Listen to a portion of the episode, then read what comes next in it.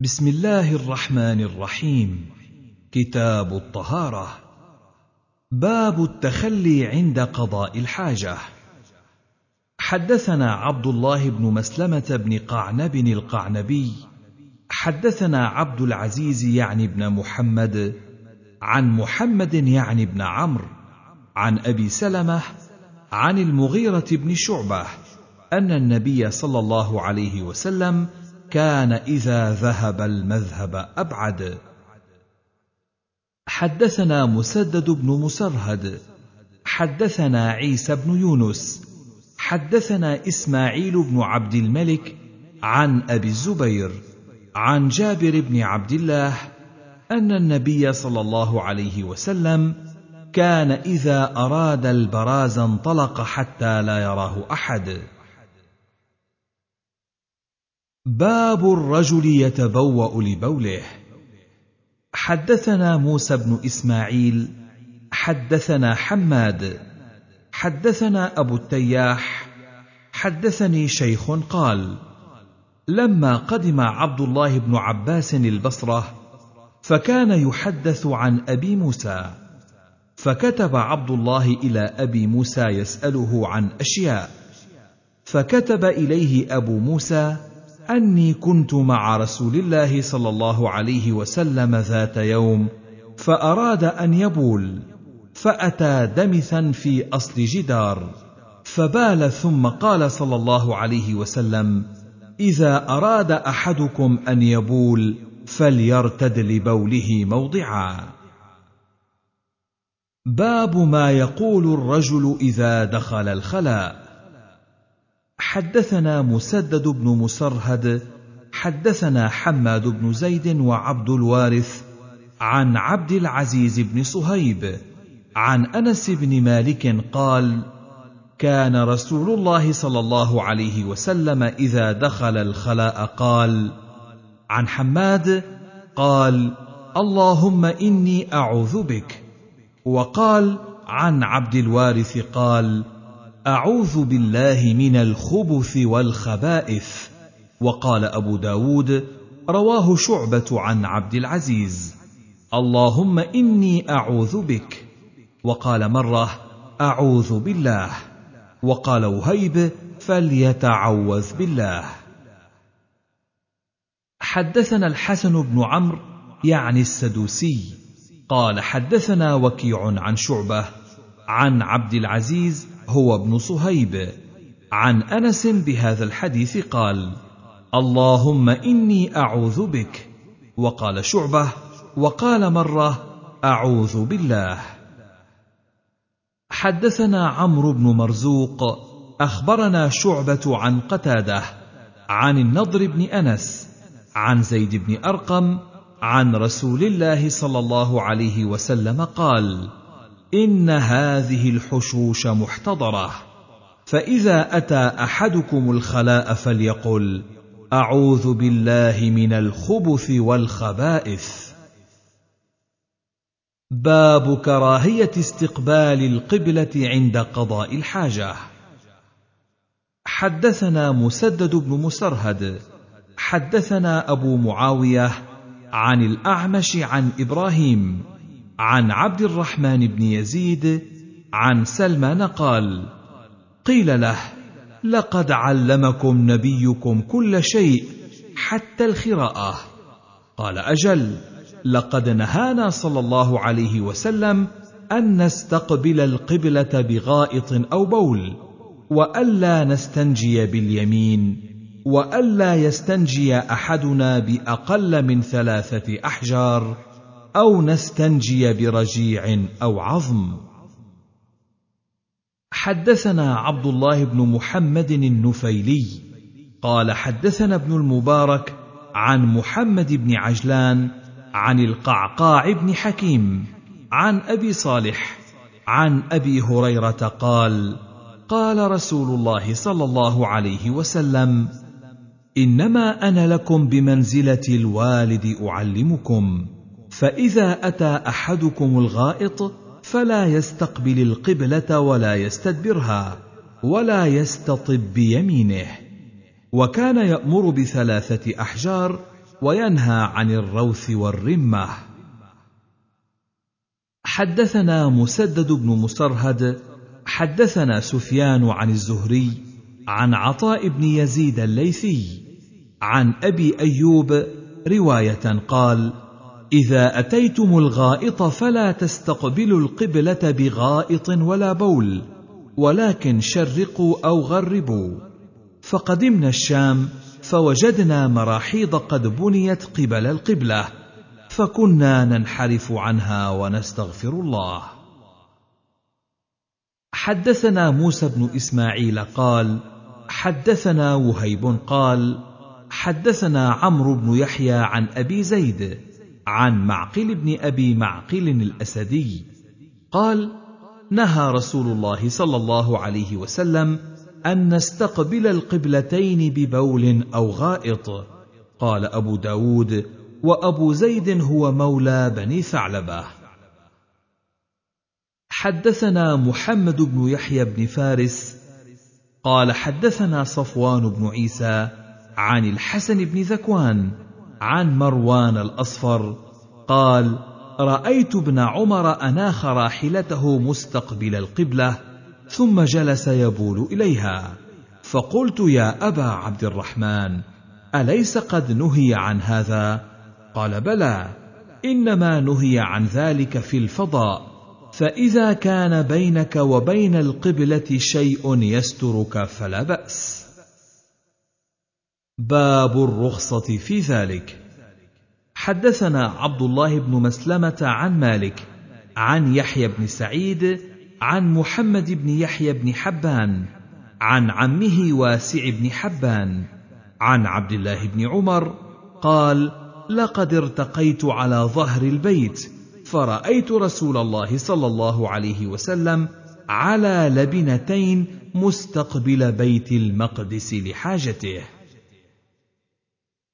حدثنا محمد بن بشار قال حدثنا وهب بن جرير قال حدثنا أبي قال سمعت محمد بن إسحاق يحدث عن ابان بن صالح عن مجاهد عن جابر بن عبد الله قال نهى نبي الله صلى الله عليه وسلم أن نستقبل القبلة ببول فرأيته قبل أن يقبض بعام يستقبلها.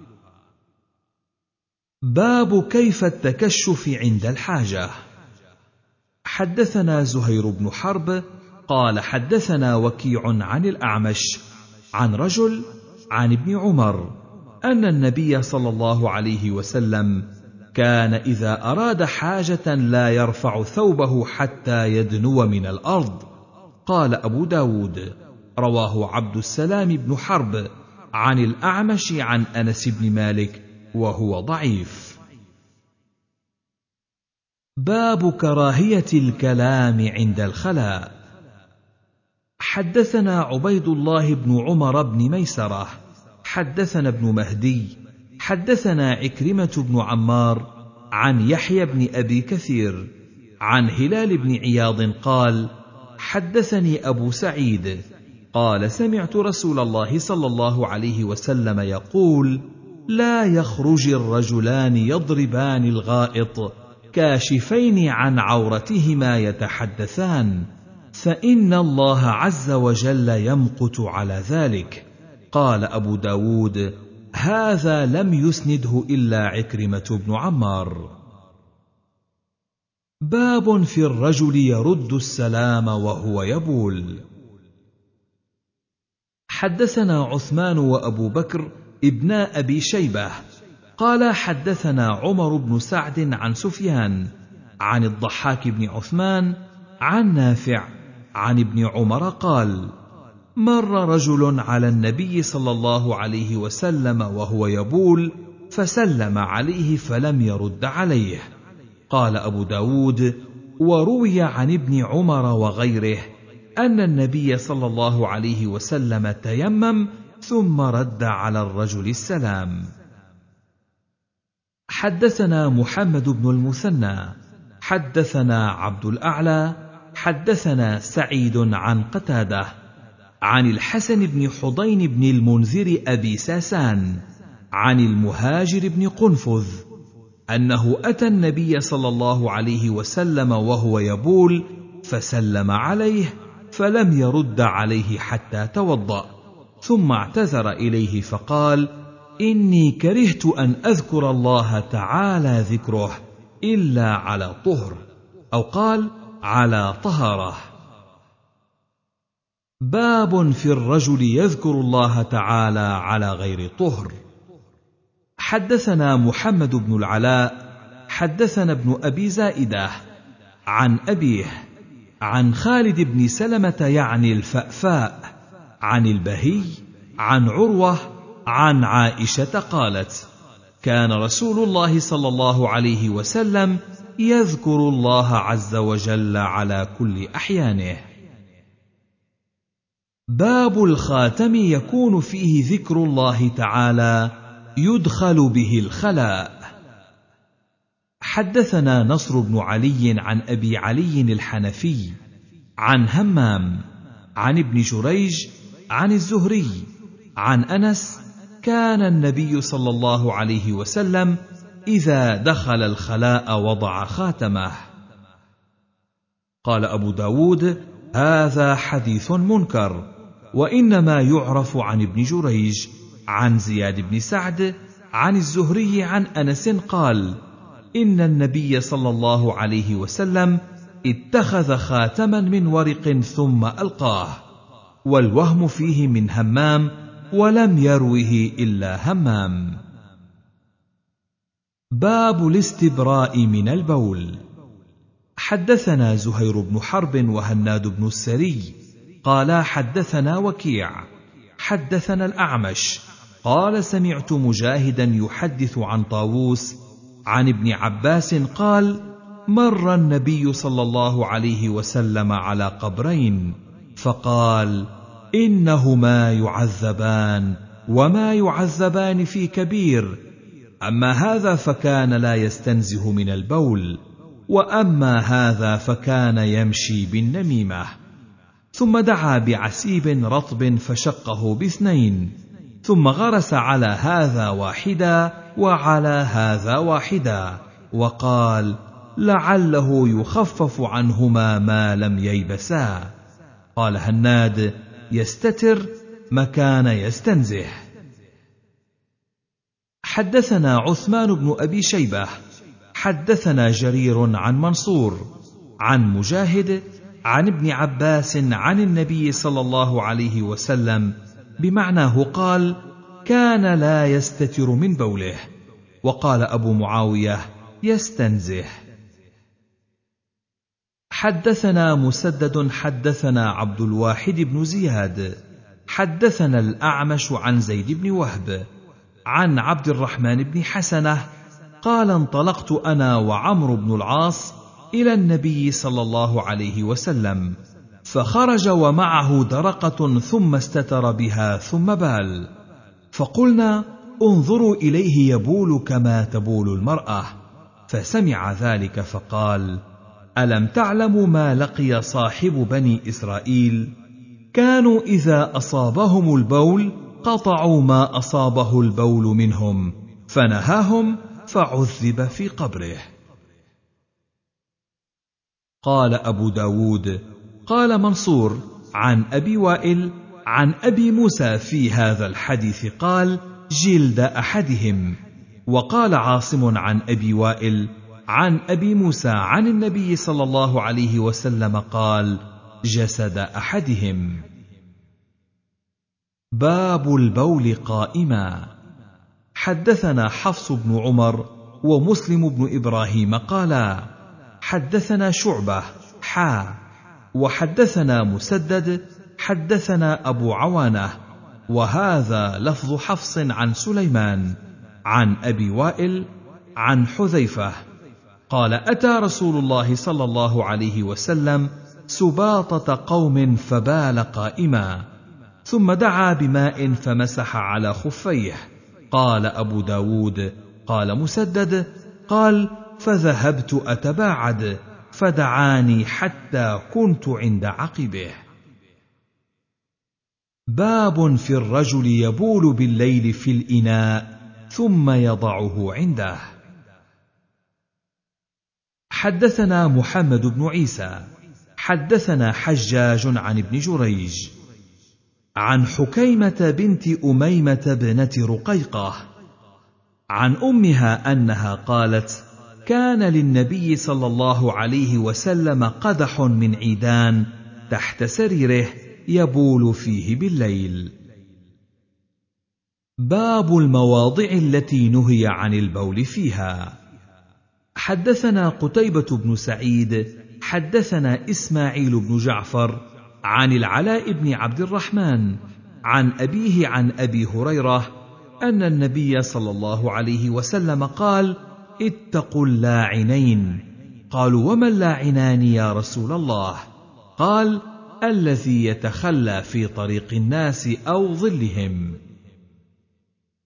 حدثنا إسحاق بن سويد الرملي وعمر بن الخطاب أبو حفص وحديثه أتم أن سعيد بن الحكم حدثهم أخبرنا نافع بن يزيد حدثني حيوة بن شريح أن أبا سعيد الحميري حدثه عن معاذ بن جبل قال قال رسول الله صلى الله عليه وسلم اتقوا الملاعن الثلاثة البراز في الموارد وقارعة الطريق والظل. باب في البول في المستحم. حدثنا أحمد بن محمد بن حنبل والحسن بن علي. قال حدثنا عبد الرزاق. قال أحمد حدثنا معمر. أخبرني أشعث.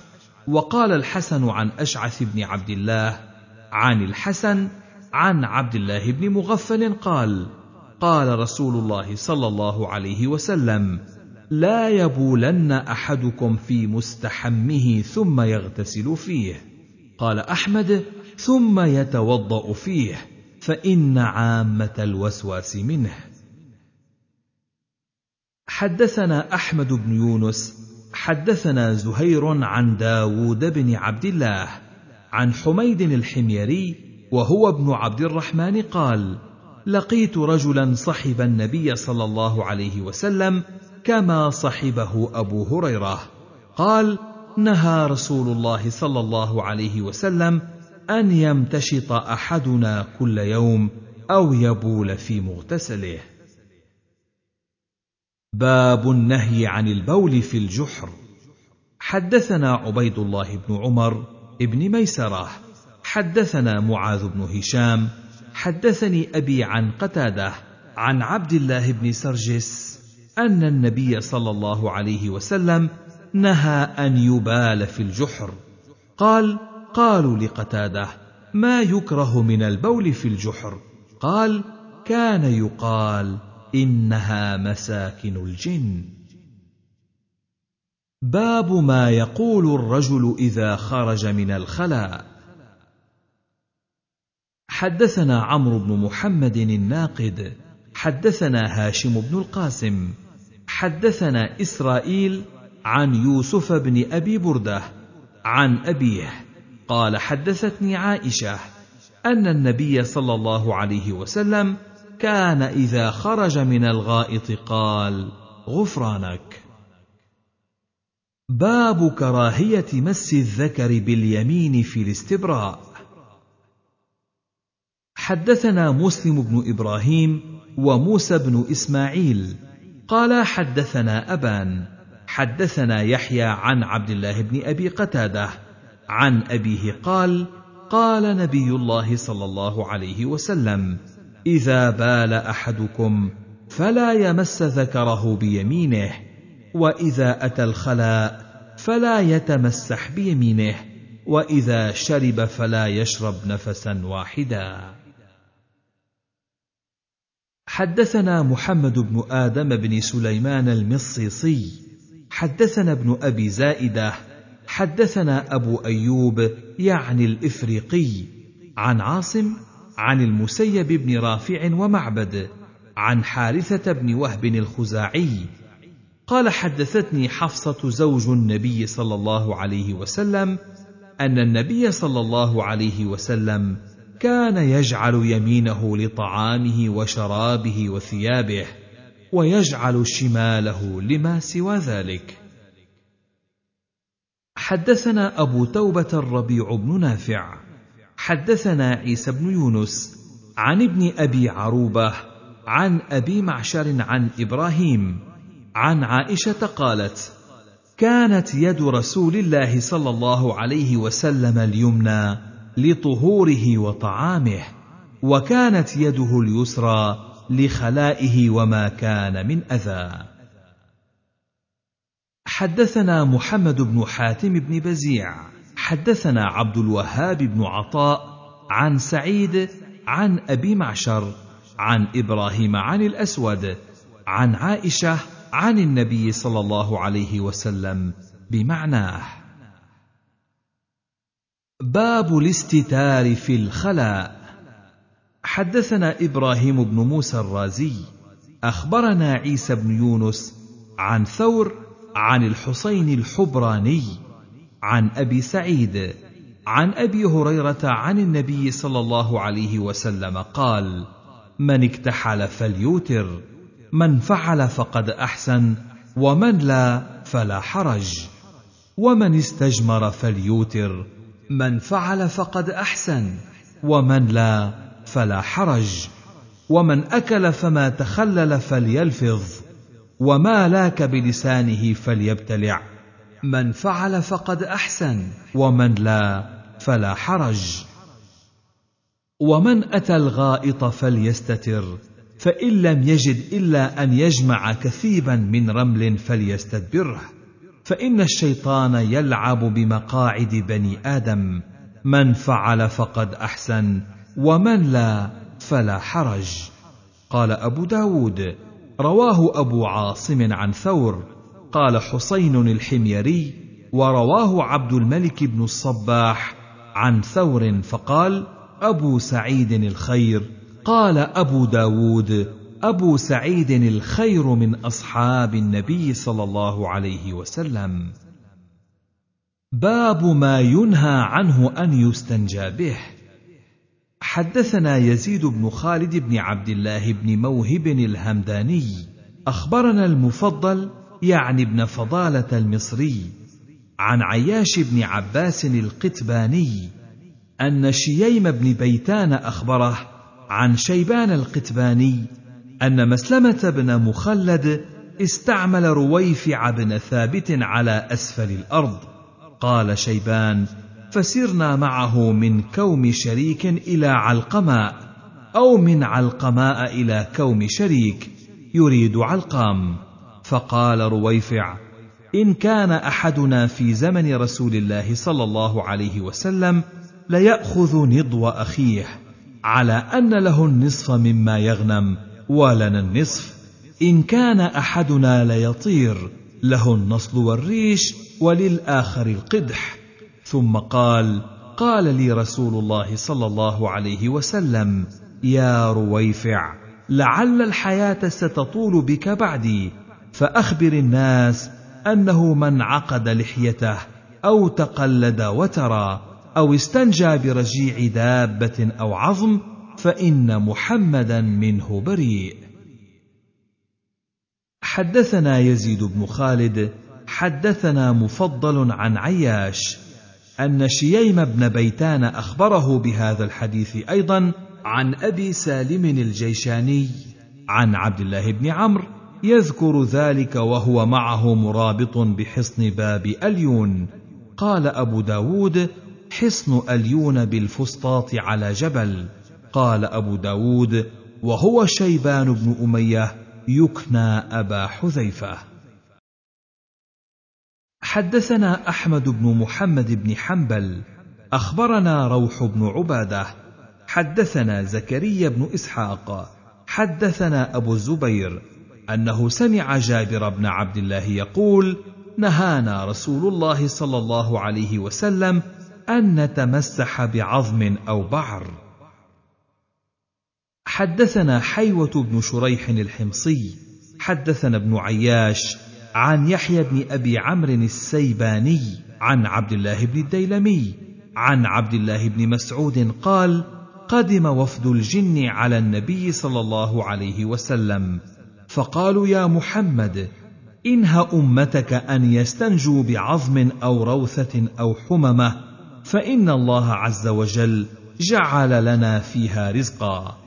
قال فنهى النبي صلى الله عليه وسلم.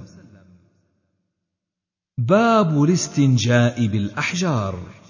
حدثنا سعيد بن منصور وقتيبة بن سعيد قال حدثنا يعقوب بن عبد الرحمن عن أبي حازم عن مسلم بن قرط عن عروة عن عائشة قالت إن رسول الله صلى الله عليه وسلم قال إذا ذهب أحدكم إلى الغائط فليذهب معه بثلاثة أحجار يستطيب بهن فإنها تجزئ عنه. حدثنا عبد الله بن محمد النفيلي حدثنا أبو معاوية عن هشام بن عروة عن عمرو بن خزيمة عن عمارة بن خزيمة عن خزيمة بن ثابت قال سئل النبي صلى الله عليه وسلم عن الاستطابة فقال بثلاثة أحجار ليس فيها رجيع. قال أبو داود وكذا رواه أبو أسامة وابن نمير عن هشام. باب في الاستبراء. حدثنا قتيبة بن سعيد وخلف بن هشام المقرئ.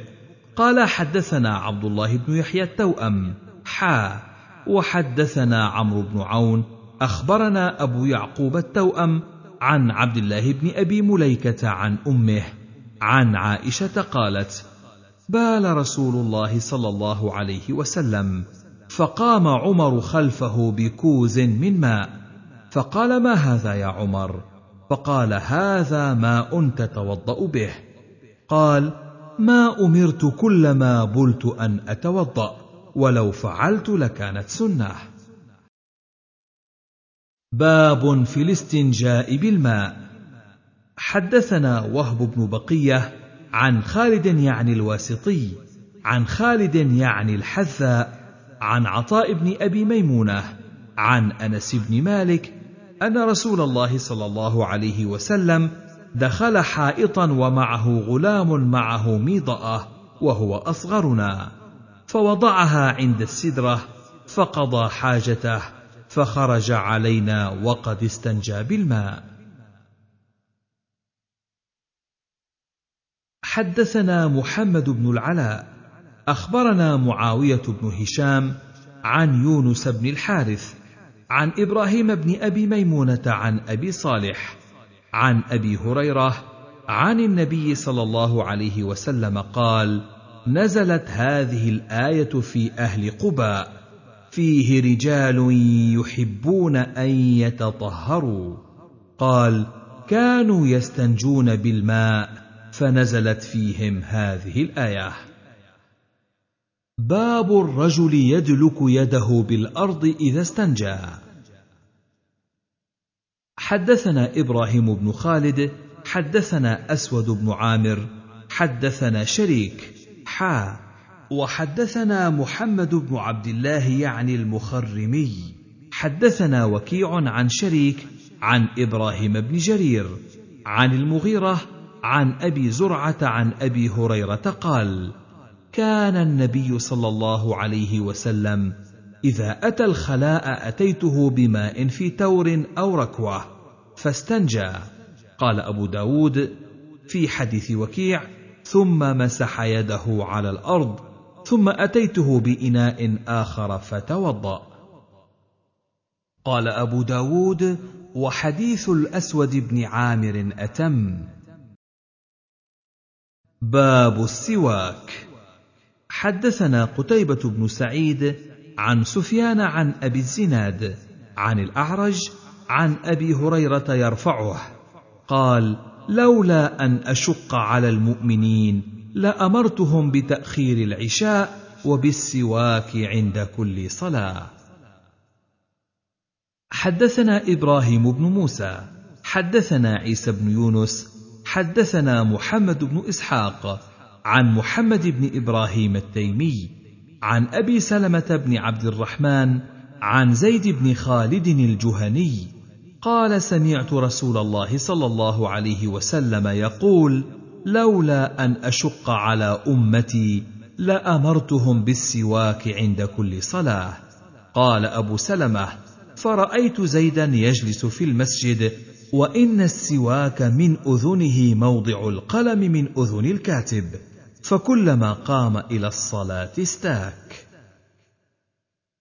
حدثنا محمد بن عوف الطائي حدثنا أحمد بن خالد حدثنا محمد بن إسحاق عن محمد بن يحيى بن حبان عن عبد الله بن عبد الله بن عمر قال قلت أرأيت توضا ابن عمر لكل صلاة طاهرا وغير طاهر؟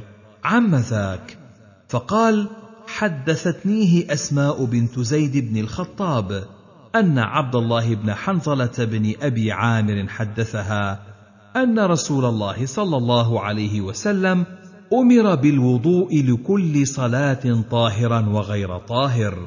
فلما شق ذلك عليه أمر بالسواك لكل صلاة. فكان ابن عمر يرى أن به قوة فكان لا يدع الوضوء لكل صلاة. قال أبو داود إبراهيم بن سعد رواه عن محمد بن إسحاق قال عبيد الله بن عبد الله. باب كيف يستاك؟ حدثنا مسدد وسليمان بن داود العتكي. قال حدثنا حماد بن زيد عن غيلان بن جرير عن أبي بردة عن أبيه. قال مسدد قال أتينا رسول الله صلى الله عليه وسلم نستحمله. فرأيته يستاك على لسانه. وقال سليمان قال دخلت على النبي صلى الله عليه وسلم وهو يستاك. وقد وضع السواك على طرف لسانه وهو يقول إه إه يعني يتهوع. قال أبو داود قال مسدد كان حديثا طويلا اختصره. باب في الرجل يستاك بسواك غيره. حدثنا محمد بن عيسى حدثنا عنبسة بن عبد الواحد عن هشام بن عروة عن أبيه عن عائشة أنها قالت: كان رسول الله صلى الله عليه وسلم يستن وعنده رجلان أحدهما أكبر من الآخر فأوحي إليه في فضل السواك أن كبر أعط السواك أكبرهما. باب غسل السواك.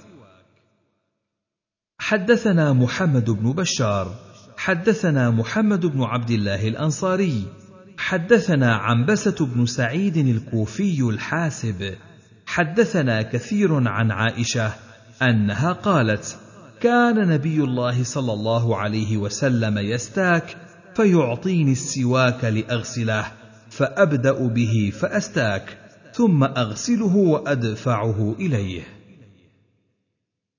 باب السواك من الفطرة.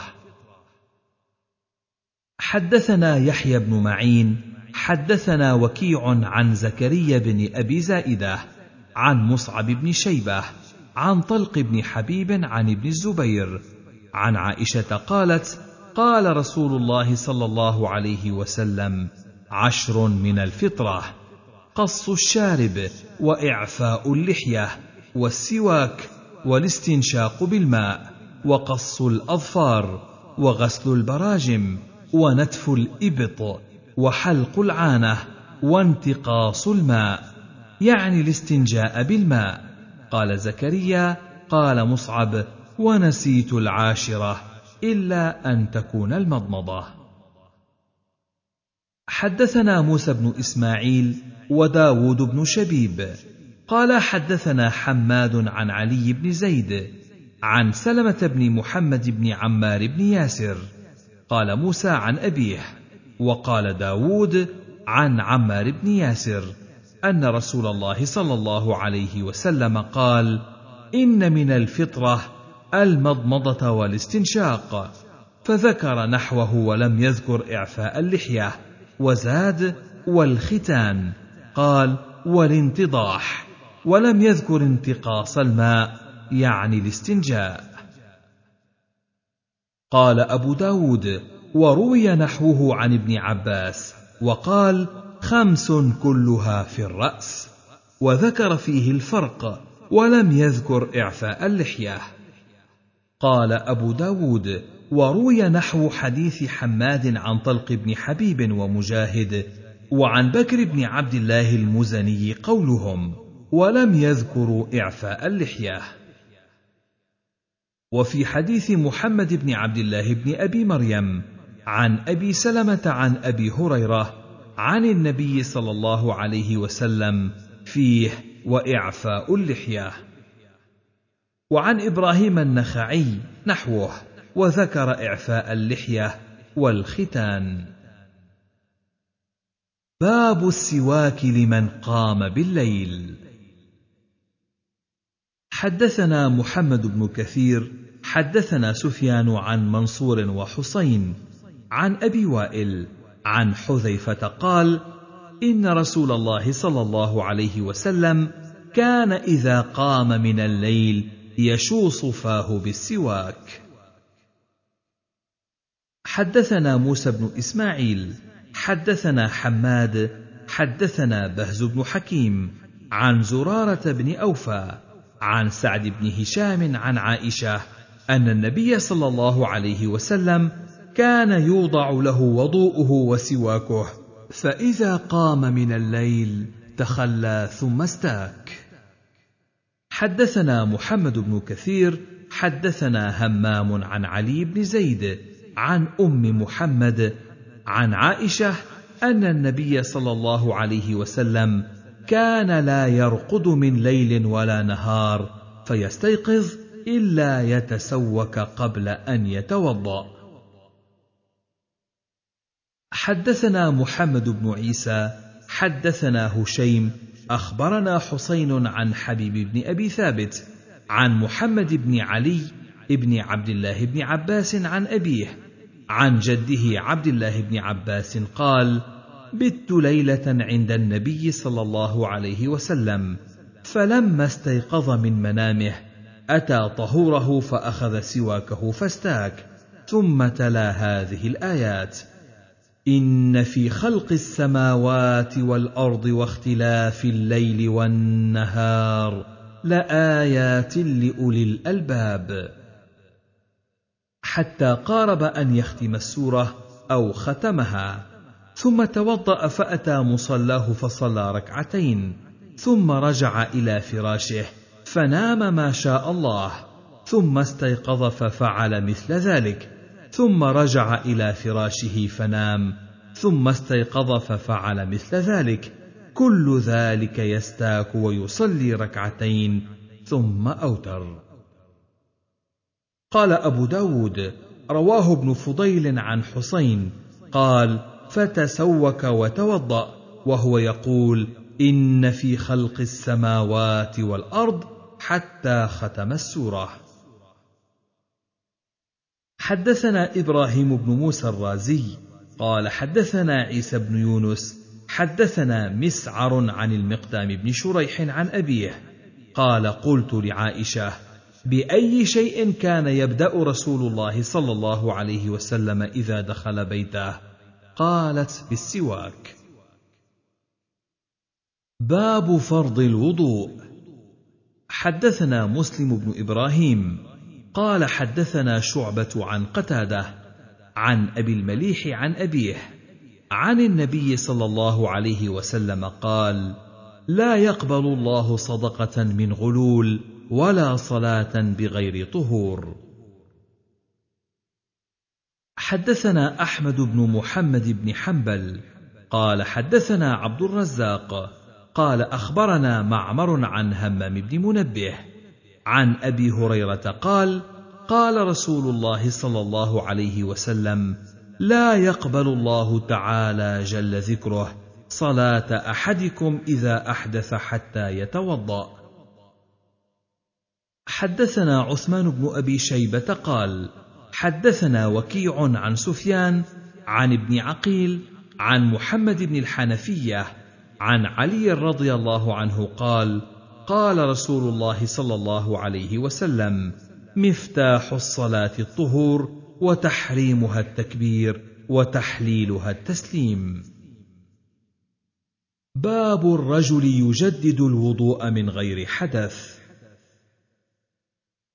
حدثنا محمد بن يحيى بن فارس قال حدثنا عبد الله بن يزيد المقرئ حا وحدثنا مسدد قال حدثنا عيسى بن يونس قال حدثنا عبد الرحمن بن زياد قال أبو داود وأنا لحديث ابن يحيى أضبط عن غطيف وقال محمد عن أبي غطيف الهذلي قال كنت عند ابن عمر فلما نودي بالظهر توضأ فصلى فلما نودي بالعصر توضأ فقلت له فقال كان رسول الله صلى الله عليه وسلم يقول من توضأ على طهر كتب له عشر حسنات.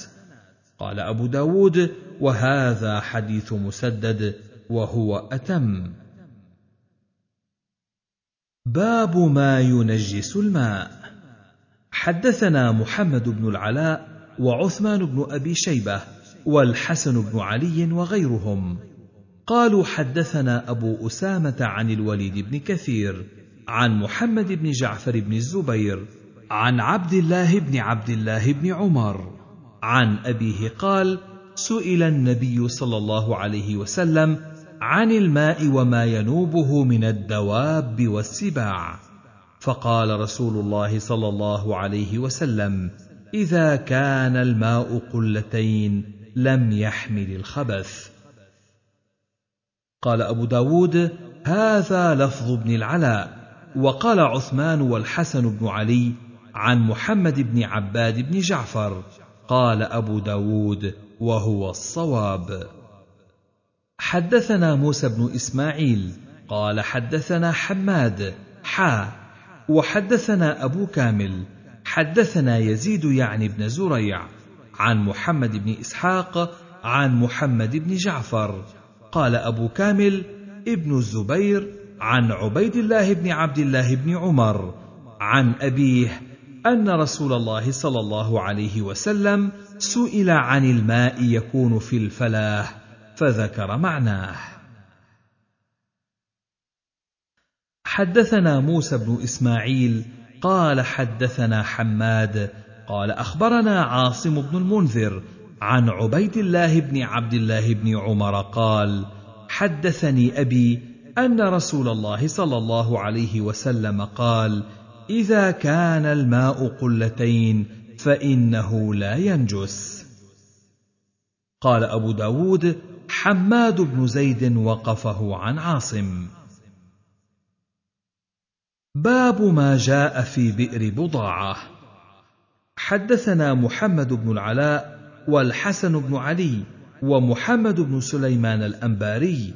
قالوا حدثنا أبو أسامة عن الوليد بن كثير عن محمد بن كعب عن عبيد الله بن عبد الله بن رافع بن خديج عن أبي سعيد الخدري أنه قيل لرسول الله صلى الله عليه وسلم أنا توضأ من بئر بضاعة وهي بئر يطرح فيها الحيض ولحم الكلاب والنتن.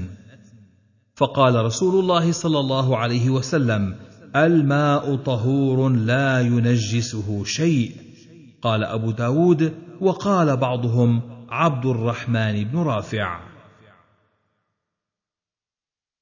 حدثنا أحمد بن أبي شعيب وعبد العزيز بن يحيى الحرانيان. قال حدثنا محمد بن سلمة عن محمد بن إسحاق عن صليط بن أيوب عن عبيد الله بن عبد الرحمن بن رافع الأنصاري ثم العدوي.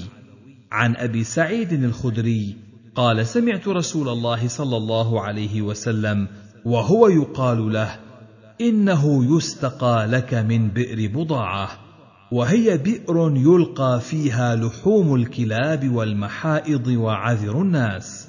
فقال رسول الله صلى الله عليه وسلم ان الماء طهور لا ينجسه شيء. قال ابو داود سمعت قتيبه بن سعيد قال سالت قيم بئر بضاعه عن عمقها. قال أكثر ما يكون فيها الماء إلى العانه. قلت فاذا نقص؟ قال دون العوره. قال ابو داود وقدرت أنا بئر بضاعه بردائي مددته عليها ثم ذرعته فاذا عرضها ستة أذرع. وسألت الذي فتح لي باب البستان فأدخلني إليه. هل غير بناؤها عما كانت عليه؟ قال لا ورأيت فيها ماء متغير اللون. باب الماء لا يجنب. حدثنا مسدد قال حدثنا أبو الأحوص قال حدثنا سماك عن عكرمة عن ابن عباس قال اغتسل بعض أزواج النبي صلى الله عليه وسلم في جفنه فجاء النبي صلى الله عليه وسلم ليتوضأ منها أو يغتسل فقالت له يا رسول الله إني كنت جنبا فقال رسول الله صلى الله عليه وسلم إن الماء لا يجنب باب البول في الماء الراكد. حدثنا أحمد بن يونس قال حدثنا زائدة في حديث هشام عن محمد عن أبي هريرة عن النبي صلى الله عليه وسلم قال لا يبولن أحدكم في الماء الدائم ثم يغتسل منه. حدثنا مسدد قال حدثنا يحيى عن محمد بن عجلان قال سمعت أبي يحدث عن أبي هريرة. قال قال رسول الله صلى الله عليه وسلم لا يبولن أحدكم في الماء الدائم ولا يغتسل فيه من الجنابة. باب الوضوء بسؤر الكلب. حدثنا أحمد بن يونس قال حدثنا زائدة في حديث هشام عن محمد عن أبي هريرة عن النبي صلى الله عليه وسلم قال طهور إناء أحدكم إذا ولغ فيه الكلب أن يغسل سبع مرات أولاهن بالتراب قال أبو داود وكذلك قال أيوب وحبيب بن الشهيد عن محمد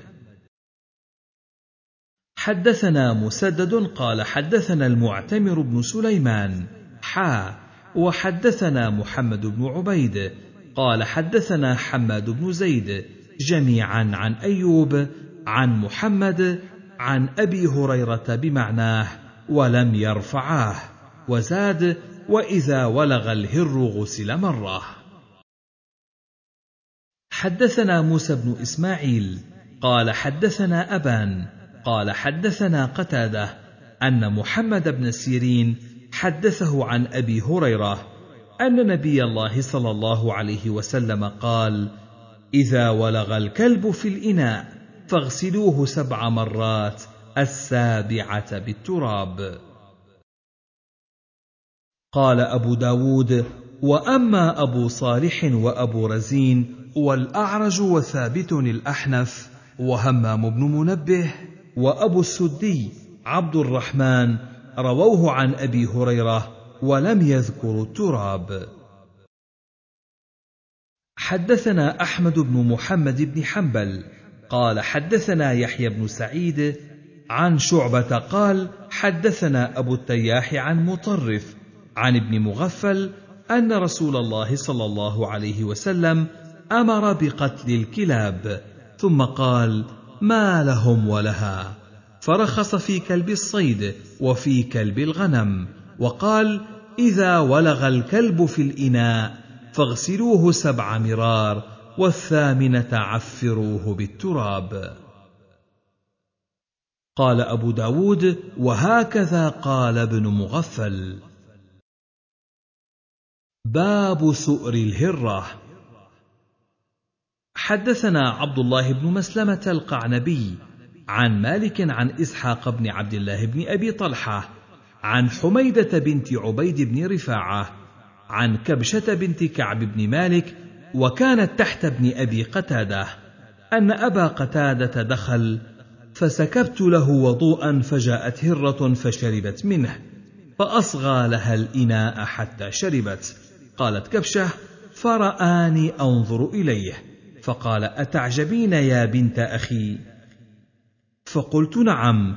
فقال إن رسول الله صلى الله عليه وسلم قال إنها ليست بنجس إنها من الطوافين عليكم والطوافات. حدثنا عبد الله بن مسلمة قال حدثنا عبد العزيز عن داود بن صالح بن دينار التمار عن أمه أن مولاتها أرسلتها بهريسة إلى عائشة. فوجدتها تصلي فأشارت إلي أن ضعيها فجاءت هرة فأكلت منها فلما انصرفت أكلت من حيث أكلت الهرة فقالت إن رسول الله صلى الله عليه وسلم قال إنها ليست بنجس إنما هي من الطوافين عليكم وقد رأيت رسول الله صلى الله عليه وسلم يتوضأ بفضلها.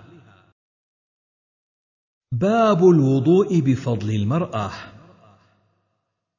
حدثنا مسدد قال حدثنا يحيى عن سفيان قال حدثني منصور عن إبراهيم عن الأسود عن عائشة قالت كنت أغتسل أنا ورسول الله صلى الله عليه وسلم من إناء واحد ونحن جنبان. حدثنا عبد الله بن محمد النفيلي قال حدثنا وكيع عن أسامة بن زيد عن ابن خربوذ عن أم صبية الجهنية قالت اختلفت يدي ويد رسول الله صلى الله عليه وسلم في الوضوء من إناء واحد. حدثنا عبد الله بن مسلمة عن مالك عن نافع حا وحدثنا مسدد قال حدثنا حماد عن أيوب عن نافع عن ابن عمر قال كان الرجال والنساء يتوضؤون في زمان رسول الله صلى الله عليه وسلم قال مسدد من الإناء الواحد جميعا حدثنا مسدد قال حدثنا يحيى عن عبيد الله قال حدثني نافع عن عبد الله بن عمر قال كنا نتوضأ نحن والنساء على عهد رسول الله صلى الله عليه وسلم من إناء واحد ندلي فيه أيدينا. باب النهي عن ذلك. حدثنا أحمد بن يونس قال حدثنا زهير عن داود بن عبد الله حا وحدثنا مسدد قال حدثنا أبو عوانة عن داود بن عبد الله عن حميد الحميري قال لقيت رجلا صحب النبي صلى الله عليه وسلم أربع سنين كما صحبه أبو هريرة. قال نهى رسول الله صلى الله عليه وسلم أن تغتسل المرأة بفضل الرجل أو يغتسل الرجل بفضل المرأة. زاد مسدد وليغترفا جميعا. حدثنا ابن بشار قال حدثنا أبو داود يعني الطيالسي. قال حدثنا شعبة عن عاصم عن أبي حاجب عن الحكم بن عمرو وهو الأقرع. أن النبي صلى الله عليه وسلم نهى أن يتوضأ الرجل بفضل طهور المرأة. باب الوضوء بماء البحر. حدثنا عبد الله بن مسلمة عن مالك عن صفوان بن سليم عن سعيد بن سلمة من آل بن الأزرق قال إن المغيرة بن أبي بردة وهو من بني عبد الدار أخبره أنه سمع أبا هريرة يقول سأل رجل رسول الله صلى الله عليه وسلم فقال يا رسول الله إنا نركب البحر ونحمل معنا القليل من الماء فإن توضأنا به عطشنا أفنتوضأ بماء البحر؟ فقال رسول الله صلى الله عليه وسلم هو الطهور ماؤه الحل ميتته. باب الوضوء بالنبيذ. حدثنا هناد وسليمان بن داود العتكي قال حدثنا شريك عن أبي فزارة عن أبي زيد عن عبد الله بن مسعود. أن النبي صلى الله عليه وسلم قال له ليلة الجن ما في اداوتك قال نبيذ قال تمرة طيبة وماء طهور. قال سليمان بن داود عن أبي زيد أو زيد كذا قال شريك ولم يذكر هناد ليلة الجن. حدثنا موسى بن إسماعيل قال حدثنا وهيب عن داود عن عامر عن علقمة قال قلت لعبد الله بن مسعود من كان منكم مع رسول الله صلى الله عليه وسلم ليلة الجن؟ فقال ما كان معه منا أحد. حدثنا محمد بن بشار قال حدثنا عبد الرحمن قال حدثنا بشر بن منصور عن ابن جريج عن عطاء قال إنه كره الوضوء باللبن والنبيذ وقال إن التيمم أعجب إلي منه. حدثنا محمد بن بشار قال حدثنا عبد الرحمن قال حدثنا أبو خلدة قال سألت أبا العالية عن رجل أصابته جنابة وليس عنده ماء وعنده نبيذ أيغتسل به؟ قال لا. باب أيصلي الرجل وهو حاق؟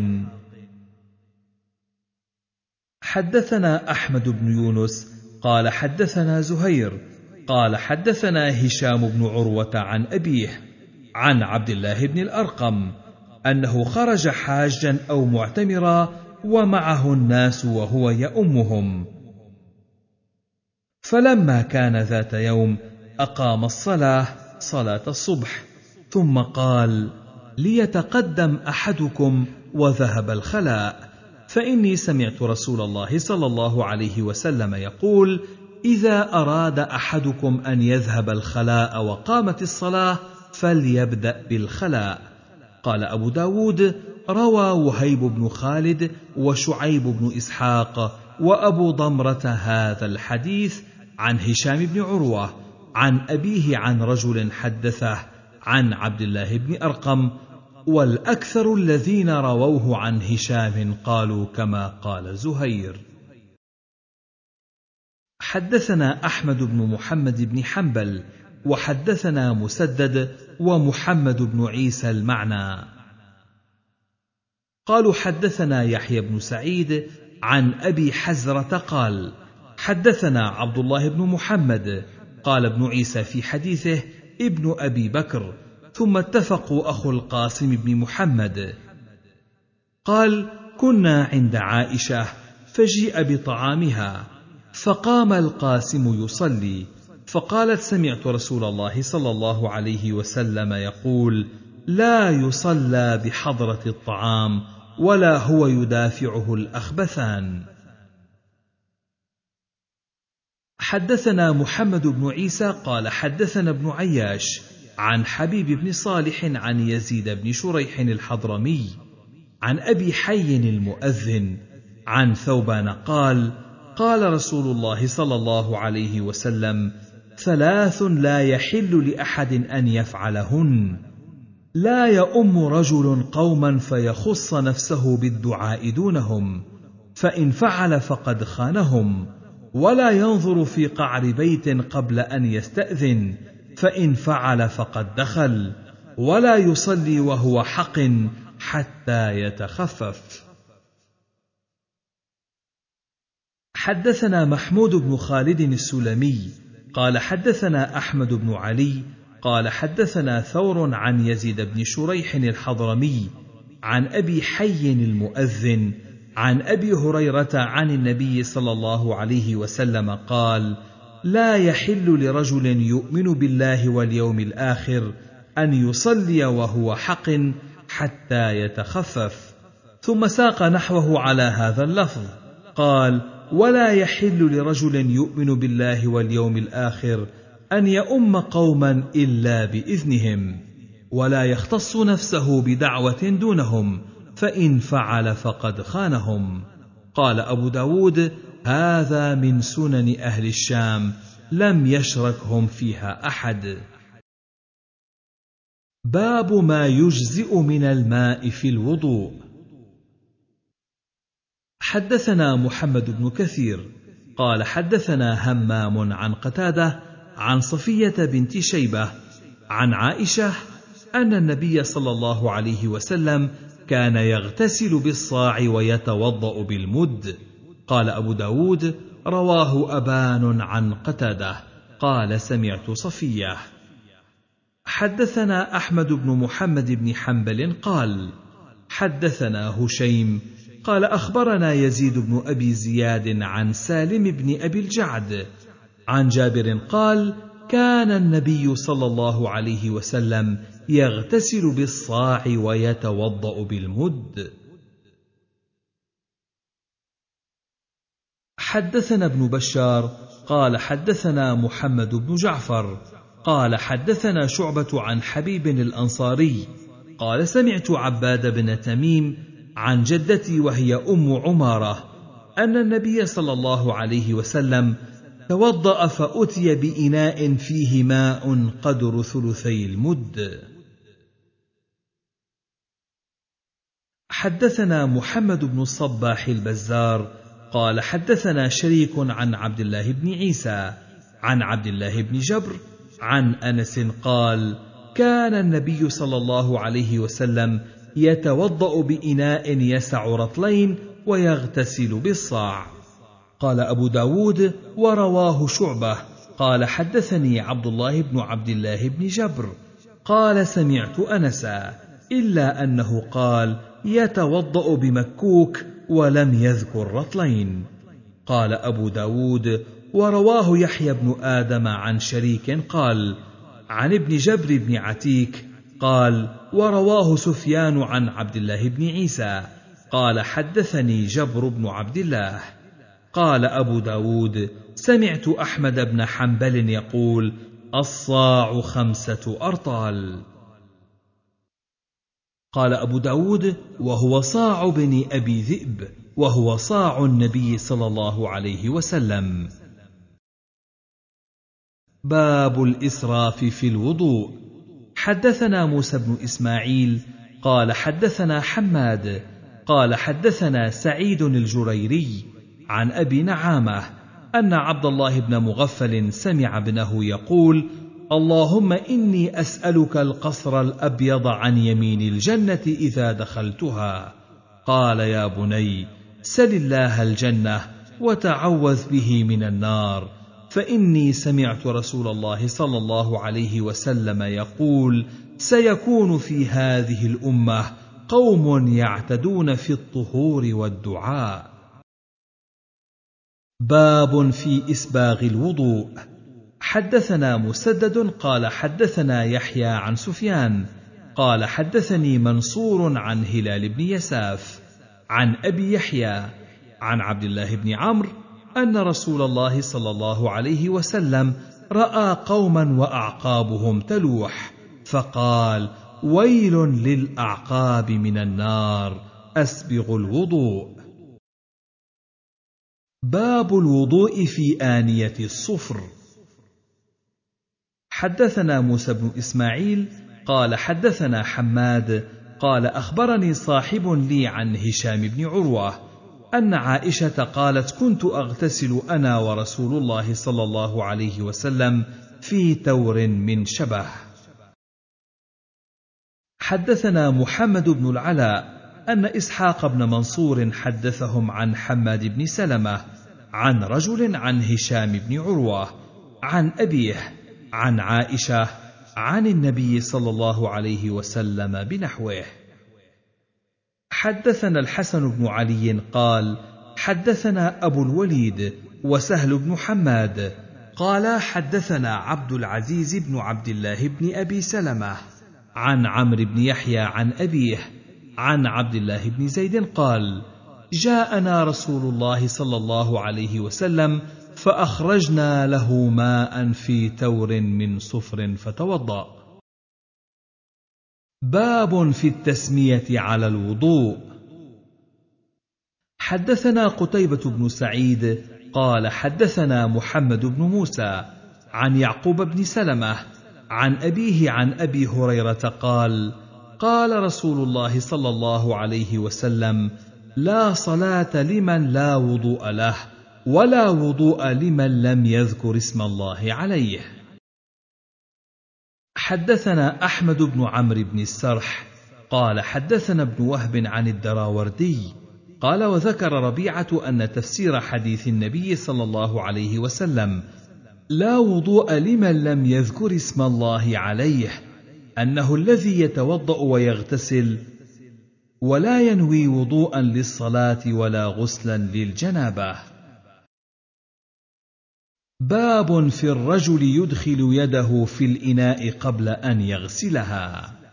حدثنا مسدد قال حدثنا أبو معاوية عن الأعمش عن أبي رزين وأبي صالح عن أبي هريرة قال قال رسول الله صلى الله عليه وسلم إذا قام أحدكم من الليل فلا يغمس يده في الإناء حتى يغسلها ثلاث مرات فإنه لا يدري أين باتت يده. حدثنا مسدد قال حدثنا عيسى بن يونس عن الأعمش عن أبي صالح عن أبي هريرة رضي الله عنه.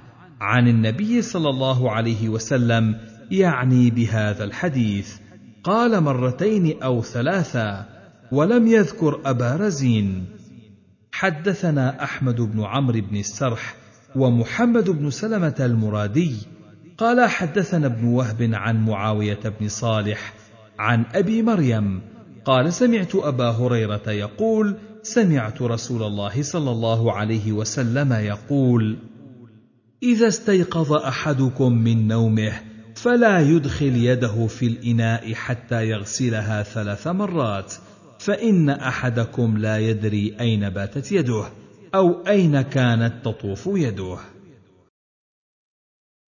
باب صفة وضوء النبي صلى الله عليه وسلم. حدثنا الحسن بن علي الحلواني قال حدثنا عبد الرزاق قال أخبرنا معمر عن الزهري عن عطاء بن يزيد الليثي عن حمران بن أبان مولى عثمان بن عفان. قال رأيت عثمان بن عفان توضأ فأفرغ على يديه ثلاثا فغسلهما ثم تمضمض واستنثر وغسل وجهه ثلاثا وغسل يده اليمنى إلى المرفق ثلاثا ثم اليسرى مثل ذلك. ثم مسح رأسه ثم غسل قدمه اليمنى ثلاثا ثم اليسرى مثل ذلك. ثم قال رأيت رسول الله صلى الله عليه وسلم توضأ مثل وضوئي هذا. ثم قال من توضأ مثل وضوئي هذا ثم صلى ركعتين لا يحدث فيهما نفسه غفر الله له ما تقدم من ذنبه. حدثنا محمد بن المثنى قال حدثنا الضحاك بن مخلد قال حدثنا عبد الرحمن بن وردان قال حدثني أبو سلمة بن عبد الرحمن قال حدثني حمران قال رأيت عثمان بن عفان توضأ فذكر نحوه ولم يذكر المضمضة والاستنشاق وقال فيه ومسح رأسه ثلاثا ثم غسل رجليه ثلاثا. ثم قال رأيت رسول الله صلى الله عليه وسلم توضأ هكذا. وقال من توضأ دون هذا كفاه ولم يذكر أمر الصلاة. حدثنا محمد بن داود الإسكندراني قال حدثنا زياد بن يونس قال حدثني سعيد بن زياد المؤذن عن عثمان بن عبد الرحمن التيمي قال سئل ابن أبي مليكة عن الوضوء فقال رأيت عثمان بن عفان سئل عن الوضوء فدعا بماء فأتي بميضأة فأصغاها على يده اليمنى ثم أدخلها في الماء فتمضمض ثلاثا واستنثر ثلاثا وغسل وجهه ثلاثا ثم غسل يده اليمنى ثلاثا وغسل يده اليسرى ثلاثا ثم أدخل يده فأخذ ماء فمسح برأسه وأذنيه فغسل بطونهما وظهورهما مرة واحدة ثم غسل رجليه ثم قال أين السائلون عن الوضوء؟ هكذا رأيت رسول الله صلى الله عليه وسلم يتوضأ. قال أبو داود أحاديث عثمان الصحاح كلها تدل على مسح الرأس أنه مرة فإنهم ذكروا الوضوء ثلاثا وقالوا فيها ومسح رأسه لم يذكروا عددا كما ذكروا في غيره. حدثنا إبراهيم بن موسى قال أخبرنا عيسى قال حدثنا عبيد الله يعني بن أبي زياد عن عبد الله بن عبيد بن عمير عن أبي علقمة أن عثمان دعا بماء فتوضأ فأفرغ بيده اليمنى على اليسرى ثم غسلهما إلى الكوعين. قال ثم مضمض واستنشق ثلاثا وذكر الوضوء ثلاثا. قال ومسح برأسه ثم غسل رجليه. وقال رأيت رسول الله صلى الله عليه وسلم توضأ مثل ما رأيتموني توضأت ثم ساق نحو حديث الزهري وأتم. حدثنا هارون بن عبد الله قال حدثنا يحيى بن آدم قال حدثنا إسرائيل عن عامر بن شقيق بن جمرة عن شقيق بن سلمة قال رأيت عثمان بن عفان غسل ذراعيه ثلاثا ثلاثا ومسح رأسه ثلاثا. ثم قال رأيت رسول الله صلى الله عليه وسلم فعل هذا. قال أبو داود ورواه وكيع عن إسرائيل. قال توضأ ثلاثا قط. حدثنا مسدد قال حدثنا أبو عوانة عن خالد بن علقمة عن عبد خير قال أتانا علي وقد صلى فدعا بطهور. فقلنا ما يصنع بالطهور وقد صلى ما يريد إلا ليعلمنا. فأتي بإناء فيه ماء وطست فأفرغ من الإناء على يمينه فغسل يديه ثلاثا ثم تمضمض واستنثر ثلاثا فمضمض ونثر من الكف الذي يأخذ فيه ثم غسل وجهه ثلاثا وغسل يده اليمنى ثلاثا وغسل يده الشمال ثلاثا ثم جعل يده في الإناء فمسح برأسه مرة واحدة ثم غسل رجله اليمنى ثلاثا ورجله اليسرى ثلاثا. ثم قال من سره أن يعلم وضوء رسول الله صلى الله عليه وسلم فهو هذا. حدثنا الحسن بن علي الحلواني قال حدثنا حسين بن علي الجعفي عن زائدة قال حدثنا خالد بن علقمة الهمداني عن عبد خير قال صلى علي الغداة ثم دخل الرحبة فدعا بماء فأتاه الغلام بإناء فيه ماء وطست قال فأخذ الإناء بيده اليمنى فأفرغ على يده اليسرى وغسل كفيه ثلاثا ثم أدخل يده اليمنى في الإناء فمضمض ثلاثا واستنشق ثلاثا. ثم ساق قريبا من حديث أبي عوانة ثم مسح رأسه مقدمه ومؤخره ثم ساق الحديث نحوه. حدثنا محمد بن المثنى قال حدثني محمد بن جعفر قال حدثنا شعبة. قال سمعت مالك بن عرفطة. قال سمعت عبد خير. قال رأيت عليا أتي بكرسي فقعد عليه ثم أتي بكوز من ماء فغسل يده ثلاثا ثم تمضمض مع الاستنشاق بماء واحد وذكر الحديث. حدثنا عثمان بن أبي شيبة.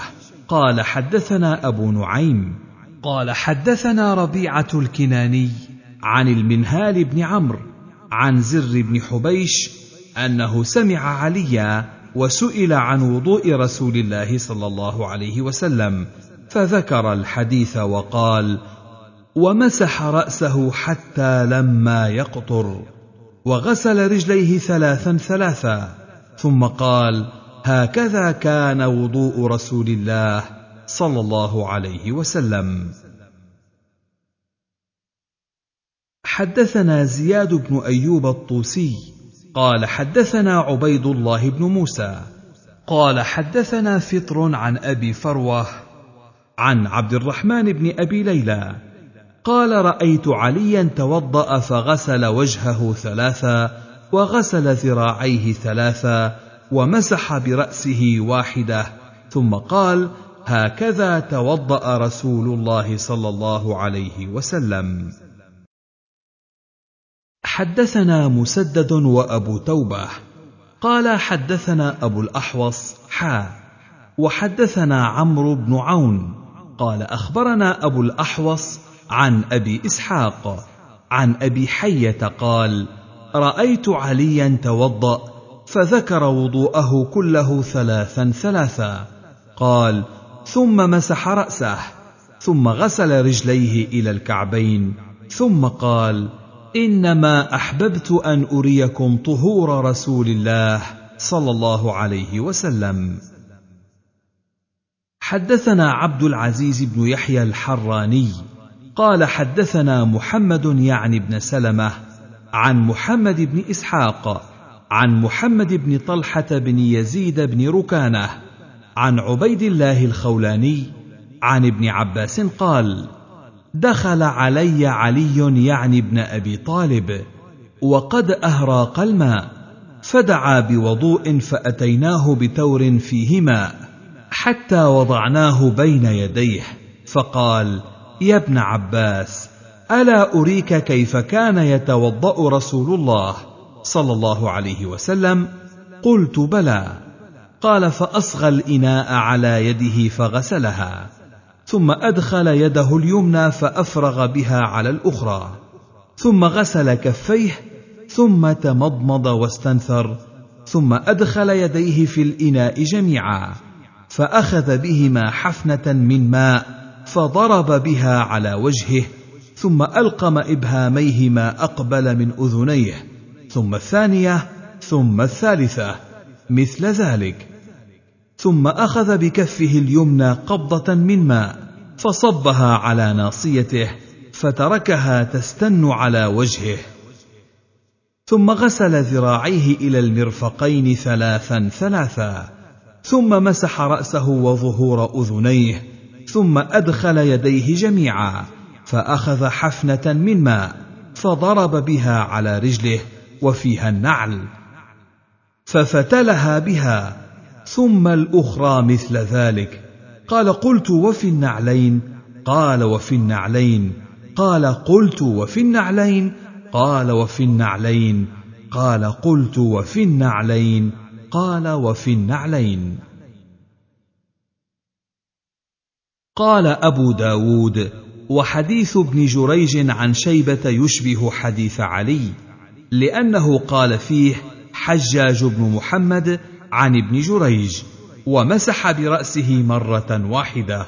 وقال ابن وهب فيه عن ابن جريج ومسح برأسه ثلاثا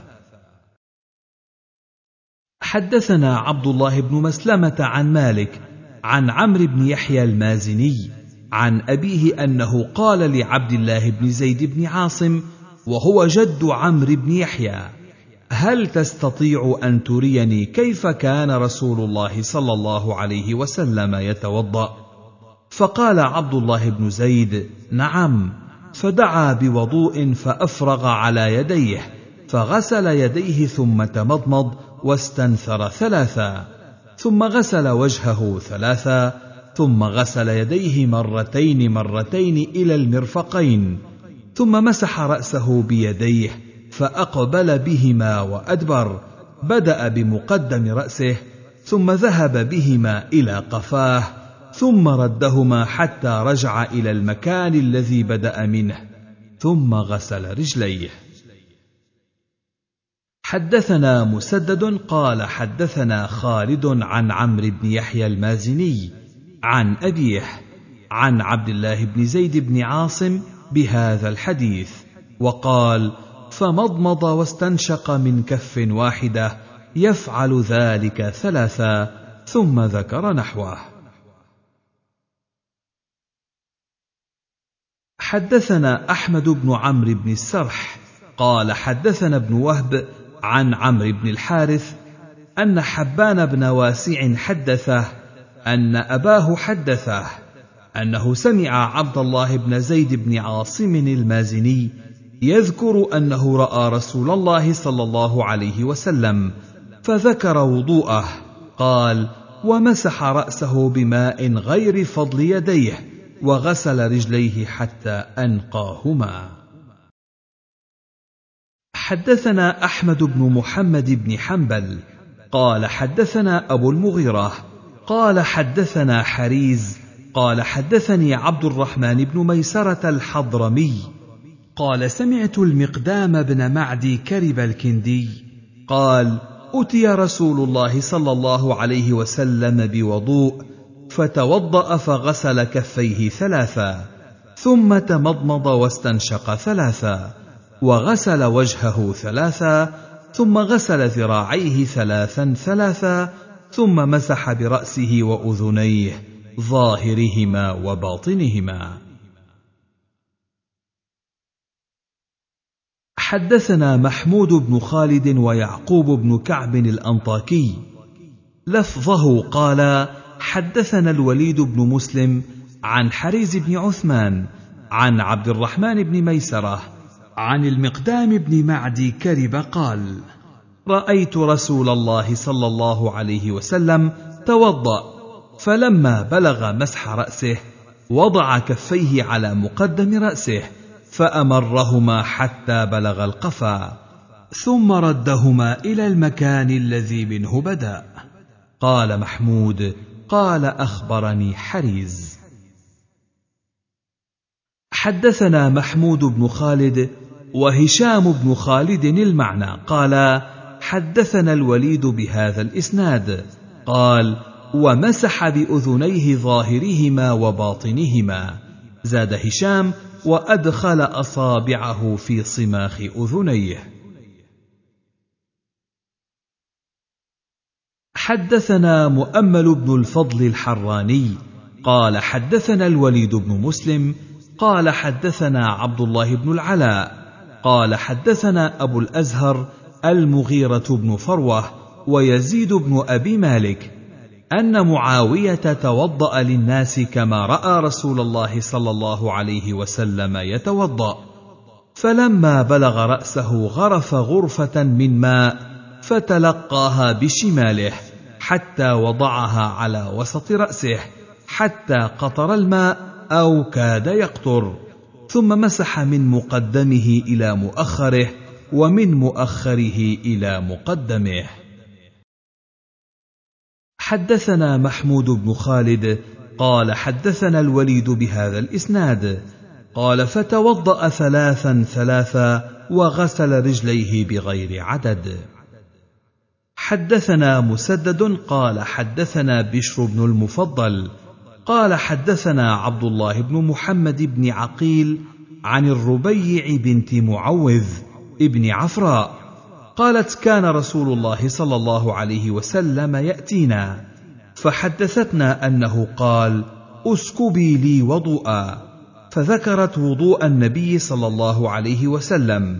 قالت فيه فغسل كفيه ثلاثا ووضأ وجهه ثلاثا ومضمض واستنشق مرة ووضأ يديه ثلاثا ثلاثا ومسح برأسه مرتين يبدأ بمؤخر رأسه ثم بمقدمه وبأذنيه كلتيهما ظهورهما وبطونهما ووضأ رجليه ثلاثا ثلاثا. قال أبو داود وهذا معنى حديث مسدد. حدثنا إسحاق بن إسماعيل قال حدثنا سفيان عن ابن عقيل بهذا الحديث يغير بعض معاني بشر. قال فيه وتمضمض واستنثر ثلاثا حدثنا قتيبة بن سعيد ويزيد بن خالد الهمداني. قال حدثنا الليث عن ابن عجلان عن عبد الله بن محمد بن عقيل عن الربيع بنت معوذ بن عفراء أن رسول الله صلى الله عليه وسلم توضأ عندها فمسح الرأس كله من قرن الشعر كل ناحية لمنصب الشعر لا يحرك الشعر عن هيئته. حدثنا قتيبة بن سعيد قال حدثنا بكر يعني ابن مضر عن ابن عجلان عن عبد الله بن محمد بن عقيل أن ربيع بنت معوذ بن عفراء أخبرته قال رأيت رسول الله صلى الله عليه وسلم يتوضأ قالت فمسح رأسه ومسح ما أقبل منه وما أدبر وصدغيه وأذنيه مرة واحدة حدثنا مسدد قال حدثنا عبد الله بن داود عن سفيان بن سعيد عن ابن عقيل عن الربيع أن النبي صلى الله عليه وسلم مسح برأسه من فضل ماء كان في يده. حدثنا إبراهيم بن سعيد قال حدثنا وكيع قال حدثنا الحسن بن صالح عن عبد الله بن محمد بن عقيل عن الربيع بنت معوذ أن النبي صلى الله عليه وسلم توضأ فأدخل إصبعيه في جحري أذنيه. حدثنا محمد بن عيسى ومسدد قال حدثنا عبد الوارث عن ليث عن طلحة بن مصرف عن أبيه عن جده. قال رأيت رسول الله صلى الله عليه وسلم يمسح رأسه مرة واحدة حتى بلغ القذال وهو أول القفا. وقال مسدد مسح رأسه من مقدمه إلى مؤخره حتى أخرج يديه من تحت أذنيه. قال أبو داود قال مسدد فحدثت به يحيى فأنكره. قال أبو داود وسمعت أحمد يقول إن ابن عيينة زعموا أنه كان ينكره ويقول أيش هذا؟ يعني طلحة عن أبيه عن جده. حدثنا الحسن بن علي حدثنا يزيد بن هارون قال أخبرنا عباد بن منصور عن عكرمة بن خالد عن سعيد بن جبير عن ابن عباس رأى رسول الله صلى الله عليه وسلم يتوضأ فذكر الحديث كله ثلاثا ثلاثا قال ومسح برأسه وأذنيه مسحة واحدة. حدثنا سليمان بن حرب قال حدثنا حماد حا وحدثنا مسدد وقتيبة عن حماد بن زيد عن سنان بن ربيعة عن شهر بن حوشب عن أبي أمامة ذكر وضوء النبي صلى الله عليه وسلم قال كان رسول الله صلى الله عليه وسلم يمسح المأقين قال وقال الأذنان من الرأس قال سليمان بن حرب يقولها أبو أمامة. قال قتيبة قال حماد لا أدري هو من قول النبي صلى الله عليه وسلم أو أبي أمامة يعني قصة الأذنين. قال قتيبة عن سنان أبي ربيعة قال أبو داود هو ابن ربيعة كنيته أبو ربيعة.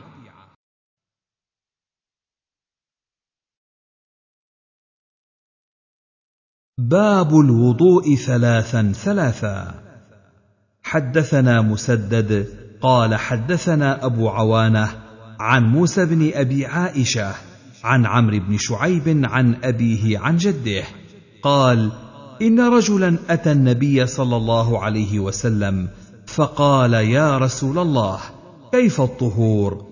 فدعا بماء في إناء فغسل كفيه ثلاثا.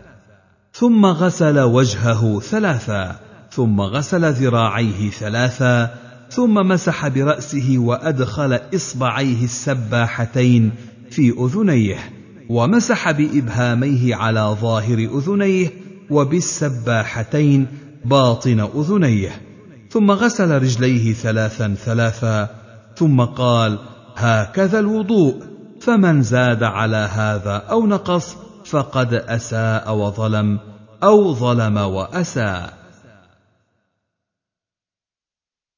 باب الوضوء مرتين. حدثنا محمد بن العلاء قال حدثنا زيد يعني بن الحباب قال حدثنا عبد الرحمن بن ثوبان قال حدثنا عبد الله بن الفضل الهاشمي عن الأعرج عن أبي هريرة أن النبي صلى الله عليه وسلم توضأ مرتين مرتين. حدثنا عثمان بن أبي شيبة قال حدثنا محمد بن بشر قال حدثنا هشام بن سعد قال حدثنا زيد عن عطاء بن يسار قال قال لنا ابن عباس أتحبون أن أريكم كيف كان رسول الله صلى الله عليه وسلم يتوضأ؟ فدعا بإناء فيه ماء فاغترف غرفة بيده اليمنى فتمضمض واستنشق ثم أخذ أخرى فجمع بها يديه ثم غسل وجهه ثم أخذ أخرى فغسل بها يده اليمنى ثم أخذ أخرى فغسل بها يده اليسرى ثم قبض قبضة من الماء ثم نفض يده ثم مسح بها رأسه وأذنيه.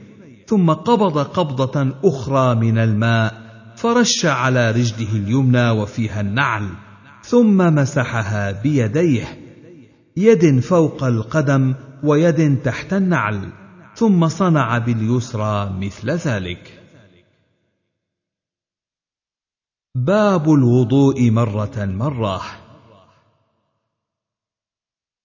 حدثنا مسدد قال حدثنا يحيى عن سفيان قال حدثني زيد بن أسلم عن عطاء بن يسار عن ابن عباس قال ألا أخبركم بوضوء رسول الله صلى الله عليه وسلم فتوضأ مرة مرة. باب في الفرق بين المضمضة والاستنشاق. حدثنا حميد بن مسعدة قال حدثنا معتمر قال سمعت ليثا يذكر عن طلحة عن أبيه عن جده. قال دخلت يعني على النبي صلى الله عليه وسلم وهو يتوضأ والماء يسيل من وجهه ولحيته على صدره فرأيته يفصل بين المضمضة والاستنشاق. باب في الاستنثار. حدثنا عبد الله بن مسلمة عن مالك عن أبي الزناد عن الأعرج عن أبي هريرة أن رسول الله صلى الله عليه وسلم قال إذا توضأ أحدكم فليجعل في أنفه ماء ثم لينثر. حدثنا إبراهيم بن موسى قال حدثنا وكيع قال حدثنا ابن أبي ذئب عن قارض عن أبي غطفان عن ابن عباس قال قال رسول الله صلى الله عليه وسلم استنثروا مرتين بالغتين أو ثلاثا. حدثنا قتيبة بن سعيد في آخرين قالوا حدثنا يحيى بن سليم عن إسماعيل بن كثير عن عاصم بن لقيط بن صبرة عن أبيه لقيط بن صبرة قال كنت وافد بني المنتفق أو في وفد بني المنتفق إلى رسول الله صلى الله عليه وسلم. قال فلما قدمنا على رسول الله صلى الله عليه وسلم فلم نصادفه في منزله وصادفنا عائشة أم المؤمنين. قال فأمرت لنا بخزيرة فصنعت لنا. قال وأتينا بقناع ولم يقل قتيبة القناع. والقناع الطبق فيه تمر. ثم جاء رسول الله صلى الله عليه وسلم فقال هل أصبتم شيئا أو أمر لكم بشيء؟ قال قلنا نعم يا رسول الله. قال فبينا نحن مع رسول الله صلى الله عليه وسلم جلوس إذ دفع الراعي غنمه إلى المراح ومعه سخلة تيعر فقال ما ولدت يا فلان؟ قال بهمة. قال فاذبح لنا مكانها شاه. ثم قال لا تحسبن ولم يقل لا تحسبن أنا من أجلك ذبحناها. لنا غنم مئة لا نريد أن تزيد. فإذا ولد الراعي بهمة ذبحنا مكانها شاه. قال قلت يا رسول الله إن لامرأة وإن في لسانها شيئا يعني البذاء. قال فطلقها إذا. قال قلت يا رسول الله إن لها صحبة ولي منها ولد. قال فمرها. يقول عظها. فإن يك فيها خير فستفعل. ولا تضرب ضعينتك كضربك أميتك. فقلت يا رسول الله أخبرني عن الوضوء. قال أسبغ الوضوء وخلل بين الأصابع وبالغ في الاستنشاق إلا أن تكون صائما.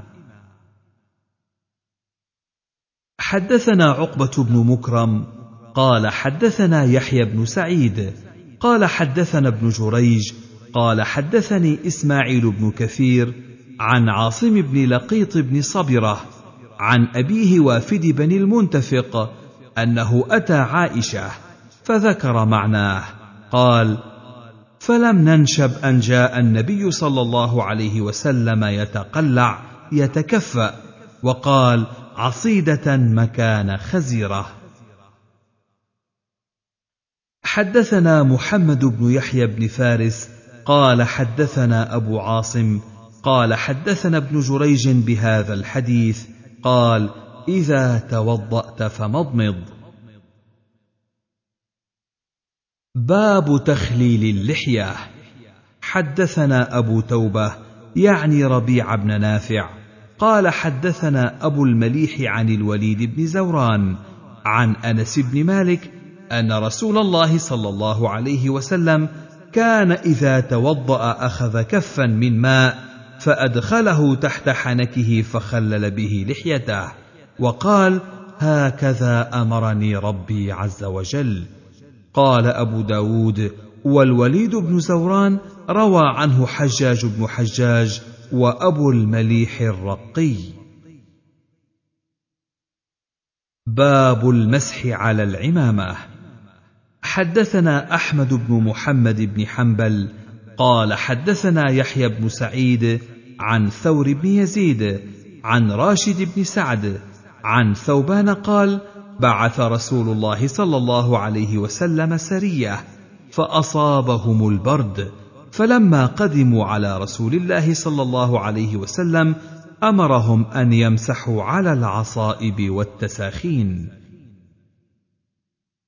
حدثنا أحمد بن صالح قال حدثنا ابن وهب قال حدثني معاوية بن صالح عن عبد العزيز بن مسلم عن أبي معقل عن أنس بن مالك قال رأيت رسول الله صلى الله عليه وسلم يتوضأ وعليه عمامة قطرية فأدخل يديه من تحت العمامة فمسح مقدم رأسه ولم ينقض العمامة.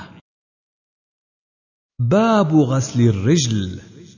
حدثنا قتيبة بن سعيد قال حدثنا ابن لهيعة عن يزيد بن عمرو عن أبي عبد الرحمن الحبلي عن المستورد بن شداد قال رأيت رسول الله صلى الله عليه وسلم إذا توضأ يدلك أصابع رجليه بخنصره.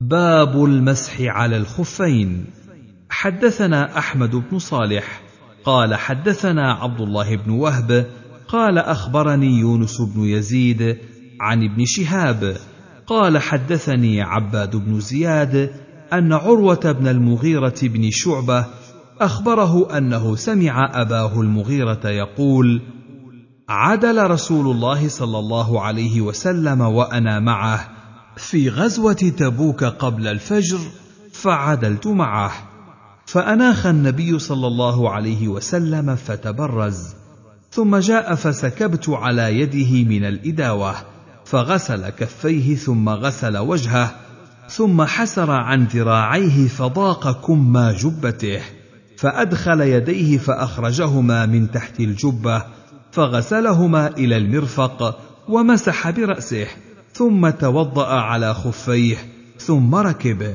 فأقبلنا نسير حتى نجد الناس في الصلاة قد قدموا عبد الرحمن بن عوف فصلى بهم حين كان وقت الصلاة. ووجدنا عبد الرحمن وقد ركع بهم ركعة من صلاة الفجر فقام رسول الله صلى الله عليه وسلم فصف مع المسلمين فصلى وراء عبد الرحمن بن عوف الركعة الثانية. ثم سلم عبد الرحمن فقام النبي صلى الله عليه وسلم في صلاته ففزع المسلمون فاكثروا التسبيح لأنهم سبقوا النبي صلى الله عليه وسلم بالصلاة فلما سلم رسول الله صلى الله عليه وسلم قال لهم قد أصبتم أو قد أحسنتم. حدثنا مسدد قال حدثنا يحيى يعني ابن سعيد حا وحدثنا مسدد قال حدثنا المعتمر عن التيمي قال حدثنا بكر عن الحسن عن ابن المغيرة بن شعبة عن المغيرة بن شعبة أن رسول الله صلى الله عليه وسلم توضأ ومسح على ناصيته وذكر فوق العمامة.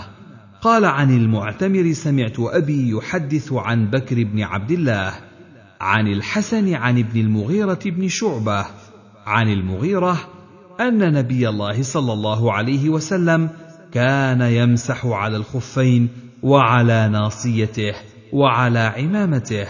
قال بكر وقد سمعته من ابن المغيرة.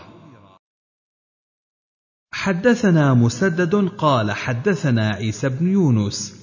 قال حدثني أبي عن الشعبي.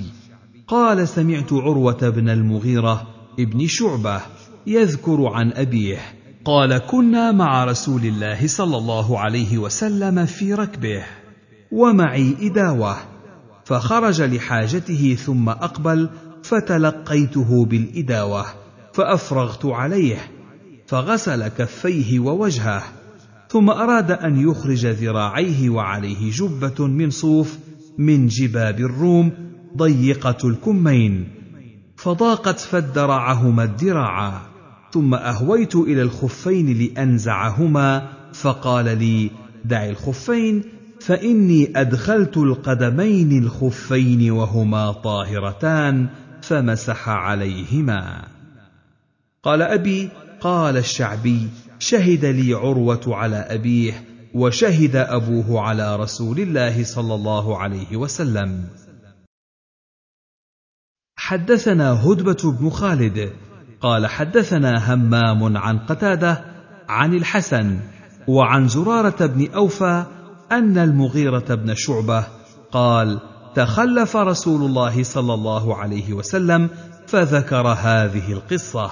قال فأتينا الناس وعبد الرحمن بن عوف يصلي بهم الصبح فلما رأى النبي صلى الله عليه وسلم أراد أن يتأخر فأومأ إليه أن يمضي. قال فصليت أنا والنبي صلى الله عليه وسلم خلفه ركعة فلما سلم قام النبي صلى الله عليه وسلم فصلى الركعة التي سبق بها ولم يزد عليها شيئا.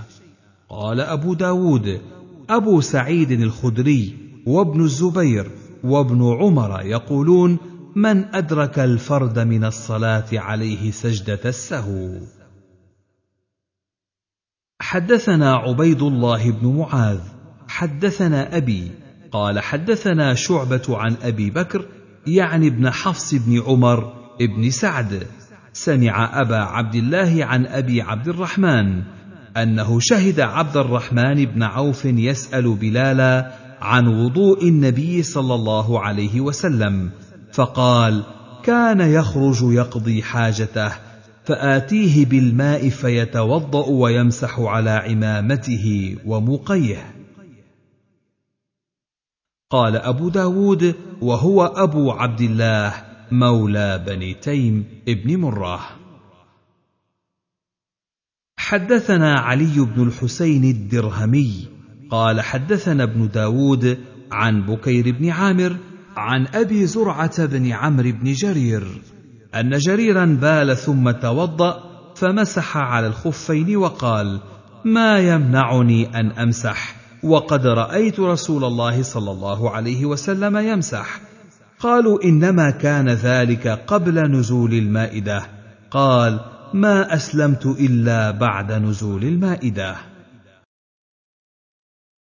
حدثنا مسدد وأحمد بن أبي شعيب الحراني قال حدثنا وكيع قال حدثنا دلهم بن صالح عن حجير بن عبد الله عن ابن بريدة عن أبيه أن النجاشي أهدى إلى رسول الله صلى الله عليه وسلم خفين أسودين ساذجين فلبسهما ثم توضأ ومسح عليهما. قال مسدد عن دلهم بن صالح قال أبو داود هذا مما تفرد به أهل البصرة. حدثنا أحمد بن يونس قال حدثنا ابن حي هو الحسن بن صالح عن بكير بن عامر البجلي عن عبد الرحمن بن أبي نعم عن المغيرة بن شعبة أن رسول الله صلى الله عليه وسلم مسح على الخفين فقلت يا رسول الله نسيت؟ قال بل أنت نسيت بهذا أمرني ربي عز وجل. باب التوقيت في المسح. حدثنا حفص بن عمر قال حدثنا شعبة عن الحكم وحماد عن إبراهيم عن أبي عبد الله الجدلي عن خزيمة بن ثابت عن النبي صلى الله عليه وسلم قال المسح على الخفين للمسافر ثلاثة أيام وللمقيم يوم وليلة. قال أبو داود رواه منصور بن المعتمر عن إبراهيم التيمي بإسناده قال فيه ولو استزدناه لزادنا.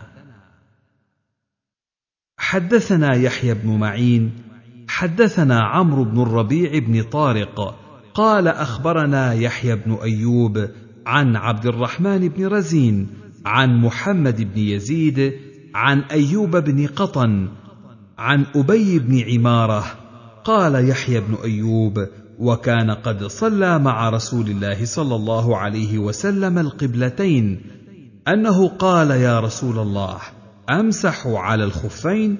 قال نعم. قال يوما؟ قال يوما. قال ويومين؟ قال ويومين. قال وثلاثة؟ قال نعم وما شئت. قال أبو داود رواه ابن أبي مريم المصري عن يحيى بن أيوب عن عبد الرحمن بن رزين عن محمد بن يزيد بن أبي زياد عن عبادة بن نسي عن أبي بن عمارة قال فيه حتى بلغ سبعا قال رسول الله صلى الله عليه وسلم نعم ما بدا لك. قال أبو داود قد اختلف في إسناده وليس هو بالقوي ورواه ابن أبي مريم ويحيى بن إسحاق والسليحي ويحيى بن أيوب واختلف في إسناده. باب المسح على الجوربين. حدثنا عثمان بن أبي شيبة عن وكيع عن سفيان الثوري عن أبي قيس الأودي هو عبد الرحمن بن ثروان عن هزيل بن شرحبيل عن المغيرة بن شعبة أن رسول الله صلى الله عليه وسلم توضأ ومسح على الجوربين والنعلين. قال أبو داود كان عبد الرحمن بن مهدي لا يحدث بهذا الحديث لأن المعروف عن المغيرة أن النبي صلى الله عليه وسلم مسح على الخفين. قال أبو داود وروي هذا أيضا عن أبي موسى الأشعري عن النبي صلى الله عليه وسلم أنه مسح على الجوربين وليس بالمتصل ولا بالقوي. قال أبو داود ومسح على الجوربين علي بن أبي طالب وابن مسعود والبراء بن عازب وأنس بن مالك وأبو أمامة وسهل بن سعد وعمرو بن حريث وروي ذلك عن عمر بن الخطاب وابن عباس. باب حدثنا مسدد وعباد بن موسى. قال حدثنا هشيم عن يعلى بن عطاء عن أبيه قال عباد قال أخبرني أوس بن أبي أوس الثقفي أن رسول الله صلى الله عليه وسلم توضأ ومسح على نعليه وقدميه. وقال عباد رأيت رسول الله صلى الله عليه وسلم أتى على كظامة قوم يعني الميضأة ولم يذكر مسدد الميضأة والكظامة. ثم اتفقا فتوضأ ومسح على نعليه وقدميه. باب كيف المسح. حدثنا محمد بن الصباح البزار قال حدثنا عبد الرحمن بن أبي الزناد قال ذكره أبي عن عروة بن الزبير عن المغيرة بن شعبة أن رسول الله صلى الله عليه وسلم كان يمسح على الخفين وقال غير محمد مسح على ظهر الخفين. حدثنا محمد بن العلاء.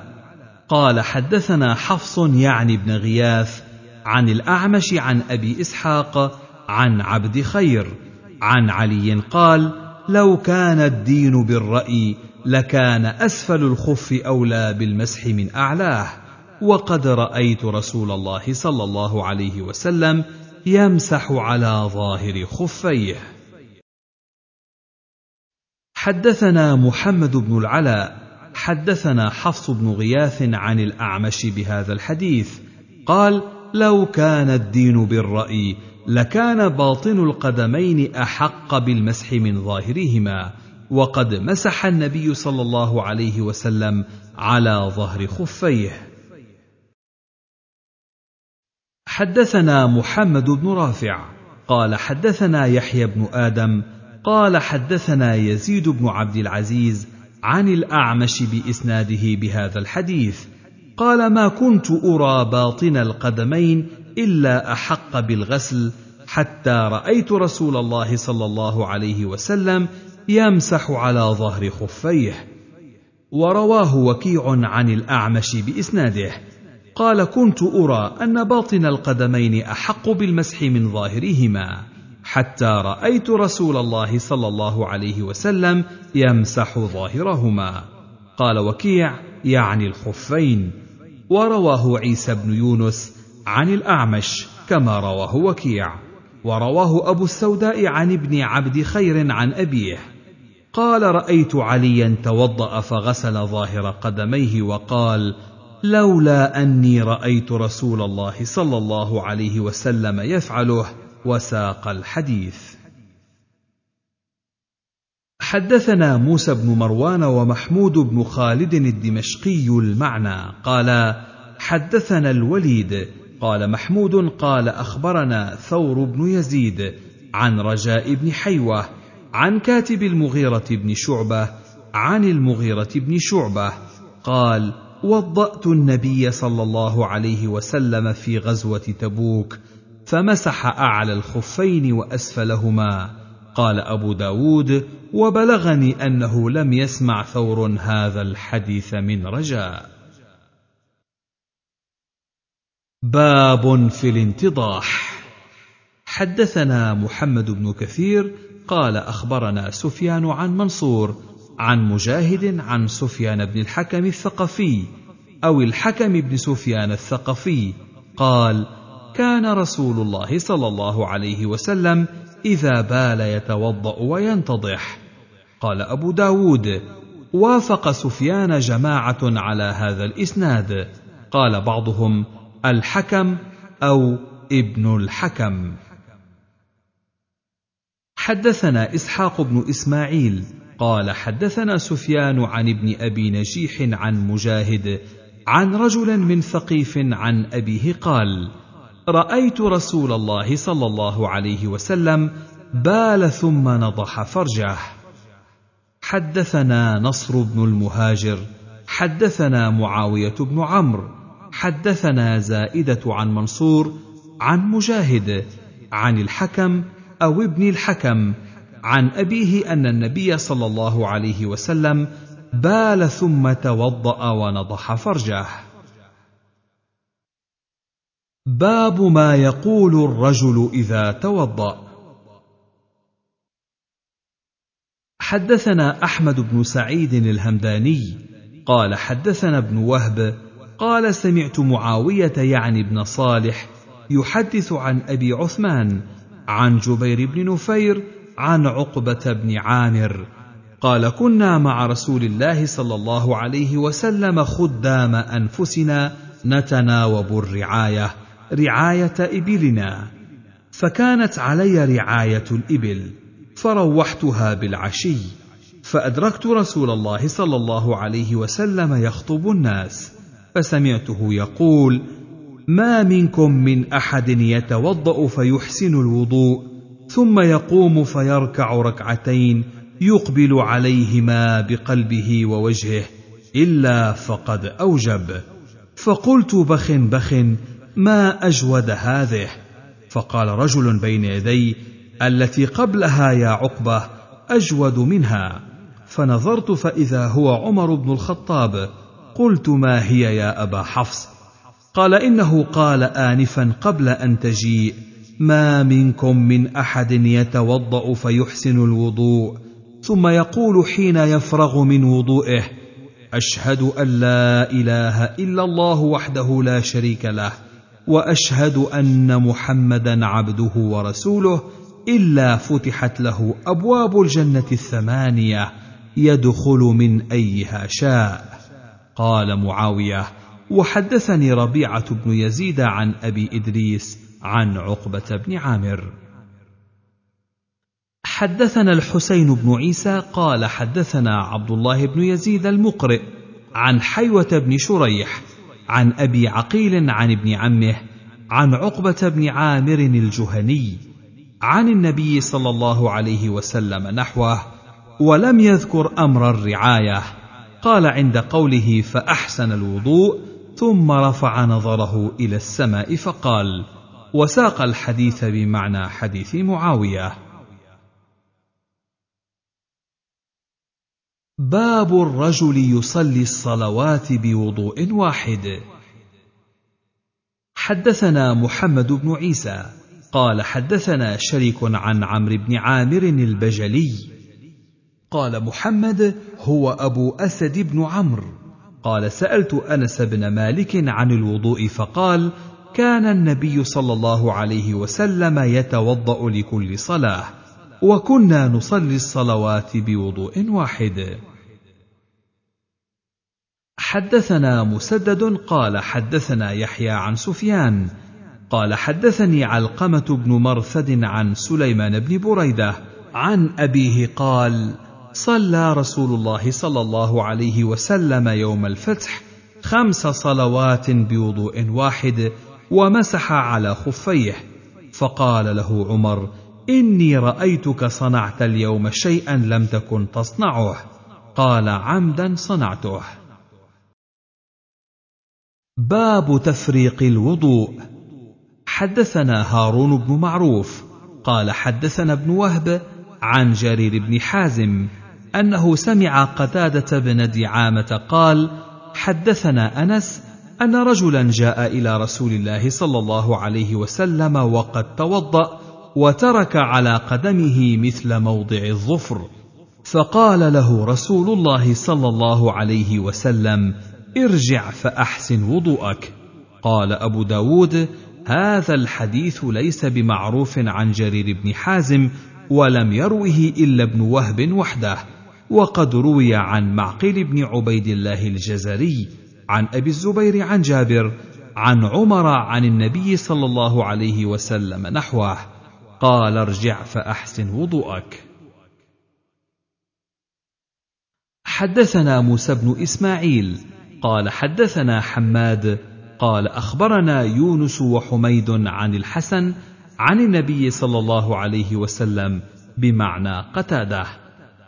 حدثنا حيوة بن شريح قال حدثنا بقية عن بحير هو ابن سعد عن خالد عن بعض أصحاب النبي صلى الله عليه وسلم أن النبي صلى الله عليه وسلم رأى رجلا يصلي وفي ظهر قدمه لمعة قدر الدرهم لم يصبها الماء.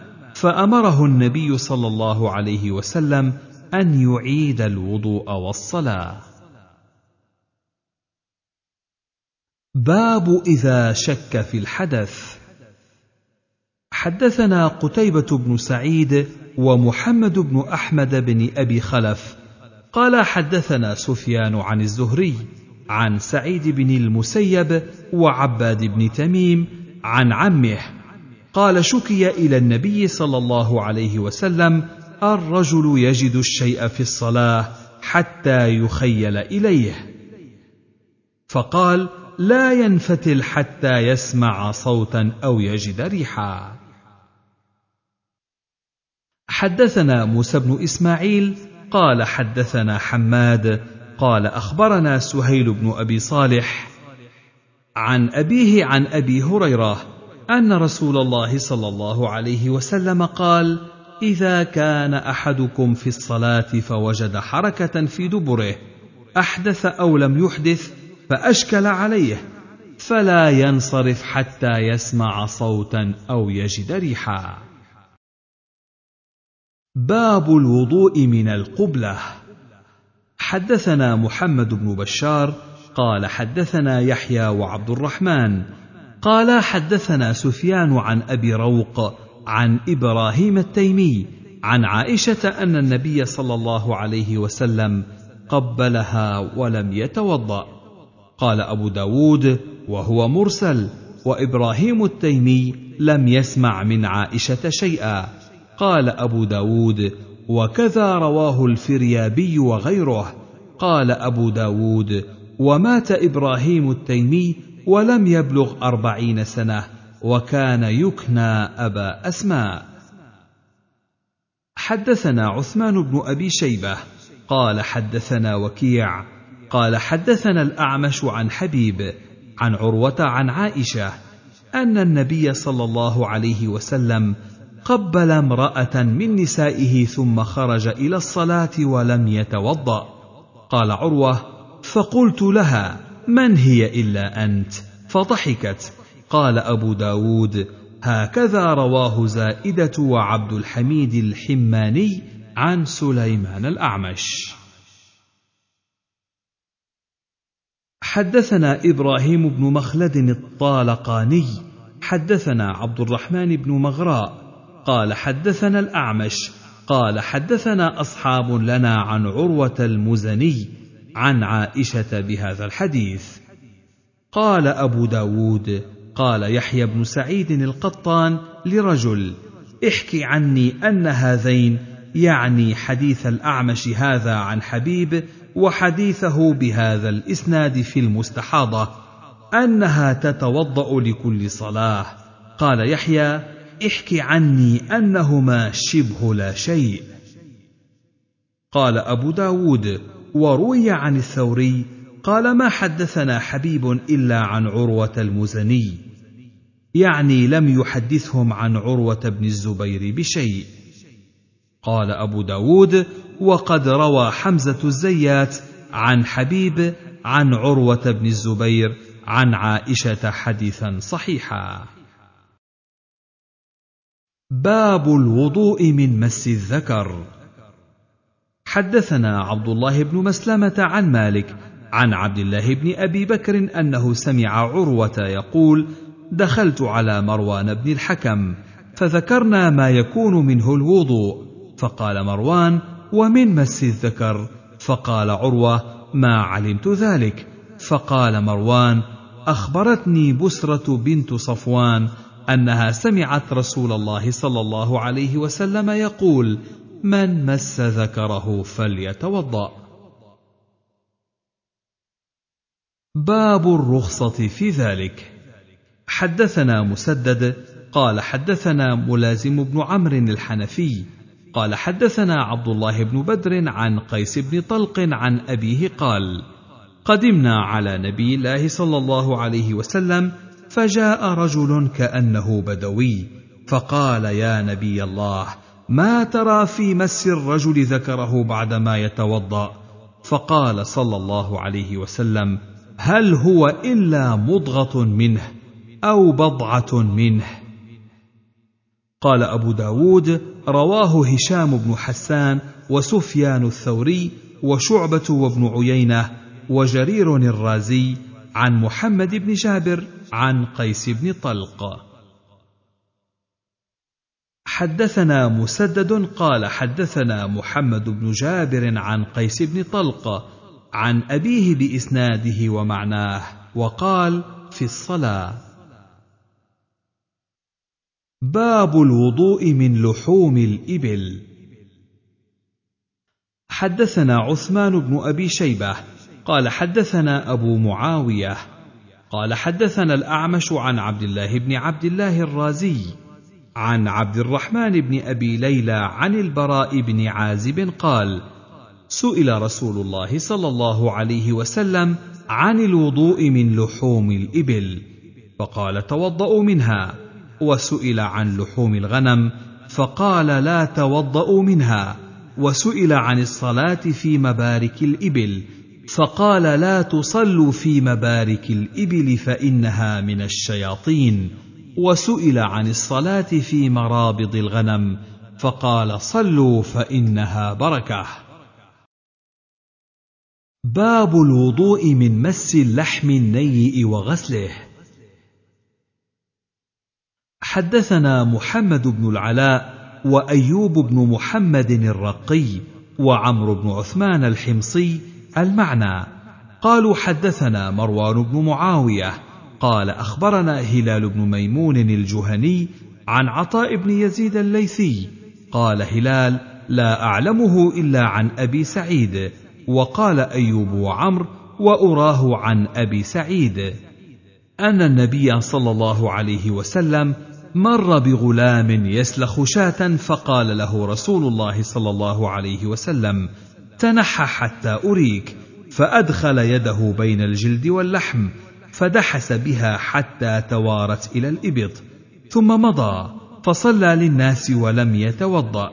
زاد عمرو في حديثه يعني لم يمس ماء وقال عن هلال بن ميمون الرملي قال أبو داود رواه عبد الواحد بن زياد وأبو معاوية عن هلال عن عطاء عن النبي صلى الله عليه وسلم مرسلا لم يذكرا أبا سعيد. باب ترك الوضوء من مس الميتة. حدثنا عبد الله بن مسلمة. قال حدثنا سليمان يعني بن بلال عن جعفر عن أبيه عن جابر أن رسول الله صلى الله عليه وسلم مر بالسوق داخلا من بعض العالية والناس كنفتيه فمر بجدي أسك ميت فتناوله فأخذ بأذنه ثم قال أيكم يحب أن هذا له؟ وساق الحديث. بسم الله الرحمن الرحيم. باب في ترك الوضوء مما مست النار. حدثنا عبد الله بن مسلمة قال حدثنا مالك عن زيد بن أسلم عن عطاء بن يسار عن ابن عباس أن رسول الله صلى الله عليه وسلم أكل كتف شاة ثم صلى ولم يتوضأ. حدثنا عثمان بن أبي شيبة ومحمد بن سليمان الأنباري المعنى. قال حدثنا وكيع عن مسعر عن أبي صخرة جامع بن شداد عن المغيرة بن عبد الله عن المغيرة بن شعبة قال: ضفت النبي صلى الله عليه وسلم ذات ليلة، فأمر بجنب فشوي، وأخذ الشفرة فجعل يحز لي بها منه. قال: فجاء بلال فآذنه بالصلاة، قال: فألقى الشفرة وقال: ما له تربت يداه، وقام يصلي، زاد الأنباري: وكان شاربي وفاء فقصه لي على سواك أو قال أقصه لك على سواك.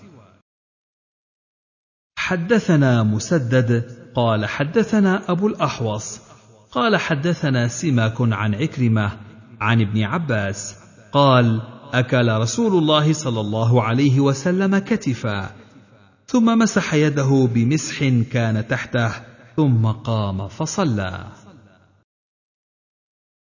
حدثنا حفص بن عمر النمري قال حدثنا همام عن قتادة عن يحيى بن يعمر عن ابن عباس أن النبي صلى الله عليه وسلم انتهش من كتف ثم صلى ولم يتوضأ.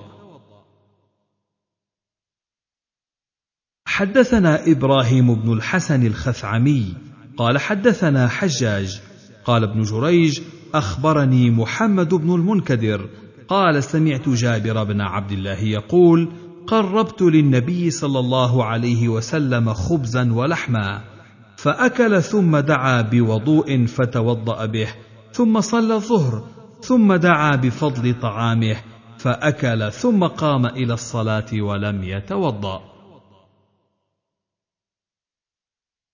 حدثنا موسى بن سهل أبو عمران الرملي قال حدثنا علي بن عياش قال حدثنا شعيب بن أبي حمزة عن محمد بن المنكدر. عن جابر قال كان آخر الأمرين من رسول الله صلى الله عليه وسلم ترك الوضوء مما غيرت النار. قال أبو داود وهذا اختصار من الحديث الأول. حدثنا أحمد بن عمرو بن السرح قال حدثنا عبد الملك بن أبي كريمة. قال ابن السرح ابن أبي كريمة من خيار المسلمين. قال حدثني عبيد بن ثمامة المرادي. قال قدم علينا مصر عبد الله بن الحارث بن جزء من أصحاب رسول الله صلى الله عليه وسلم فسمعته يحدث في مسجد مصر. قال لقد رأيتني سابع سبعة أو سادس ستة مع رسول الله صلى الله عليه وسلم في دار رجل فمر بلال فناداه بالصلاة فخرجنا فمررنا برجل وبرمته على النار. فقال له رسول الله صلى الله عليه وسلم أطابت برمتك؟ قال نعم بأبي أنت وأمي. فتناول منها بضعة فلم يزل يعلكها حتى أحرم بالصلاة وأنا أنظر إليه. باب التشديد في ذلك. حدثنا مسدد قال حدثنا يحيى عن شعبة قال حدثني أبو بكر بن حفص عن الأغر عن أبي هريرة قال قال رسول الله صلى الله عليه وسلم الوضوء مما أنضجت النار. حدثنا مسلم بن إبراهيم قال حدثنا أبان عن يحيى يعني ابن أبي كثير عن أبي سلمة أن أبا سفيان بن سعيد بن المغيرة حدثه أنه دخل على أم حبيبة فسقته قدحا من سويق فدعا بماء فمضمض.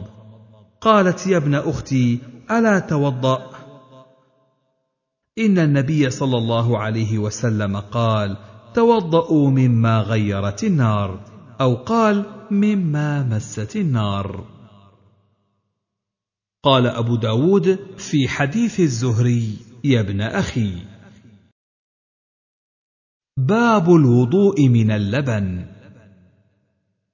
حدثنا قتيبة قال حدثنا الليث عن عقيل عن الزهري عن عبيد الله بن عبد الله عن ابن عباس أن النبي صلى الله عليه وسلم شرب لبنا فدعا بماء فتمضمض ثم قال إن له دسما. باب الرخصة في ذلك. حدثنا عثمان بن أبي شيبة عن زيد بن الحباب عن مطيع بن راشد عن توبة العنبري أنه سمع أنس بن مالك أن رسول الله صلى الله عليه وسلم شرب لبنا فلم يمضمض ولم يتوضأ وصلى. قال زيد دلني شعبة على هذا الشيخ. باب الوضوء من الدم. حدثنا أبو توبة الربيع بن نافع قال حدثنا ابن المبارك عن محمد بن إسحاق قال حدثني صدقة بن يسار عن عقيل بن جابر عن جابر قال خرجنا مع رسول الله صلى الله عليه وسلم يعني في غزوة ذات الرقاع. فأصاب رجل امرأة رجل من المشركين فحلف الا أنتهي حتى أهريق دما في أصحاب محمد. فخرج يتبع أثر النبي صلى الله عليه وسلم فنزل النبي صلى الله عليه وسلم منزلا. فقال من رجل يكلأنا؟ فانتدب رجل من المهاجرين ورجل من الأنصار. فقال كونا بفم الشعب.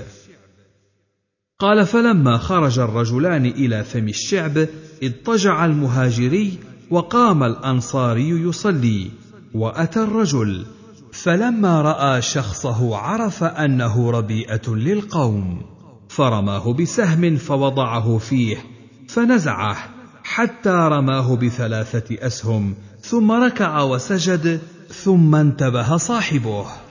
فلما عرف أنهم قد نذروا به هرب فلما رأى المهاجري ما بالأنصاري من الدماء قال سبحان الله ألا أنبهتني أول ما رمى؟ قال كنت في سورة أقرأها فلم أحب أن أقطعها. باب في الوضوء من النوم.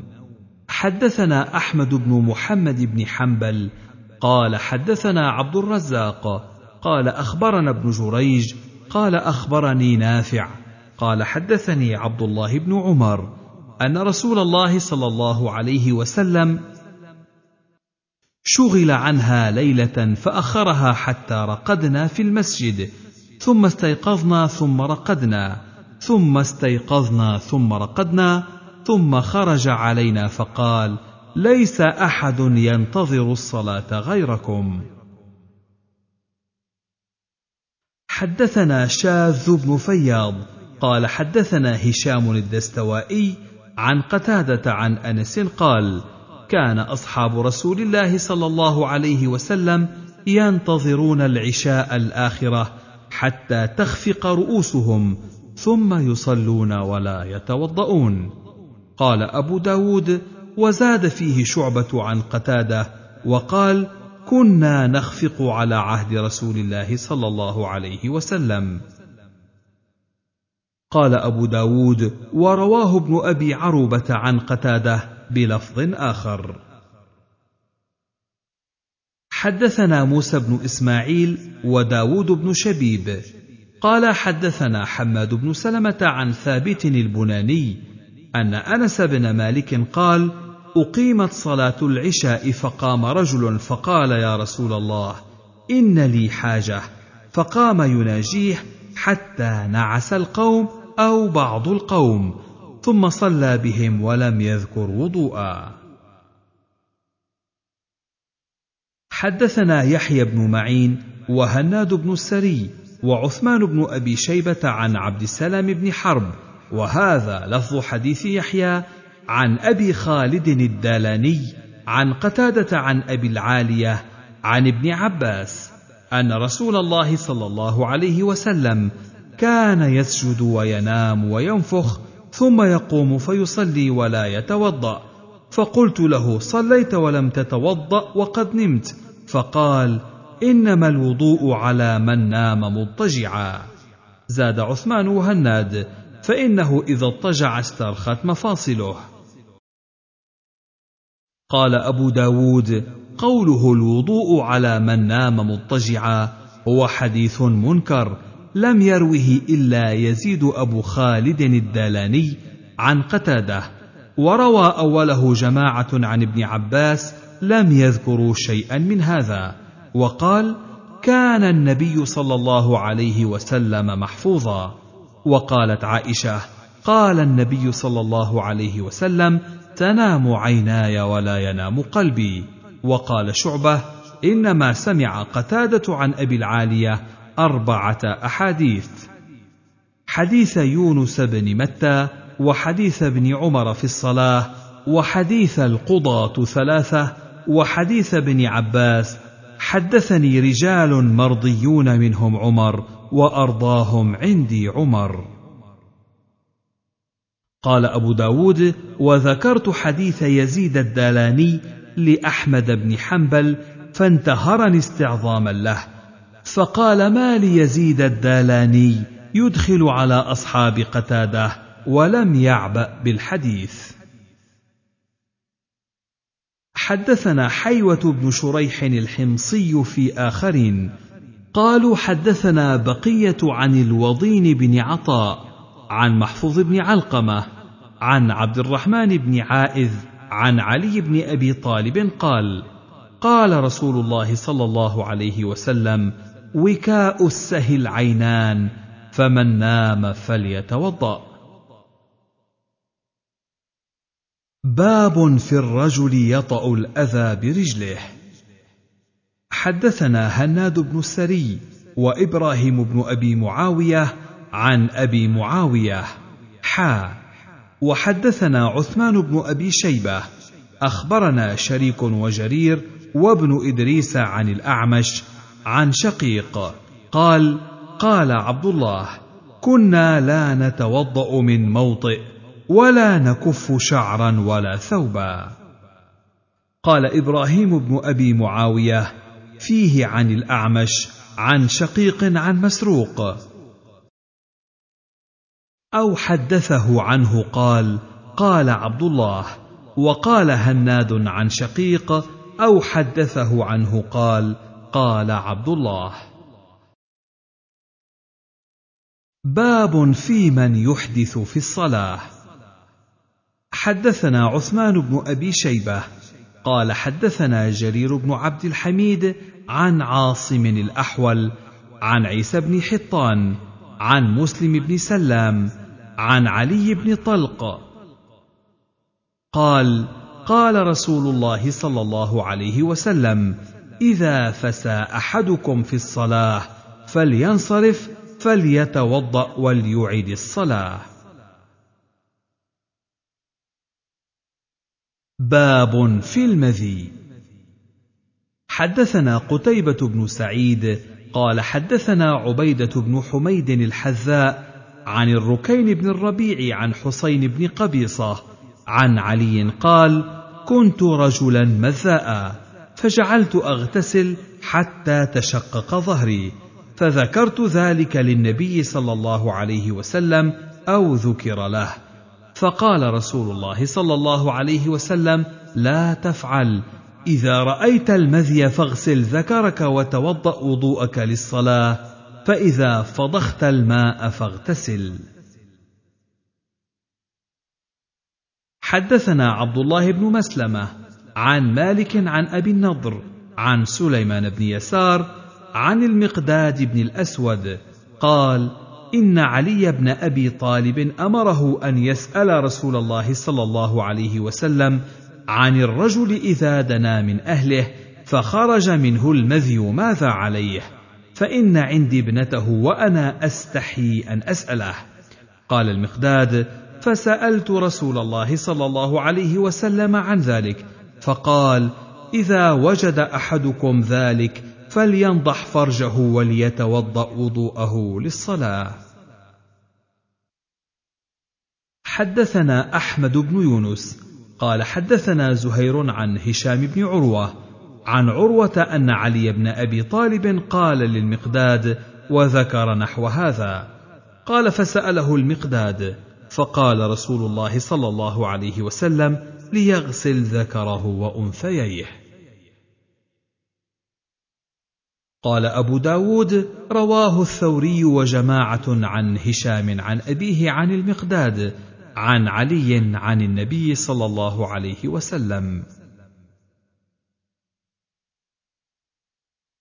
حدثنا عبد الله بن مسلمة القعنبي قال حدثنا أبي عن هشام بن عروة عن أبيه عن حديث حدثه عن علي بن أبي طالب قال قلت للمقداد فذكر بمعناه. قال أبو داود رواه المفضل بن فضالة والثوري وابن عيينة عن هشام عن أبيه عن علي ورواه ابن إسحاق عن هشام بن عروة عن أبيه عن المقداد عن النبي صلى الله عليه وسلم ولم يذكر أنثييه. حدثنا مسدد قال حدثنا إسماعيل يعني ابن إبراهيم قال أخبرنا محمد بن إسحاق قال حدثني سعيد بن عبيد ابن السباق عن أبيه عن سهل بن حنيف قال كنت ألقى من المذي شدة وكنت أكثر منه الاغتسال. فسألت رسول الله صلى الله عليه وسلم عن ذلك فقال إنما يجزئك من ذلك الوضوء. قلت يا رسول الله فكيف بما يصيب ثوبي منه؟ قال يكفيك بأن تأخذ كفا من ماء فتنضح بها من ثوبك حيث ترى أنه أصابه. حدثنا إبراهيم بن موسى قال أخبرنا عبد الله بن وهب قال حدثنا معاوية يعني ابن صالح عن العلاء بن الحارث عن حرام بن حكيم عن عمه عبد الله بن سعد الأنصاري قال سألت رسول الله صلى الله عليه وسلم عما يوجب الغسل وعن الماء يكون بعد الماء فقال ذلك المذي وكل فحل يمذي فتغسل من ذلك فرجك وأنثييك وتوضأ وضوءك للصلاة. حدثنا هارون بن محمد بن بكار قال حدثنا مروان يعني ابن محمد قال حدثنا الهيثم بن حميد قال حدثنا العلاء بن الحارث عن حرام بن حكيم عن عمه أنه سأل رسول الله صلى الله عليه وسلم ما يحل من امرأتي وهي حائض؟ قال لك ما فوق الإزار. وذكر مؤاكلة الحائض أيضا وساق الحديث.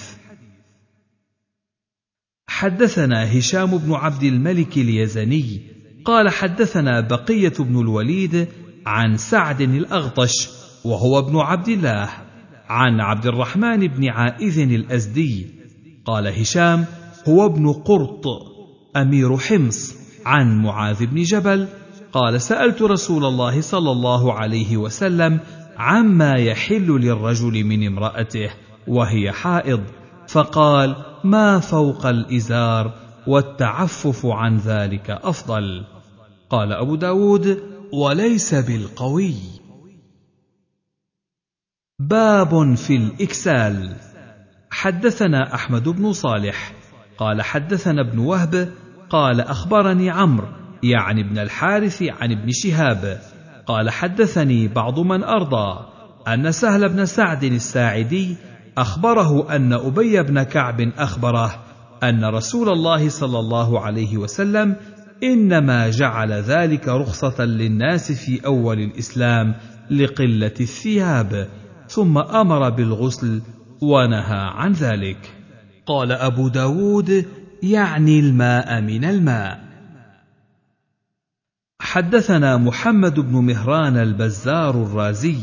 قال حدثنا مبشر الحلبي عن محمد أبي غسان عن أبي حازم عن سهل بن سعد. قال حدثني أبي بن كعب أن الفتيا التي كانوا يفتون أن الماء من الماء. كانت رخصة رخصها رسول الله صلى الله عليه وسلم في بدء الإسلام ثم أمر بالاغتسال بعد.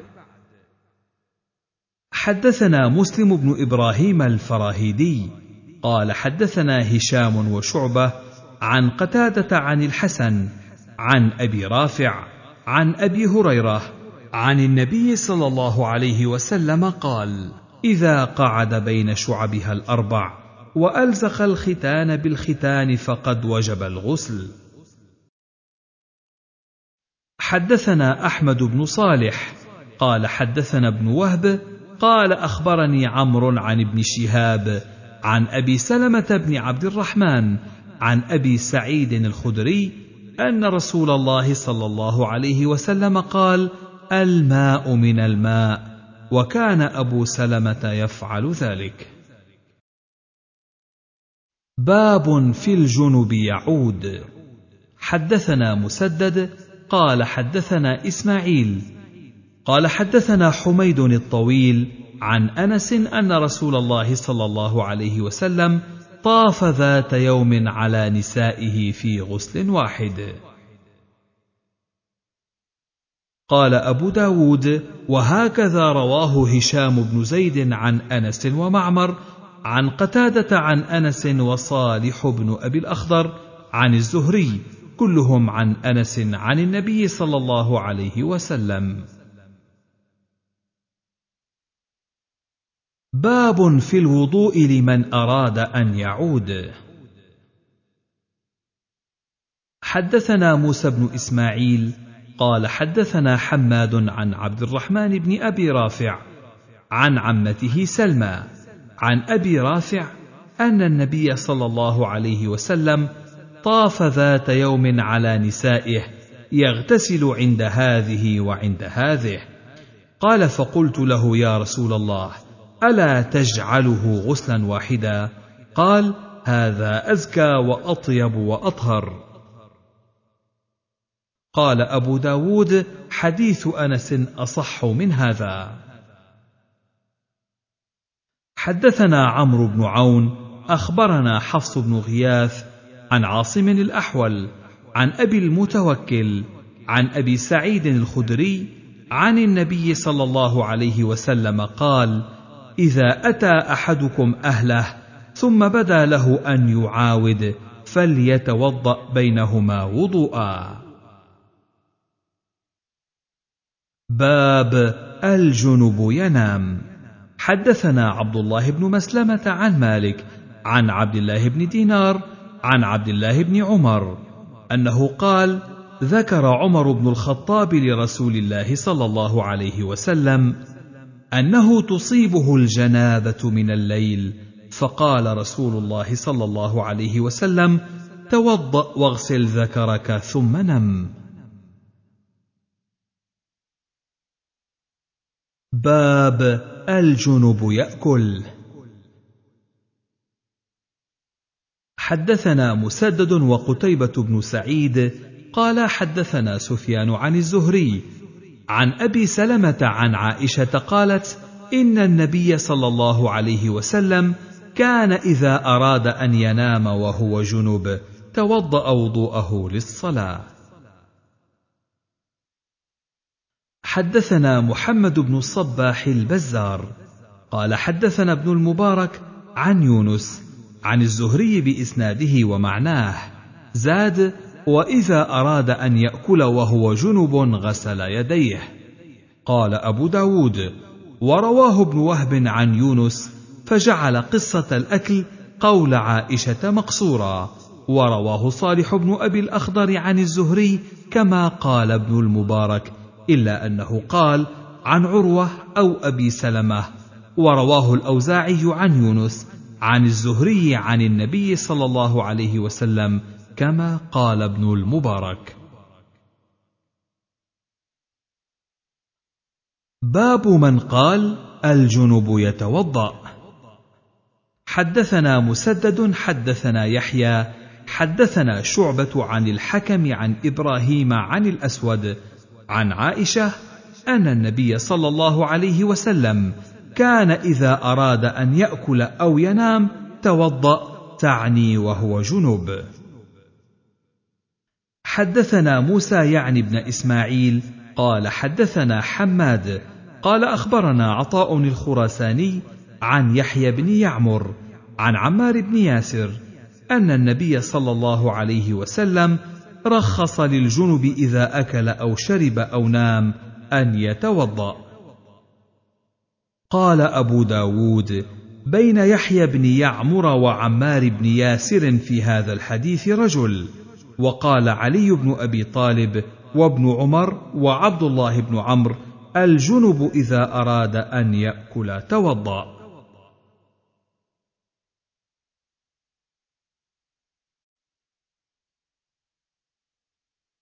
باب الجنب يؤخر الغسل. حدثنا مسدد قال حدثنا معتمر حا. وحدثنا أحمد بن حنبل قال حدثنا إسماعيل بن إبراهيم قال حدثنا برد بن سنان عن عبادة بن نسي عن غضيف بن الحارث قال قلت لعائشة أرأيت رسول الله صلى الله عليه وسلم كان يغتسل من الجنابة في أول الليل أو في آخره. قالت ربما اغتسل في أول الليل وربما اغتسل في آخره. قلت الله أكبر الحمد لله الذي جعل في الأمر سعة. قلت أرأيت رسول الله صلى الله عليه وسلم كان يوتر أول الليل أم في آخره؟ قالت ربما أوتر في أول الليل وربما أوتر في آخره. قلت الله أكبر الحمد لله الذي جعل في الأمر سعة. قلت أرأيت رسول الله صلى الله عليه وسلم كان يجهر بالقرآن أو يخافت به؟ قالت ربما جهر به وربما خفت. قلت الله أكبر الحمد لله الذي جعل في الأمر سعة. حدثنا حفص بن عمر قال حدثنا شعبة عن علي بن مدرك عن أبي زرعة بن عمرو بن جرير عن عبد الله بن نجي عن أبيه عن علي بن أبي طالب عن النبي صلى الله عليه وسلم قال لا تدخل الملائكة بيتا فيه صورة ولا كلب ولا جنب. حدثنا محمد بن كثير قال أخبرنا سفيان عن أبي إسحاق عن الأسود عن عائشة قالت كان رسول الله صلى الله عليه وسلم ينام وهو جنب من غير أن يمس ماء. قال أبو داود حدثنا الحسن بن علي الواسطي قال سمعت يزيد بن هارون يقول هذا الحديث وهم يعني حديث أبي إسحاق. باب في الجنب يقرأ القرآن.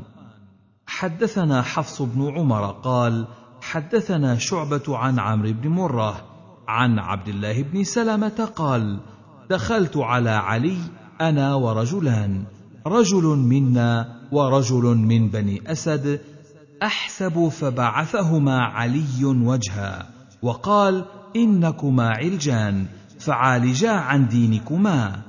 ثم قام فدخل المخرج ثم خرج فدعا بماء فأخذ منه حفنة فتمسح بها ثم جعل يقرأ القرآن فأنكروا ذلك فقال إن رسول الله صلى الله عليه وسلم كان يخرج من الخلاء فيقرئنا القرآن ويأكل معنا اللحم ولم يكن يحجبه أو قال يحجزه عن القرآن شيء ليس الجنبه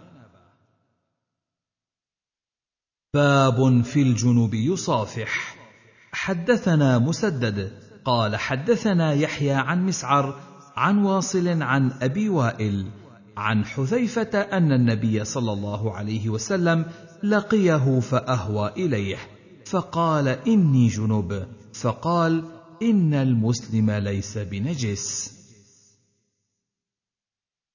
حدثنا مسدد قال حدثنا يحيى وبشر عن حميد عن بكر عن أبي رافع عن أبي هريرة قال لقيني رسول الله صلى الله عليه وسلم في طريق من طرق المدينة وأنا جنب فاختنست فذهبت فاغتسلت ثم جئت. فقال أين كنت يا أبا هريرة؟ قال قلت إني كنت جنبا فكرهت أن أجالسك على غير طهارة. قال سبحان الله إن المسلم لا ينجس. وقال في حديث بشر قال حدثنا حميد قال حدثني بكر. باب في الجنب يدخل المسجد. حدثنا مسدد قال حدثنا عبد الواحد بن زياد قال حدثنا أفلة بن خليفة قال حدثتني جسرة بنت دجاجة. قالت سمعت عائشة تقول جاء رسول الله صلى الله عليه وسلم ووجوه بيوت أصحابه شارعة في المسجد. فقال وجهوا هذه البيوت عن المسجد.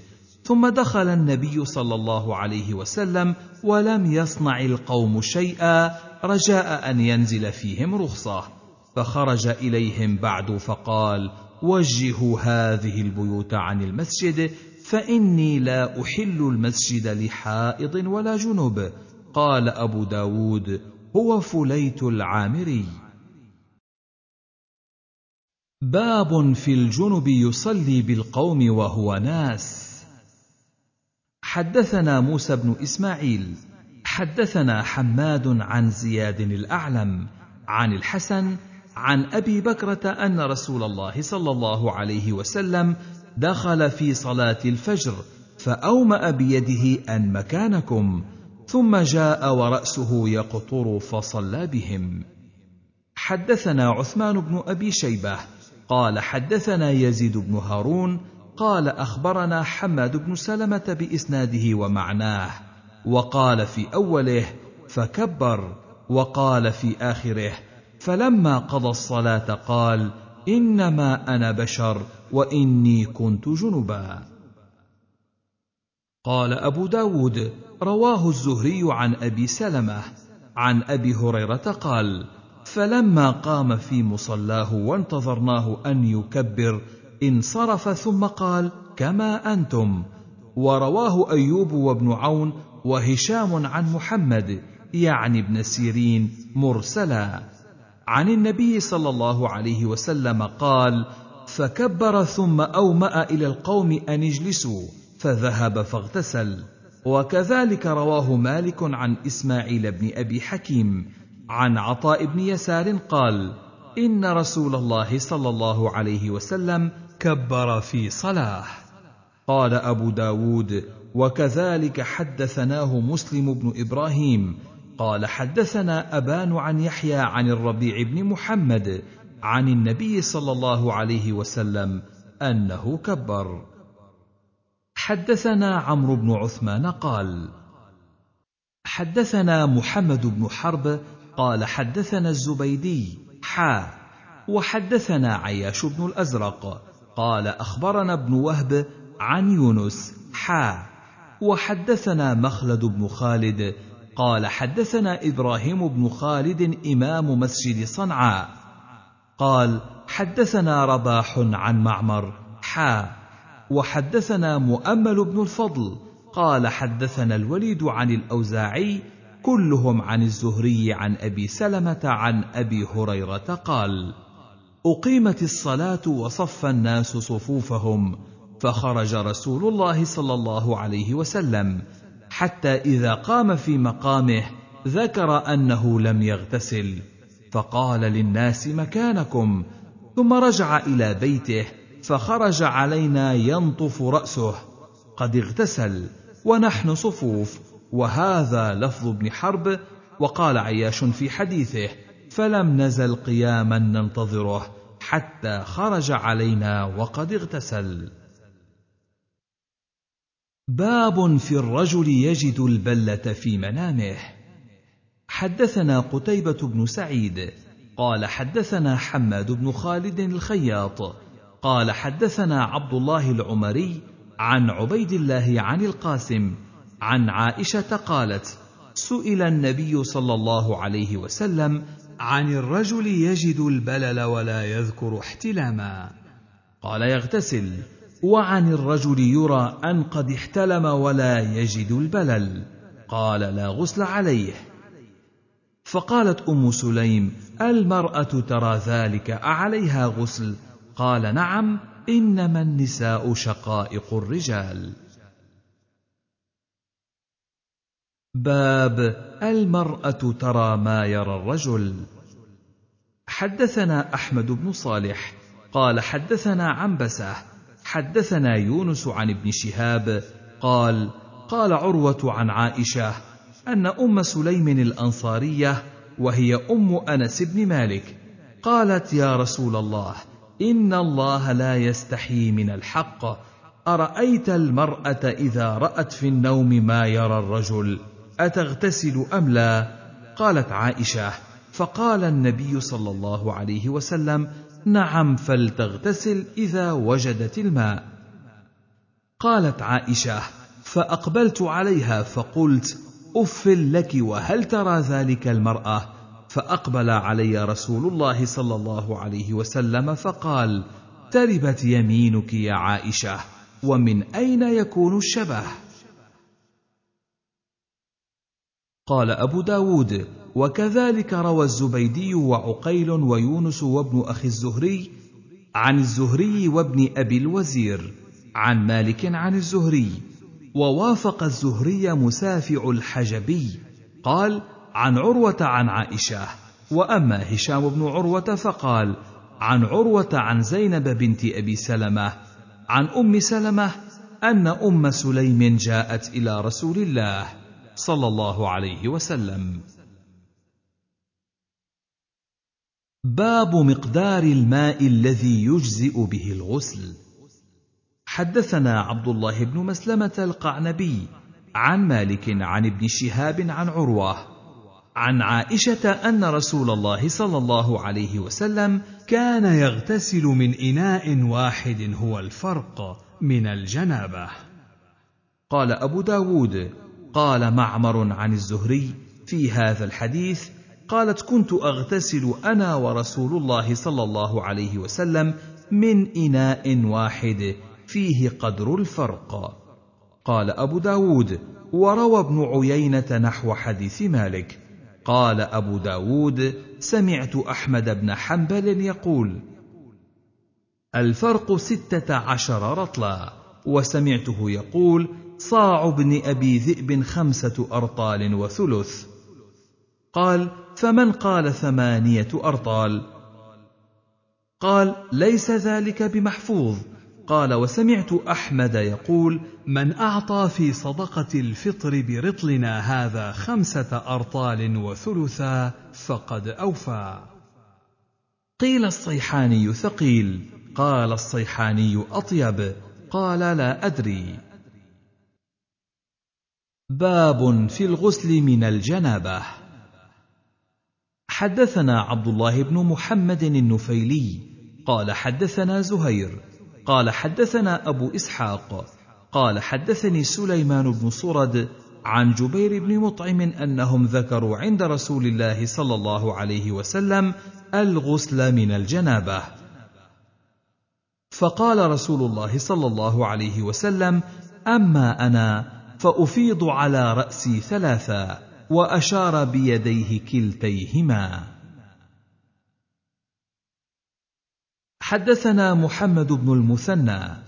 قال حدثنا أبو عاصم عن حنظلة عن القاسم عن عائشة قالت كان رسول الله صلى الله عليه وسلم إذا اغتسل من الجنابة دعا بشيء من نحو الحلاب فأخذ بكفيه فبدأ بشق رأسه الأيمن ثم الأيسر ثم أخذ بكفيه فقال بهما على رأسه.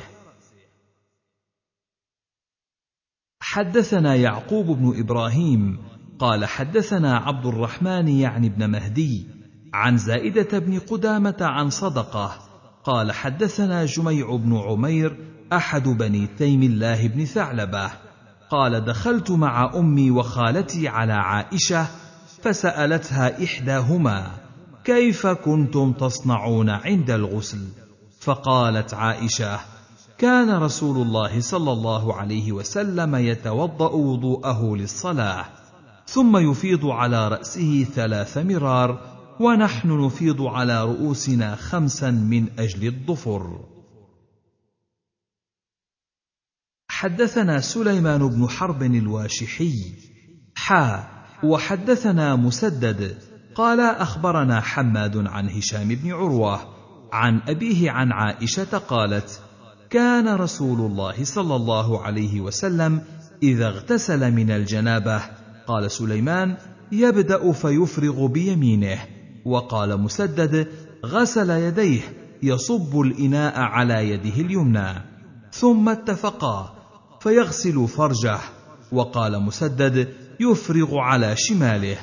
وربما كانت عن الفرج ثم يتوضأ وضوءه للصلاة ثم يدخل يديه في الإناء فيخلل شعره حتى إذا رأى أنه قد أصاب البشرة أو أنقى البشرة أفرغ على رأسه ثلاثا فإذا فضل فضلة صبها عليه. حدثنا عمرو بن علي الباهلي حدثنا محمد بن أبي عدي حدثنا سعيد عن أبي معشر عن النخعي عن الأسود عن عائشة قالت كان رسول الله صلى الله عليه وسلم إذا أراد أن يغتسل من الجنابة بدأ بكفيه فغسلهما ثم غسل مرافغه وأفاض عليه الماء فإذا أنقاهما أهوى بهما إلى حائط. ثم يستقبل الوضوء ويفيض الماء على رأسه.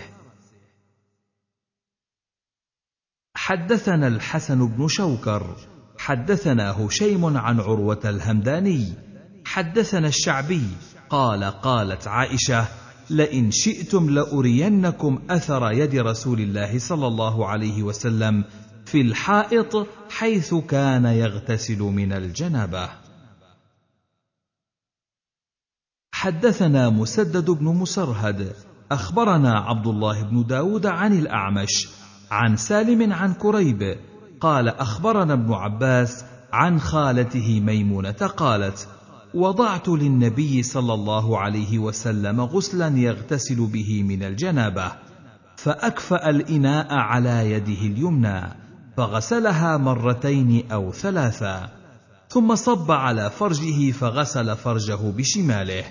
ثم ضرب بيده الأرض فغسلها ثم تمضمض واستنشق وغسل وجهه ويديه ثم صب على رأسه وجسده ثم تنحى ناحية فغسل رجليه فناولته المنديل فلم يأخذه وجعل ينفض الماء عن جسده.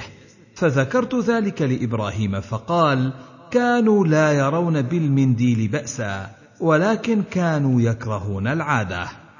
قال أبو داود. قال مسدد. قلت لعبد الله بن داود كانوا يكرهونه للعادة. فقال هكذا هو ولكن وجدته في كتابي هكذا. حدثنا الحسين بن عيسى الخراساني. حدثنا ابن أبي فديك عن ابن أبي ذئب. عن شعبة قال إن ابن عباس كان إذا اغتسل من الجنابة يفرغ بيده اليمنى على يده اليسرى سبع مرار. ثم يغسل فرجه. فنسي مرة كم أفرغ. فسألني كم أفرغت. فقلت لا أدري. فقال لا أم لك وما يمنعك أن تدري. ثم يتوضأ وضوءه للصلاة. ثم يفيض على جلده الماء. ثم يقول هكذا كان رسول الله صلى الله عليه وسلم يتطهر. حدثنا قتيبة بن سعيد حدثنا أيوب بن جابر عن عبد الله بن عصم عن عبد الله بن عمر قال كانت الصلاة خمسين والغسل من الجنابة سبع مرار وغسل البول من الثوب سبع مرار فلم يزل رسول الله صلى الله عليه وسلم يسأل حتى جعلت الصلاة خمسا والغسل من الجنابة مرة. وغسل البول من الثوب مرة. حدثنا نصر بن علي حدثنا الحارث بن وجيه أخبرنا مالك بن دينار عن محمد بن سيرين عن أبي هريرة قال قال رسول الله صلى الله عليه وسلم إن تحت كل شعرة جنابة فاغسلوا الشعر وأنقوا البشر. قال أبو داود الحارث بن وجيه حديثه منكر وهو ضعيف. حدثنا موسى بن إسماعيل حدثنا حماد أخبرنا عطاء بن السائب عن زاذان عن علي قال إن رسول الله صلى الله عليه وسلم قال من ترك موضع شعرة من جنابة لم يغسلها فعل بها كذا وكذا من النار. قال علي فمن ثم عاديت شعر رأسي. فمن ثم عاديت رأسي. فمن ثم عاديت رأسي. وكان يجز شعره رضي الله عنه. باب الوضوء بعد الغسل. حدثنا عبد الله بن محمد النفيلي حدثنا زهير حدثنا أبو إسحاق عن الأسود. عن عائشة قالت كان رسول الله صلى الله عليه وسلم يغتسل ويصلي الركعتين وصلاة الغداة ولا أراه يحدث وضوءا بعد الغسل. باب المرأة هل تنقض شعرها عند الغسل؟ حدثنا زهير بن حرب وابن السرح قال حدثنا سفيان بن عيينة عن أيوب بن موسى عن سعيد بن أبي سعيد عن عبد الله بن رافع مولى أم سلمة عن أم سلمة قالت إن امرأة من المسلمين. وقال زهير إنها. قالت يا رسول الله إني امرأة أشد ضفر رأسي أفأنقضه للجنابة؟ قال إنما يكفيك أن تحثني عليه ثلاثا. وقال زهير تحثي عليه ثلاث حثيات من ماء ثم تفيضي على سائر جسدك فإذا أنت قد طهرت. حدثنا أحمد بن عمرو بن السرح حدثني ابن نافع يعني الصائغ عن أسامة عن المقبوري عن أم سلمة قالت إن امرأة جاءت إلى أم سلمة بهذا الحديث قالت فسألت لها النبي صلى الله عليه وسلم بمعناه قال فيه واغمزي قرونك عند كل حفنة حدثنا عثمان بن أبي شيبة حدثنا يحيى بن أبي بكير حدثنا إبراهيم بن نافع عن الحسن بن مسلم عن صفية بنت شيبة عن عائشة قالت كانت إحدانا إذا أصابتها جنابة أخذت ثلاث حفنات هكذا تعني بكفيها جميعا فتصب على رأسها وأخذت بيد واحدة فصبتها على هذا الشق والأخرى على الشق الآخر. حدثنا نصر بن علي حدثنا عبد الله بن داود عن عمر بن سويد عن عائشة بنت طلحة. عن عائشة قالت كنا نغتسل وعلينا الضماد ونحن مع رسول الله صلى الله عليه وسلم محلات ومحرمات. حدثنا محمد بن عوف قال قرأت في أصل إسماعيل بن عياش. قال ابن عوف وأخبرنا محمد بن إسماعيل عن أبيه. حدثني ضمضم بن زرعة عن شريح بن عبيد قال أفتاني جبير بن نفير عن الغسل من الجنابة أن ثوبان حدثهم أنهم استفتوا النبي صلى الله عليه وسلم عن ذلك فقال أما الرجل فلينثر رأسه فليغسله حتى يبلغ أصول الشعر وأما المرأة فلا عليها ألا تنقضه لتغرف على رأسها ثلاث غرفات بكفيها. باب في الجنب يغسل رأسه بالخطمي. حدثنا محمد بن جعفر بن زياد. حدثنا شريك عن قيس بن وهب عن رجل من بني سواءة بن عامر عن عائشة عن النبي صلى الله عليه وسلم أنه كان يغسل رأسه بالخطمي وهو جنب يجتزئ بذلك ولا يصب عليه الماء. باب فيما يفيض بين الرجل والمرأة من الماء. حدثنا محمد بن رافع حدثنا يحيى بن آدم حدثنا شريك عن قيس بن وهب عن رجل من بني سواءة بن عامر عن عائشة فيما يفيض بين الرجل والمرأة من الماء. قالت كان رسول الله صلى الله عليه وسلم يأخذ كفا من ماء يصب علي الماء ثم يأخذ كفا من ماء ثم يصبه عليه. باب مؤاكلة الحائض ومجامعتها. حدثنا موسى بن إسماعيل حدثنا حماد أخبرنا ثابت البناني عن أنس بن مالك قال إن اليهود كانت إذا حاضت منهم المرأة أخرجوها من البيت ولم ياكلوها ولم يشاربوها ولم يجامعوها في البيت. فسئل رسول الله صلى الله عليه وسلم عن ذلك فأنزل الله تعالى ذكره ويسألونك عن المحيض قل هو أذى فاعتزلوا النساء في المحيض. إلى آخر الآية. فقال رسول الله صلى الله عليه وسلم جامعوهن في البيوت واصنعوا كل شيء غير النكاح. فقالت اليهود ما يريد هذا الرجل أن يدع شيئا من أمرنا إلا خالفنا فيه. فجاء أسيد بن حضير وعباد بن بشر إلى النبي صلى الله عليه وسلم فقالا يا رسول الله إن اليهود تقول كذا وكذا أفلا ننكحهن في المحيض؟ فتمعر وجه رسول الله صلى الله عليه وسلم حتى ظننا أن قد وجد عليهما فخرجا. فاستقبلتهما هدية من لبن إلى رسول الله صلى الله عليه وسلم فبعث في آثارهما فسقاهما فظننا أنه لم يجد عليهما. حدثنا مسدد حدثنا عبد الله بن داود عن مسعر عن المقدام بن شريح عن أبيه عن عائشة قالت كنت أتعرق العظم وأنا حائض فأعطيه النبي صلى الله عليه وسلم فيضع فمه في موضع الذي فيه وضعته وأشرب الشراب فأناوله فيضع فمه في الموضع الذي كنت أشرب منه.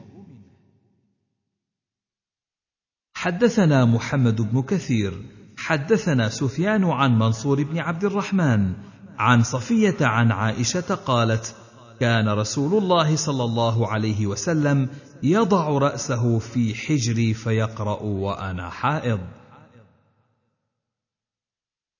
باب الحائض تناول من المسجد. حدثنا مسدد بن مسرهد حدثنا أبو معاوية عن الأعمش عن ثابت بن عبيد عن القاسم عن عائشة قالت قال لي رسول الله صلى الله عليه وسلم ناوليني الخمرة من المسجد. قلت إني حائض. فقال رسول الله صلى الله عليه وسلم إن حيضتك ليست في يدك.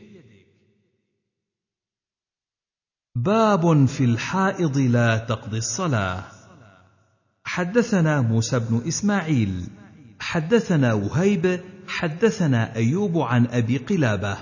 عن معاذة قالت إن امرأة سألت عائشة أتقضي الحائض الصلاة؟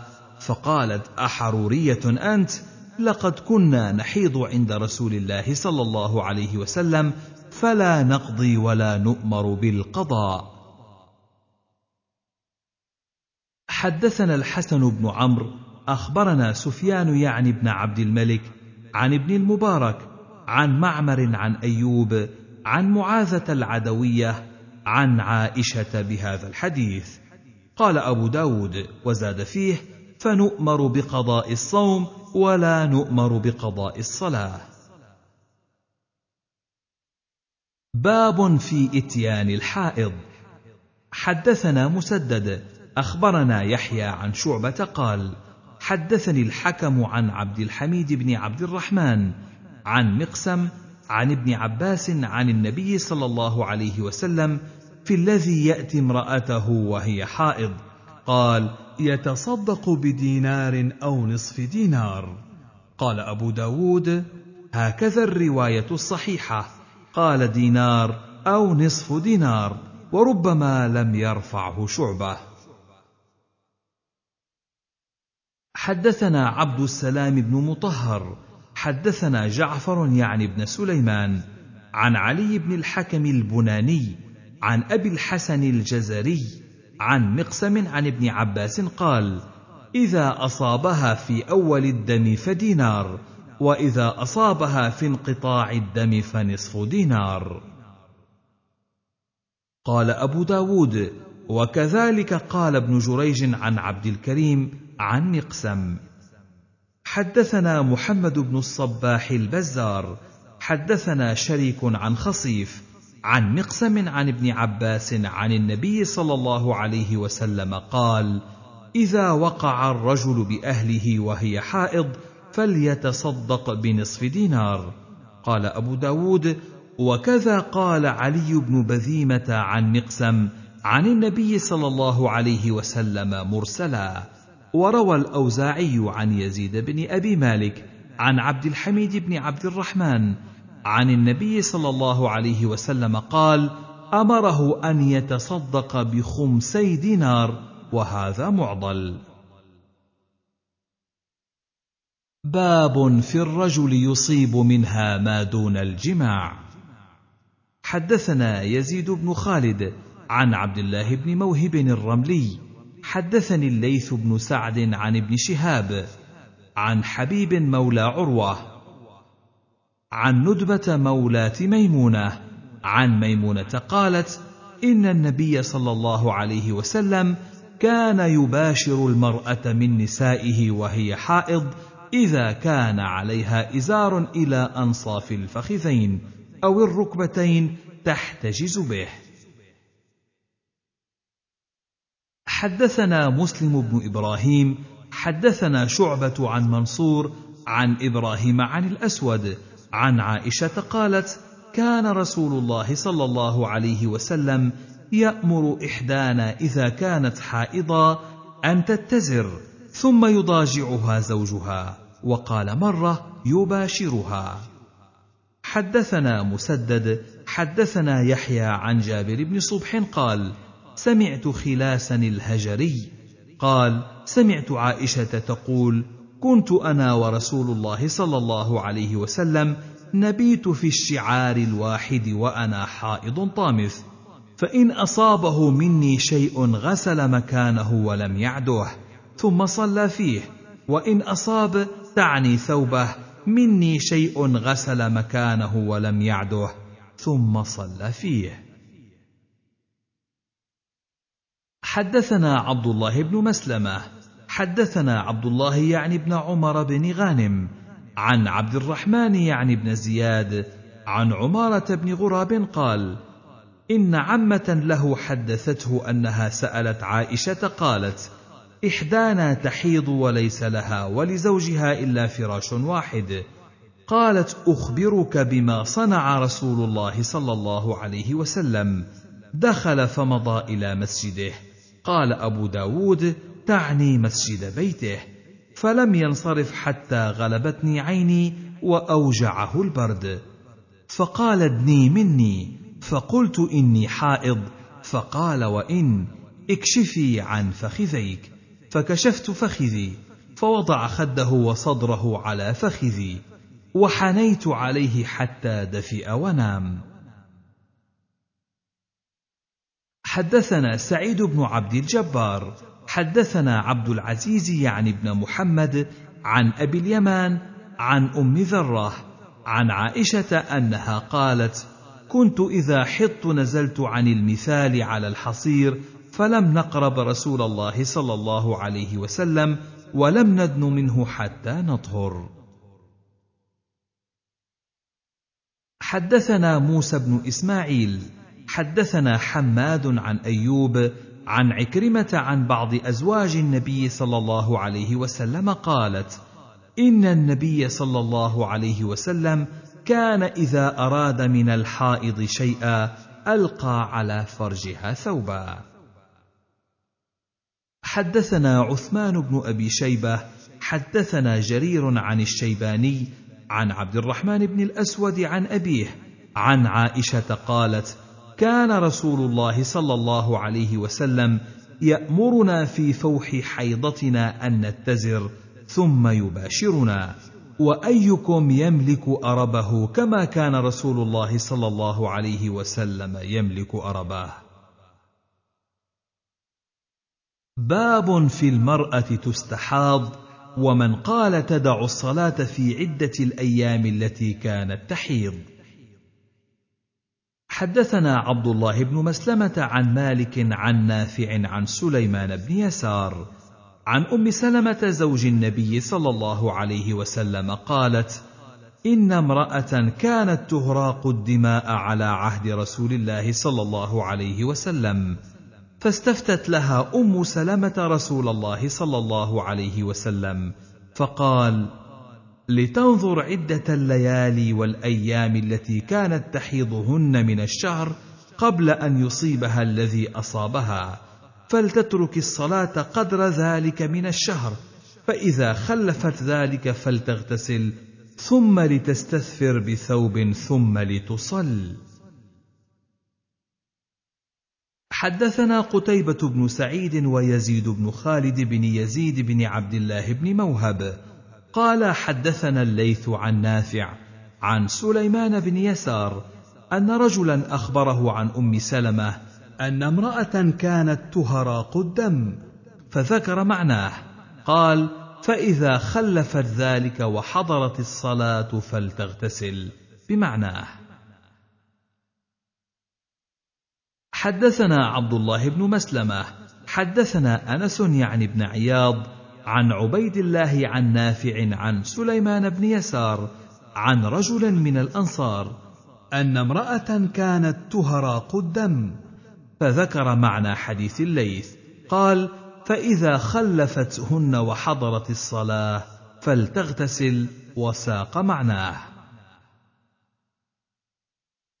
حدثنا يعقوب بن إبراهيم حدثنا عبد الرحمن بن مهدي حدثنا صخر بن جويرية عن نافع بإسناد الليث ومعناه قال فلتترك الصلاة قدر ذلك ثم إذا حضرت الصلاة فلتغتسل ولتستذفر بثوب ثم تصلي.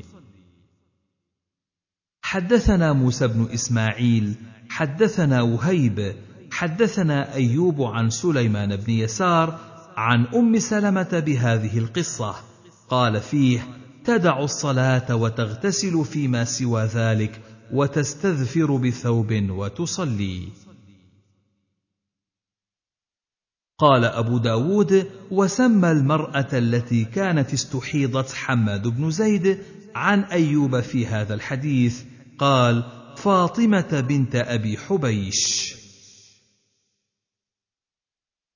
حدثنا قتيبة بن سعيد حدثنا الليث عن يزيد بن أبي حبيب عن جعفر عن عراك عن عروة عن عائشة أنها قالت إن أم حبيبة سألت النبي صلى الله عليه وسلم عن الدم فقالت عائشة فرأيت مركنها ملآن دما فقال لها رسول الله صلى الله عليه وسلم امكثي قدر ما كانت تحبسك حيضتك ثم اغتسلي.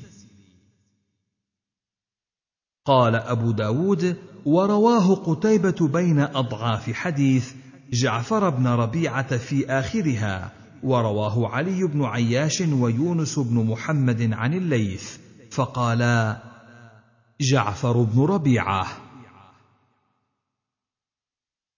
حدثنا عيسى بن حماد أخبرنا الليث عن يزيد بن أبي حبيب عن بكير بن عبد الله عن المنذر بن المغيرة عن عروة بن الزبير قال إن فاطمة بنت أبي حبيش حدثته أنها سألت رسول الله صلى الله عليه وسلم فشكت إليه الدم فقال لها رسول الله صلى الله عليه وسلم إنما ذلك عرق فانظري إذا أتى قرؤك فلا تصلي فإذا مر قرؤك فتطهري ثم صلي ما بين القرء إلى القرء.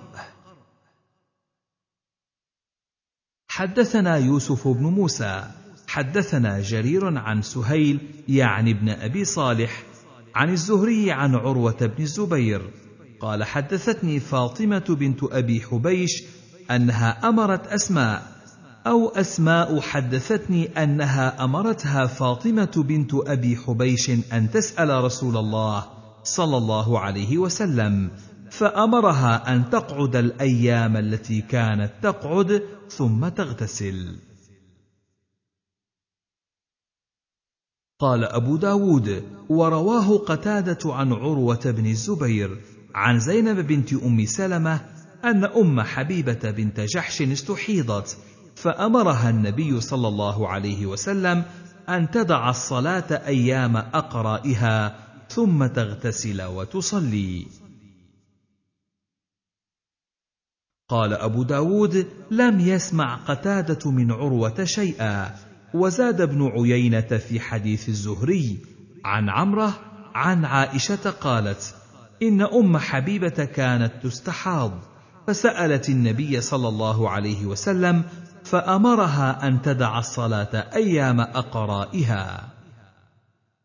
قال أبو داود: وهذا وهم من ابن عيينة، ليس هذا في حديث الحفاظ عن الزهري إلا ما ذكر سهيل بن أبي صالح، وقد روى الحميدي هذا الحديث عن ابن عيينة لم يذكر فيه تدع الصلاة أيام أقرئها وروت قمير بنت عمرو زوج مسروق عن عائشة المستحاضة تترك الصلاة أيام أقرائها ثم تغتسل. وقال عبد الرحمن بن القاسم عن أبيه أن النبي صلى الله عليه وسلم أمرها أن تترك الصلاة قدر أقرائها.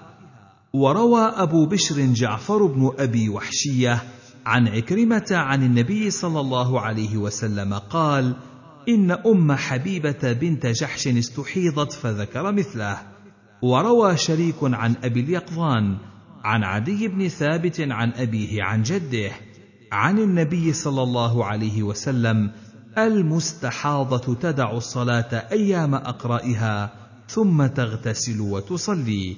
وروى العلاء بن المسيب عن الحكم عن أبي جعفر قال إن سودة استحيضت فأمرها النبي صلى الله عليه وسلم إذا مضت أيامها اغتسلت وصلت. وروى سعيد بن جبير عن علي وابن عباس المستحاضة تجلس أيام قرئها. وكذلك رواه عمار مولى بني هاشم وطلق بن حبيب عن ابن عباس. وكذلك رواه معقل الخثعمي عن علي.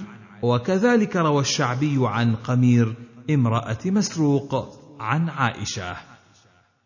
قال أبو داود وهو قول الحسن وسعيد بن المسيب وعطاء ومكحول وإبراهيم وسالم والقاسم أن المستحاضة تدع الصلاة أيام أقرائها. باب من روى أن الحيضة إذا أدبرت لا تدع الصلاة. حدثنا أحمد بن يونس وعبد الله بن محمد النفيلي. قال حدثنا زهير حدثنا هشام بن عروة عن عروة عن عائشة قالت إن فاطمة بنت أبي حبيش جاءت رسول الله صلى الله عليه وسلم فقالت إني امرأة أستحاض فلا أطهر أفأدع الصلاة؟ قال إنما ذلك عرق وليست بالحيضة فإذا أقبلت الحيضة فدعي الصلاة. فإذا أدبرت فاغسلي عنك الدم ثم صلي.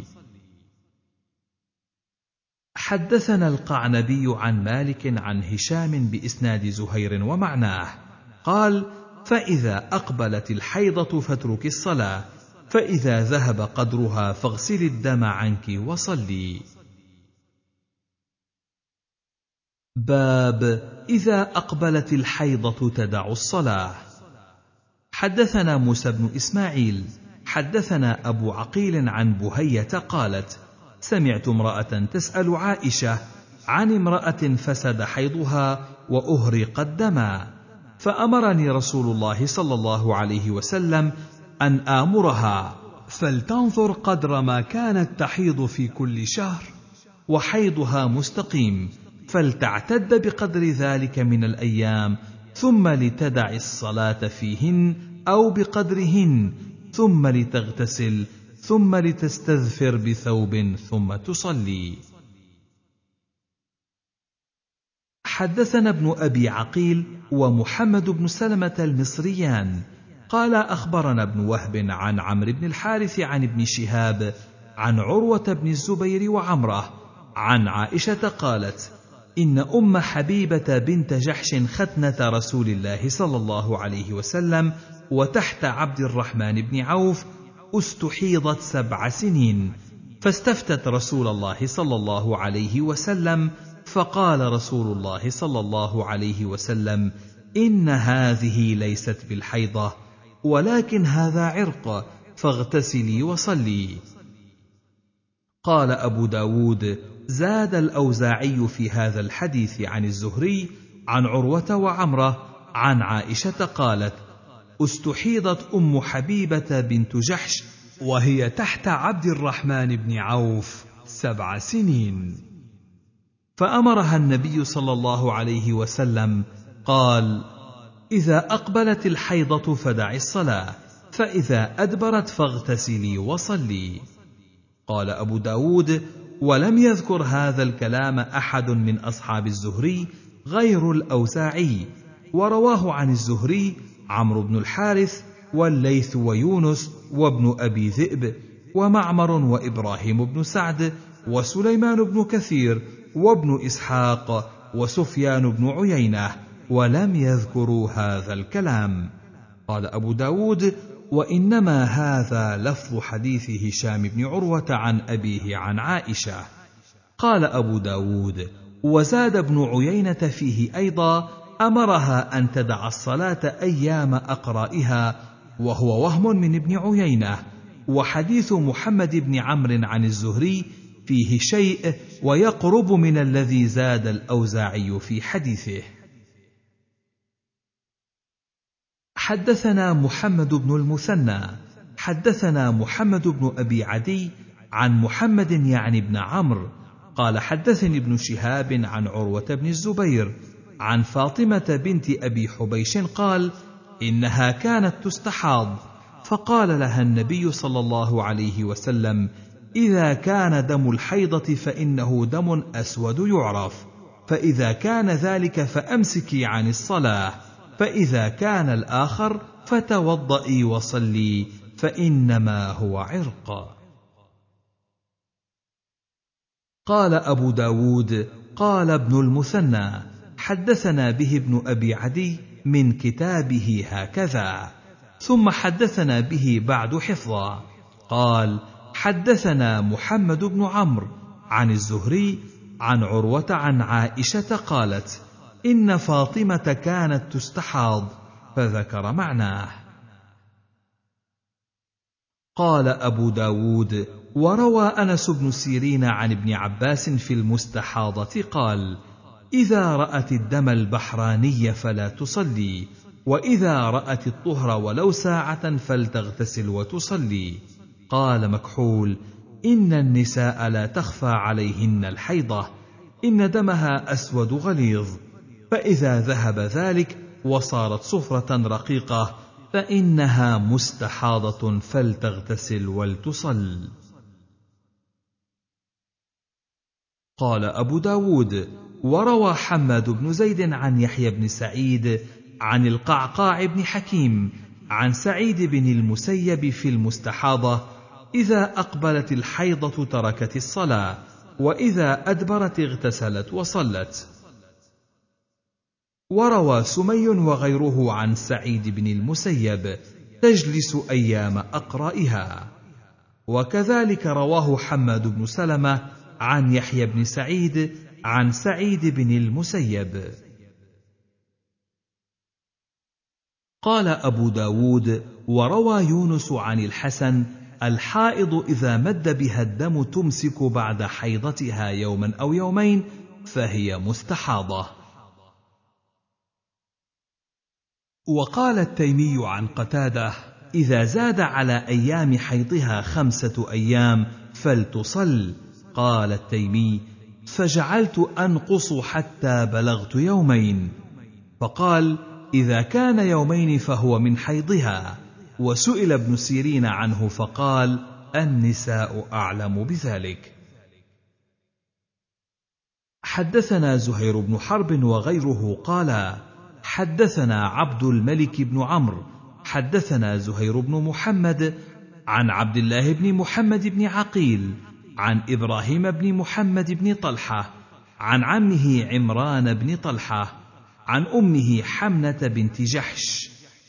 قالت كنت أستحاض حيضة كثيرة شديدة فأتيت رسول الله صلى الله عليه وسلم أستفتيه وأخبره فوجدته في بيت أختي زينب بنت جحش. فقلت يا رسول الله إني امرأة أستحاض حيضة كثيرة شديدة فما ترى فيها قد منعتني الصلاة والصوم. فقال أنعت لك الكرسف فإنه يذهب الدم. قالت هو أكثر من ذلك. قال فاتخذي ثوبا. فقالت هو أكثر من ذلك إنما أثج ثجا. قال رسول الله صلى الله عليه وسلم سآمرك بأمرين أيهما فعلت اجزى عنك من الآخر فإن قويت عليهما فأنت أعلم. قال لها إنما هذه ركضة من ركضات الشيطان فتحيضي ستة أيام أو سبعة أيام في علم الله تعالى ذكره ثم اغتسلي. حتى إذا رأيت أنك قد طهرت واستنقأت فصلي ثلاثا وعشرين ليلة أو اربعا وعشرين ليلة وأيامها وصومي فإن ذلك يجزئك وكذلك فافعلي كل شهر كما يحضن النساء وكما يطهرن ميقات حيضهن وطهرهن. فإن قويت على أن تؤخري الظهر وتعجلي العصر فتغتسلي وتجمعين بين الصلاتين الظهر والعصر وتؤخرين المغرب وتعجلين العشاء ثم تغتسلين وتجمعين بين الصلاتين فافعلي وتغتسلين مع الفجر فافعلي وصومي إن قدرت على ذلك. قال رسول الله صلى الله عليه وسلم وهذا أعجب الأمرين إلي.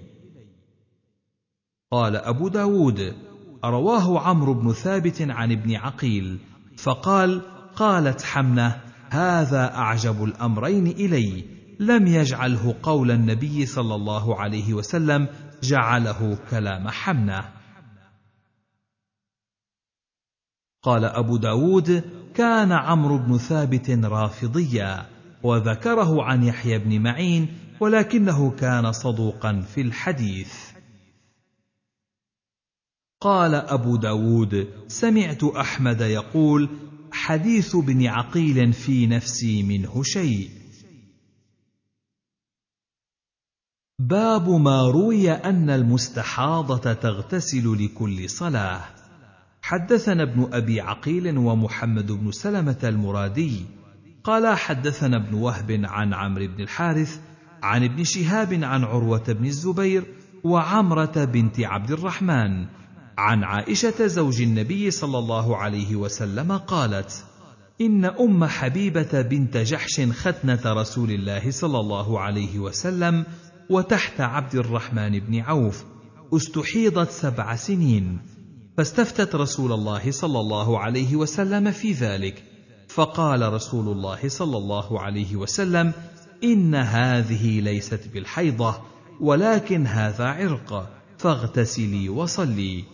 قالت عائشة فكانت تغتسل في مركن في حجرة أختها زينب بنت جحش حتى تعلو حمرة الدم الماء. حدثنا أحمد بن صالح حدثنا عنبسة حدثنا يونس عن ابن شهاب قال أخبرتني عمرة بنت عبد الرحمن عن أم حبيبة بهذا الحديث قالت عائشة فكانت تغتسل لكل صلاة. حدثنا يزيد بن خالد بن عبد الله بن موهب الهمداني. حدثني الليث بن سعد عن ابن شهاب عن عروة عن عائشة بهذا الحديث. قال فيه فكانت تغتسل لكل صلاة. قال أبو داود قال القاسم بن مبرور عن يونس عن ابن شهاب عن عمرة عن عائشة عن أم حبيبة بنت جحش وكذلك رواه معمر عن الزهري عن عمرة عن عائشة وربما قال معمر عن عمرة عن أم حبيبة بمعناه. وكذلك رواه إبراهيم بن سعد وابن عيينة عن الزهري عن عمرة عن عائشة وقال ابن عيينة في حديثه ولم يقل إن النبي صلى الله عليه وسلم أمرها أن تغتسل. حدثنا محمد بن إسحاق المسيبي حدثني أبي عن ابن أبي ذئب عن ابن شهاب عن عروة وعمرة بنت عبد الرحمن عن عائشة قالت إن أم حبيبة استحيضت سبع سنين فأمرها رسول الله صلى الله عليه وسلم أن تغتسل فكانت تغتسل لكل صلاة وكذلك رواه الأوزاعي أيضا قالت عائشة فكانت تغتسل لكل صلاة. حدثنا هناد بن السري عن عبدة عن ابن إسحاق عن الزهري عن عروة عن عائشة قالت إن أم حبيبة بنت جحش استحيضت في عهد رسول الله صلى الله عليه وسلم فأمرها بالغسل لكل صلاة وساق الحديث. قال أبو داود ورواه أبو الوليد الطيالسي ولم أسمعه منه. عن سليمان بن كثير عن الزهري عن عروة عن عائشة. قالت استحيضت زينب بنت جحش. فقال لها النبي صلى الله عليه وسلم اغتسلي لكل صلاة. وساق الحديث. قال أبو داود ورواه عبد الصمد عن سليمان بن كثير. قال توضئي لكل صلاة قال أبو داود وهذا وهم من عبد الصمد والقول فيه قول أبي الوليد.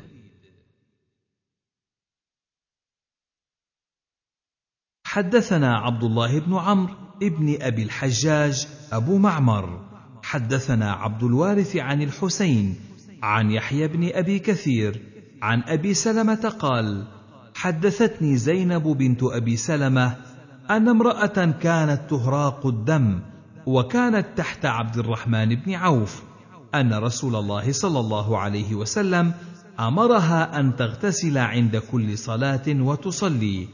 وأخبرني أن أم بكر أخبرته أن عائشة قالت إن رسول الله صلى الله عليه وسلم قال في المرأة ترى ما يريبها بعد الطهر إنما هي أو قال إنما هو عرق أو قال عروق.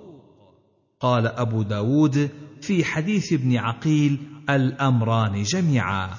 قال إن قويت فاغتسلي لكل صلاة وإلا فاجمعي كما قال القاسم في حديثه. وقد روي هذا القول عن سعيد بن جبير عن علي وابن عباس. باب من قال تجمع بين الصلاتين وتغتسل لهما غسلا. حدثنا عبيد الله بن معاذ حدثني أبي حدثنا شعبة عن عبد الرحمن بن القاسم عن أبيه عن عائشة قالت استحيضت امرأة على عهد رسول الله صلى الله عليه وسلم فأمرت أن تعجل العصر وتؤخر الظهر وتغتسل لهما غسلا. وأن تؤخر المغرب وتعجل العشاء وتغتسل لهما غسلا وتغتسل لصلاة الصبح غسلا. فقلت لعبد الرحمن عن النبي صلى الله عليه وسلم فقال لا أحدثك إلا عن النبي صلى الله عليه وسلم بشيء. حدثنا عبد العزيز بن يحيى حدثنا محمد يعني بن سلمة عن محمد بن إسحاق عن عبد الرحمن بن القاسم عن أبيه عن عائشة قالت إن سهلة بنت سهيل استحيضت فأتت النبي صلى الله عليه وسلم فأمرها أن تغتسل عند كل صلاة فلما جهدها ذلك أمرها أن تجمع بين الظهر والعصر بغسل والمغرب والعشاء بغسل وتغتسل للصبح. قال أبو داود ورواه ابن عيينة عن عبد الرحمن بن القاسم عن أبيه قال إن امرأة استحيضت فسألت النبي صلى الله عليه وسلم فأمرها بمعناه. حدثنا وهب بن بقية أخبرنا خالد عن سهيل يعني ابن أبي صالح عن الزهري عن عروة بن الزبير عن أسماء بنت عميس قالت قلت يا رسول الله إن فاطمة بنت أبي حبيش استحيضت منذ كذا وكذا فلم تصل. فقال رسول الله صلى الله عليه وسلم سبحان الله إن هذا من الشيطان لتجلس في مركن فإذا رأت صفرة فوق الماء فلتغتسل للظهر والعصر غسلا واحدا وتغتسل للمغرب والعشاء غسلا واحدا وتغتسل للفجر غسلا واحدا وتوضأ فيما بين ذلك. قال أبو داود رواه مجاهد عن ابن عباس لما اشتد عليها الغسل أمرها أن تجمع بين الصلاتين. قال أبو داود ورواه إبراهيم عن ابن عباس وهو قول إبراهيم النخعي وعبد الله بن شداد. باب من قال تغتسل من طهر إلى طهر. حدثنا محمد بن جعفر بن زياد حدثنا عثمان بن أبي شيبة قال حدثنا شريك عن أبي اليقظان عن عدي بن ثابت عن أبيه عن جده عن النبي صلى الله عليه وسلم في المستحاضة تدع الصلاة أيام أقرائها ثم تغتسل وتصلي والوضوء عند كل صلاة. قال أبو داود زاد عثمان وتصوم وتصلي. حدثنا عثمان بن أبي شيبة حدثنا وكيع عن الأعمش عن حبيب بن أبي ثابت عن عروة عن عائشة قالت جاءت فاطمة بنت أبي حبيش إلى النبي صلى الله عليه وسلم فذكر خبرها. قال ثم اغتسلي ثم توضئي لكل صلاة وصلي. حدثنا أحمد بن سنان القطان الواسطي. حدثنا يزيد عن أيوب بن أبي مسكين عن الحجاج عن أم كلثوم عن عائشة في المستحاضة تغتسل تعني مرة واحدة ثم توضأ إلى أيام أقرائها. حدثنا أحمد بن سنان الواسطي حدثنا يزيد عن أيوب أبي العلاء عن أبي شبرمة عن امرأة مسروق عن عائشة عن النبي صلى الله عليه وسلم مثله. قال أبو داود وحديث عدي بن ثابت والأعمش عن حبيب وأيوب أبي العلاء كلها ضعيفة لا تصح. ودل على ضعف حديث الأعمش عن حبيب هذا الحديث أوقفه حفص بن غياث عن الأعمش وأنكر حفص بن غياث أن يكون حديث حبيب مرفوعا وأوقفه أيضا أسباط عن الأعمش موقوف عن عائشة. قال أبو داود ورواه ابن داود عن الأعمش مرفوعا أوله وأنكر أن يكون فيه الوضوء عند كل صلاة. ودل على ضعف حديث حبيب هذا أن رواية الزهري عن عروة عن عائشة قالت فكانت تغتسل لكل صلاة في حديث المستحاضة وروى أبو اليقظان عن عدي بن ثابت عن أبيه عن علي وعمار مولى بني هاشم عن ابن عباس وروى عبد الملك بن ميسرة وبيان ومغيرة وفراس ومجالد عن الشعبي عن حديث قمير عن عائشة توضأ لكل صلاة ورواية داود وعاصم عن الشعبي عن قمير عن عائشة تغتسل كل يوم مرة وروى هشام بن عروة عن أبيه المستحاضة تتوضأ لكل صلاة وهذه الأحاديث كلها ضعيفة إلا حديث قمير وحديث عمار مولى بني هاشم وحديث هشام بن عروة عن أبيه والمعروف عن ابن عباس الغسل. باب من قال المستحاضة تغتسل من ظهر إلى ظهر.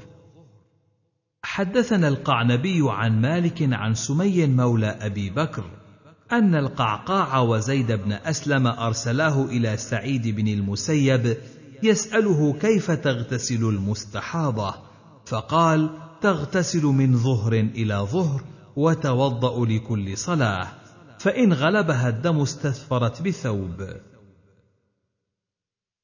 قال أبو داود وروي عن ابن عمر وأنس بن مالك تغتسل من ظهر إلى ظهر وكذلك روى داود وعاصم عن الشعبي عن امرأته عن قمير عن عائشة إلا أن داود قال كل يوم وفي حديث عاصم عند الظهر وهو قول سالم بن عبد الله والحسن وعطاء.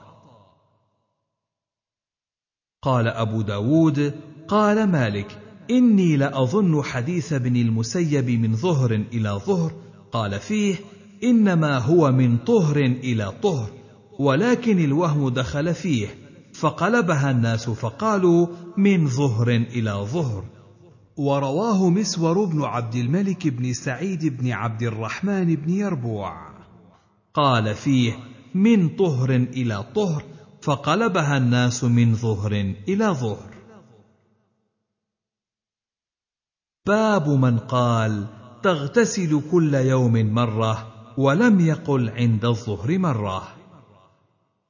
حدثنا أحمد بن حنبل حدثنا عبد الله بن نمير عن محمد بن أبي إسماعيل وهو محمد بن راشد عن معقل الخثعمي عن علي قال المستحاضة إذا انقضى حيضها اغتسلت كل يوم واتخذت صوفة فيها سمن أو زيت. باب من قال تغتسل بين الأيام. حدثنا القعنبي حدثنا عبد العزيز يعني ابن محمد عن محمد بن عثمان أنه سأل القاسم بن محمد عن المستحاضة قال تدع الصلاة أيام أقرائها ثم تغتسل فتصلي ثم تغتسل في الأيام. باب من قال توضأ لكل صلاة. حدثنا محمد بن المثنى حدثنا ابن أبي عدي عن محمد يعني ابن عمرو قال حدثني ابن شهاب عن عروة بن الزبير عن فاطمة بنت أبي حبيش أنها كانت تستحاض فقال لها النبي صلى الله عليه وسلم إذا كان دم الحيض فإنه دم أسود يعرف. فإذا كان ذلك فأمسكي عن الصلاة فإذا كان الآخر فتوضئي وصلي.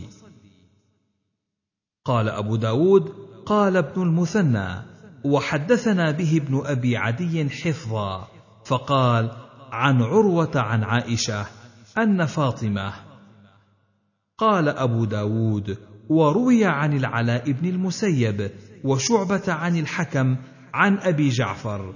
قال العلاء عن النبي صلى الله عليه وسلم وأوقفه شعبة على أبي جعفر توضأ لكل صلاة. باب من لم يذكر الوضوء إلا عند الحدث. حدثنا زياد بن أيوب حدثنا هشيم حدثنا أبو بشر عن عكرمة قال إن أم حبيبة بنت جحش استحيضت فأمرها النبي صلى الله عليه وسلم أن تنتظر أيام أقرائها ثم تغتسل وتصلي فإن رأت شيئا من ذلك توضأت وصلت. حدثنا عبد الملك بن شعيب حدثني عبد الله بن وهب حدثني الليث عن ربيعة أنه كان لا يرى على المستحاضة وضوءا عند كل صلاة إلا أن يصيبها حدث غير الدم فتوضأ. قال أبو داود هذا قول مالك يعني ابن أنس. باب في المرأة ترى الصفرة والكدرة بعد الطهر. حدثنا موسى بن إسماعيل حدثنا حماد عن قتادة عن أم الهذيل عن أم عطية وكانت بايعت النبي صلى الله عليه وسلم. قالت كنا لا نعد الكدرة والصفرة بعد الطهر شيئا. حدثنا مسدد أخبرنا إسماعيل أخبرنا أيوب عن محمد بن سيرين عن أم عطية بمثله. قال أبو داود أم الهذيل هي حفصة بنت سيرين. كان ابنها اسمه هذيل واسم زوجها عبد الرحمن. باب المستحاضة يغشاها زوجها. حدثنا إبراهيم بن خالد أخبرنا معل بن منصور عن علي بن مسهر عن الشيباني عن عكرمة قال كانت أم حبيبة تستحاض. فكان زوجها يغشاها. قال أبو داود قال يحيى بن معين معلى ثقة وكان أحمد بن حنبل لا يروي عنه لأنه كان ينظر في الرأي. حدثنا أحمد بن أبي سريج الرازي حدثنا عبد الله بن الجهم حدثنا عمرو بن أبي قيس عن عاصم عن عكرمه عن حمنة بنت جحش أنها كانت مستحاضة وكان زوجها يجامعها. باب ما جاء في وقت النفساء.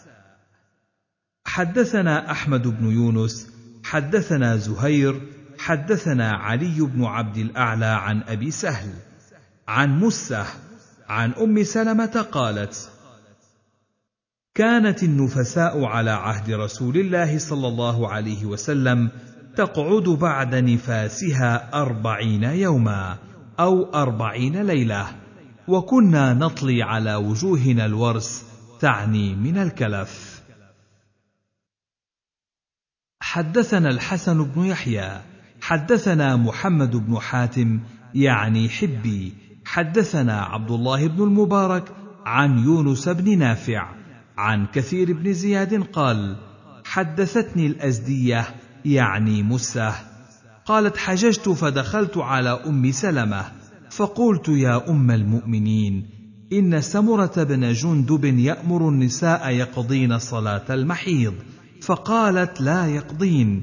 كانت المرأة من نساء النبي صلى الله عليه وسلم تقعد في النفاس أربعين ليلة لا يأمرها النبي صلى الله عليه وسلم لقضاء صلاة النفاس. قال محمد يعني ابن حاتم واسمها مسه تكنى أم بسه. قال أبو داود كثير بن زياد كنيته أبو سهل.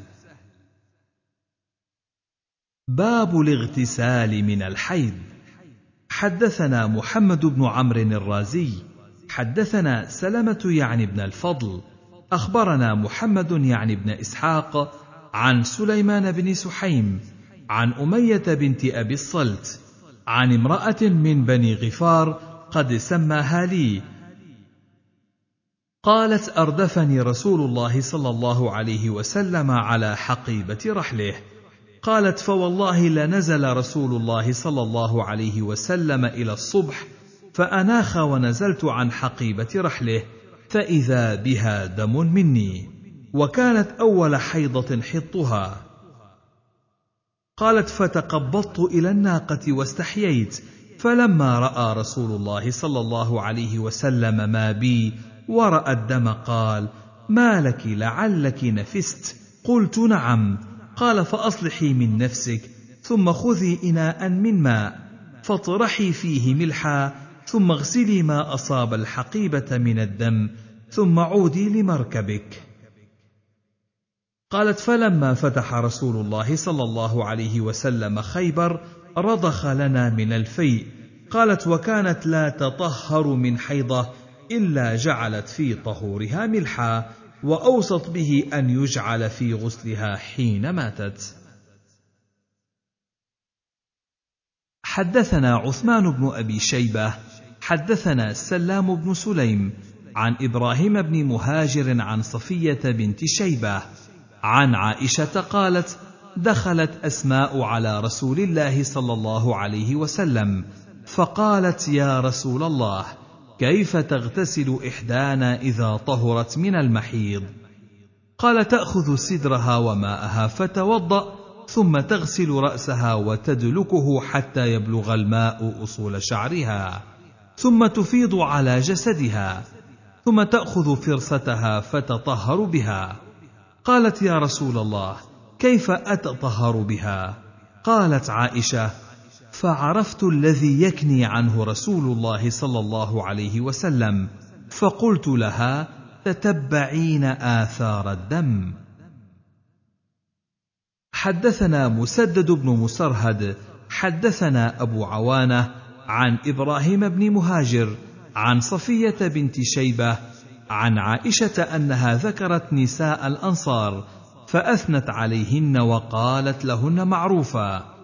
قالت دخلت امرأة منهن على رسول الله صلى الله عليه وسلم فذكر معناه إلا أنه قال فرصة ممسكة. قال مسدد كان أبو عوانة يقول فرصة وكان أبو الأحوص يقول قرصة. حدثنا عبيد الله بن معاذ حدثنا أبي حدثنا شعبة عن إبراهيم يعني ابن مهاجر عن صفية بنت شيبة عن عائشة أن أسماء سألت النبي صلى الله عليه وسلم بمعناه قال فرصة ممسكة. فقالت كيف أتطهر بها؟ قال سبحان الله تطهري بها. واستتر بثوب وزاد وسألته عن الغسل من الجنابة قال تأخذين ماءك فتطهرين أحسن الطهور وأبلغه ثم تصبين على رأسك الماء ثم تدلكينه حتى يبلغ شؤون رأسك ثم تفيضين عليك الماء. وقالت عائشة نعم النساء نساء الأنصار لم يكن يمنعهن الحياء أن يسألن عن الدين وأن يتفقهن فيه. باب التيمم. حدثنا عبد الله بن محمد النفيلي حدثنا أبو معاوية حا وحدثنا عثمان بن أبي شيبة حدثنا عبده المعنى واحد. عن هشام بن عروة عن أبيه عن عائشة قالت بعث رسول الله صلى الله عليه وسلم أسيد بن حضير وأناسا معه في طلب قلادة أضلتها عائشة فحضرت الصلاة فصلوا بغير وضوء فأتوا النبي صلى الله عليه وسلم فذكروا ذلك له فأنزلت آية التيمم. زاد ابن نفيل فقال لها أسيد يرحمك الله ما نزل بك أمر تكرهينه إلا جعله الله للمسلمين ولك فيه فرجا. حدثنا أحمد بن صالح حدثنا عبد الله بن وهب حدثني يونس عن ابن شهاب قال إن عبيد الله بن عبد الله بن عتبة حدثه عن عمار بن ياسر أنه كان يحدث أنهم تمسحوا وهم مع رسول الله صلى الله عليه وسلم بالصعيد لصلاة الفجر فضربوا بأكفهم الصعيد ثم مسحوا وجوههم مسحة واحدة. ثم عادوا فضربوا بأكفهم الصعيد مرة أخرى فمسحوا بأيديهم كلها إلى المناكب والآباط من بطون أيديهم. حدثنا سليمان بن داود المهري وعبد الملك بن شعيب عن ابن وهب نحو هذا الحديث قال قام المسلمون فضربوا بأكفهم التراب ولم يقبضوا من التراب شيئا فذكر نحوه ولم يذكر المناكب والآباط. قال ابن الليث إلى ما فوق المرفقين. حدثنا محمد بن أحمد بن أبي خلف ومحمد بن يحيى النيسابوري في آخرين. قالوا حدثنا يعقوب حدثنا أبي عن صالح عن ابن شهاب. حدثني عبيد الله بن عبد الله. عن ابن عباس عن عمار بن ياسر أن رسول الله صلى الله عليه وسلم عرس بأولاة الجيش ومعه عائشة فانقطع عقد لها من جزع ظفار فحبس الناس ابتغاء عقدها ذلك حتى أضاء الفجر وليس مع الناس ماء فتغيظ عليها أبو بكر رضي الله عنه وقال حبست الناس وليس معهم ماء فأنزل الله تعالى ذكره على رسوله صلى الله عليه وسلم رخصة التطهر بالصعيد الطيب. فقام المسلمون مع رسول الله صلى الله عليه وسلم فضربوا بأيديهم إلى الأرض ثم رفعوا أيديهم ولم يقبضوا من التراب شيئا. فمسحوا بها وجوههم وأيديهم إلى المناكب ومن بطون أيديهم إلى الأباط. زاد ابن يحيى في حديثه قال ابن شهاب في حديثه ولا يعتبر بهذا الناس. قال أبو داود وكذلك رواه ابن إسحاق قال فيه عن ابن عباس وذكر ضربتين كما ذكر يونس ورواه معمر عن الزهري ضربتين وقال مالك عن الزهري عن عبيد الله بن عبد الله عن أبيه عن عمار. وكذلك قال أبو أويس عن الزهري وشك فيه ابن عيينة قال مرة عن عبيد الله عن أبيه أو عن عبيد الله عن ابن عباس مرة قال عن أبيه ومرة قال عن ابن عباس اضطرب ابن عيينة فيه وفي سماعه عن الزهري ولم يذكر أحد منهم في هذا الحديث الضربتين إلا من سميت. حدثنا محمد بن سليمان الأنباري حدثنا أبو معاوية الضرير عن الأعمش عن شقيق قال كنت جالسا بين عبد الله وأبي موسى فقال أبو موسى يا أبا عبد الرحمن أرأيت لو أن رجلا أجنب فلم يجد الماء شهرا أما كان يتيمم؟ قال لا وإن لم يجد الماء شهرا. قال أبو موسى فكيف تصنعون بهذه الآية التي في سورة المائدة؟ فلم تجدوا ماء فتيمموا صعيدا طيبا. فقال عبد الله لو رخص لهم في هذا لأوشكوا إذا برد عليهم الماء أن يتيمموا بالصعيد. فقال له أبو موسى وإنما كرهتم هذا لهذا؟ قال نعم. فقال له أبو موسى ألم تسمع قول عمار لعمر؟ بعثني رسول الله صلى الله عليه وسلم في حاجة فأجنبت فلم أجد الماء فتمرغت في الصعيد كما تتمرغ الدابة.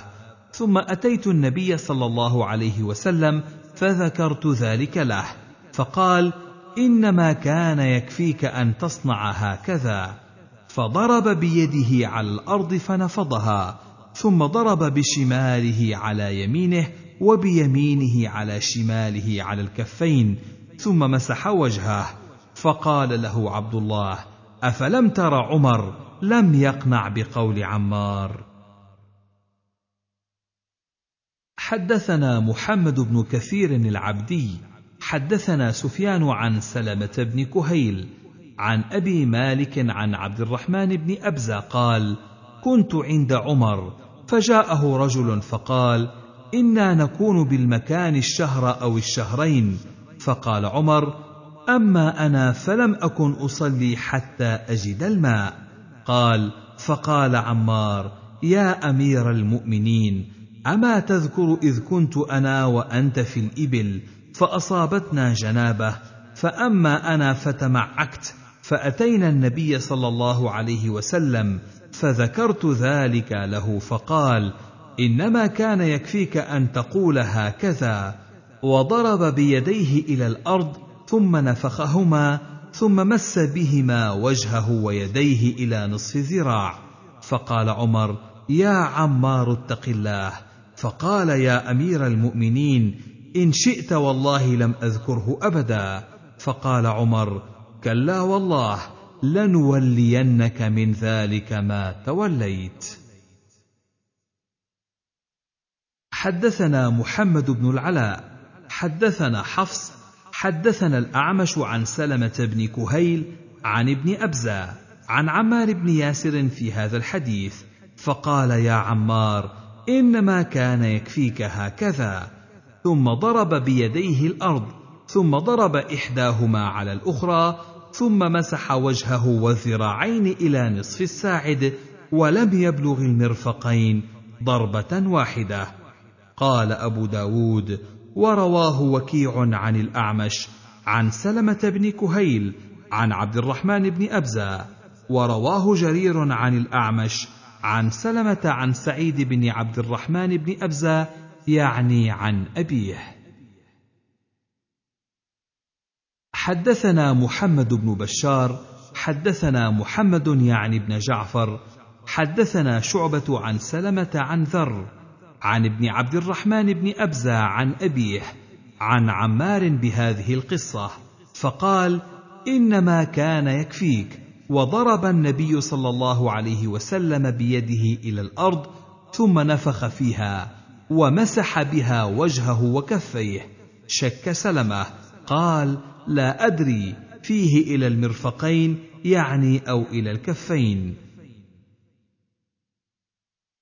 حدثنا علي بن سهل الرملي حدثنا حجاج يعني الأعور حدثني شعبة بإسناده بهذا الحديث قال ثم نفخ فيها ومسح بها وجهه وكفيه إلى المرفقين أو الذراعين. قال شعبة كان سلمة يقول الكفين والوجه والذراعين فقال له منصور ذات يوم انظر ما تقول فإنه لا يذكر الذراعين غيرك. حدثنا مسدد حدثنا يحيى عن شعبة حدثني الحكم عن ذر عن ابن عبد الرحمن بن أبزة عن أبيه عن عمار في هذا الحديث قال فقال يعني النبي صلى الله عليه وسلم إنما كان يكفيك أن تضرب بيديك إلى الأرض وتمسح بها وجهك وكفيك. وساق الحديث. قال أبو داود ورواه شعبة عن حسين عن أبي مالك. قال سمعت عمارا يخطب بمثله إلا أنه قال لم ينفخ. وذكر حسين بن محمد عن شعبة عن الحكم في هذا الحديث قال فضرب بكفيه إلى الأرض ونفخ.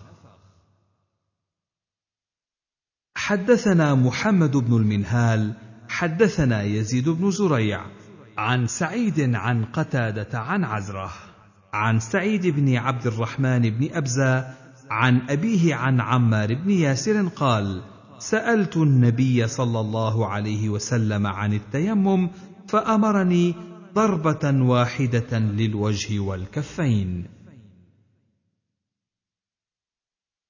حدثنا موسى بن إسماعيل. حدثنا ابان قال سئل قتادة عن التيمم في السفر فقال حدثني محدث عن الشعبي عن عبد الرحمن بن أبزة عن عمار بن ياسر أن رسول الله صلى الله عليه وسلم قال إلى المرفقين. باب التيمم في الحضر. حدثنا عبد الملك بن شعيب بن الليث قال حدثني أبي عن جدي عن جعفر بن ربيعة عن عبد الرحمن بن هرمز عن عمير مولى بن عباس أنه سمعه يقول أقبلت أنا وعبد الله بن يسار مولى ميمونة زوج النبي صلى الله عليه وسلم حتى دخلنا على أبي الجهيم بن الحارث بن الصمة الأنصاري. فقال أبو الجهيم أقبل رسول الله صلى الله عليه وسلم من نحو بئر جمل. فلقيه رجل فسلم عليه فلم يرد رسول الله صلى الله عليه وسلم عليه السلام حتى أتى على جدار فمسح بوجهه ويديه ثم رد عليه السلام. حدثنا أحمد بن إبراهيم الموصلي أبو علي. حدثنا محمد بن ثابت العبدي. حدثنا نافع قال انطلقت مع ابن عمر في حاجة إلى ابن عباس فقضى ابن عمر حاجته. وكان من حديثه يومئذ أن قال مر رجل على رسول الله صلى الله عليه وسلم في سكة من السكك وقد خرج من غائط أو بول. فسلم عليه فلم يرد عليه حتى إذا كاد الرجل أن يتوارى في السكة فضرب بيديه على الحائط ومسح بهما وجهه ثم ضرب ضربة أخرى فمسح ذراعيه ثم رد على الرجل السلام وقال إنه لم يمنعني أن أرد عليك السلام إلا أني لم أكن على طهر. قال أبو داود سمعت أحمد بن حنبل يقول روى محمد بن ثابت حديثا منكرا في التيمم. قال ابن داسه قال أبو داود لم يتابع محمد بن ثابت في هذه القصة على ضربتين عن النبي صلى الله عليه وسلم ورووه فعل ابن عمر. حدثنا جعفر بن مسافر حدثنا عبد الله بن يحيى البرلسي أخبرنا حيوة بن شريح عن ابن الهادي قال إن نافعا حدثه عن ابن عمر قال أقبل رسول الله صلى الله عليه وسلم من الغائط فلقيه رجل عند بئر جمل فسلم عليه فلم يرد عليه رسول الله صلى الله عليه وسلم حتى أقبل على الحائط. فوضع يده على الحائط ثم مسح وجهه ويديه ثم رد رسول الله صلى الله عليه وسلم على الرجل السلام.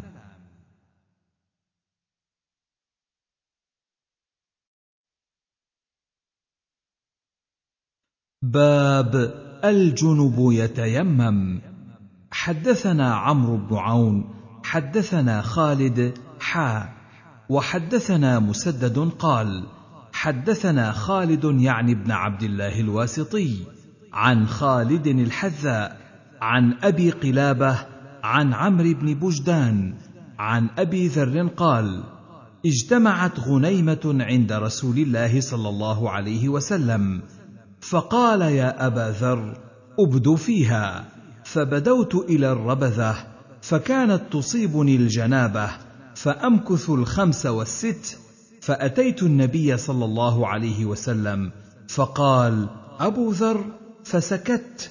فقال ثكلتك أمك أبا ذر لأمك الويل فدعا لي بجارية سوداء فجاءت بعس فيه ماء فسترتني بثوب واستترت بالراحلة واغتسلت فكأني ألقيت عني جبلا. فقال الصعيد الطيب وضوء المسلم ولو إلى عشر سنين فإذا وجدت الماء فأمسه جلدك فإن ذلك خير. وقال مسدد غنيمة من الصدقة وحديث عمرو أتم. حدثنا موسى بن إسماعيل حدثنا حماد عن أيوب عن أبي قلابة عن رجل من بني عامر قال دخلت في الإسلام فأهمني ديني فأتيت أبا ذر فقال أبو ذر إني اجتويت المدينة فأمر لي رسول الله صلى الله عليه وسلم بذود وبغنم فقال لي اشرب من ألبانها. قال حماد وأشك في أبوالها. فقال أبو ذر فكنت أعزب عن الماء ومعي أهلي فتصيبني الجنابة فأصلي بغير طهور. فأتيت رسول الله صلى الله عليه وسلم بنصف النهار وهو في رهط من أصحابه وهو في ظل المسجد. فقال صلى الله عليه وسلم أبو ذر. فقلت نعم هلكت يا رسول الله. قال وما أهلكك؟ قلت إني كنت أعزب عن الماء ومعي أهلي فتصيبني الجنابة فأصلي بغير طهور. فأمر لي رسول الله صلى الله عليه وسلم بماء فجاءت به جارية سوداء بعس يتخضخض وما هو بملآن. فتسترت إلى بعير فاغتسلت ثم جئت. فقال رسول الله صلى الله عليه وسلم يا أبا ذر إن الصعيد الطيب طهور وإن لم تجد الماء إلى عشر سنين فإذا وجدت الماء فأمسه جلدك. قال أبو داود رواه حماد بن زيد عن أيوب لم يذكر أبوالها. هذا ليس بصحيح وليس في أبوالها إلا حديث أنس تفرد به أهل البصرة. باب إذا خاف الجنب البرد أيتيمم؟ حدثنا ابن المثنى حدثنا وهب بن جرير حدثنا أبي قال سمعت يحيى بن أيوب يحدث عن يزيد بن أبي حبيب عن عمران بن أبي أنس عن عبد الرحمن بن جبير عن عمرو بن العاص قال احتلمت في ليلة باردة في غزوة ذات السلاسل فأشفقت أن أغتسل فأهلك فتيممت ثم صليت بأصحاب الصبح فذكروا ذلك لرسول الله صلى الله عليه وسلم فقال يا عمرو صليت بأصحابك وأنت جنب فأخبرته بالذي منعني من الاغتسال وقلت إني سمعت الله يقول ولا تقتلوا أنفسكم ان الله كان بكم رحيما. فضحك رسول الله صلى الله عليه وسلم ولم يقل شيئا. قال أبو داود عبد الرحمن بن جبير المصري مولى خارجة بن حذافة وليس هو ابن جبير بن نفير. حدثنا محمد بن سلمة حدثنا ابن وهب عن ابن لهيعة وعمر بن الحارث عن يزيد بن أبي حبيب عن عمران بن أبي أنس عن عبد الرحمن بن جبير عن أبي قيس مولى عمرو بن العاص أن عمرو بن العاص كان على سرية وذكر الحديث نحوه. قال فغسل مغابنه وتوضأ وضوءه للصلاة ثم صلى بهم فذكر نحوه ولم يذكر التيمم.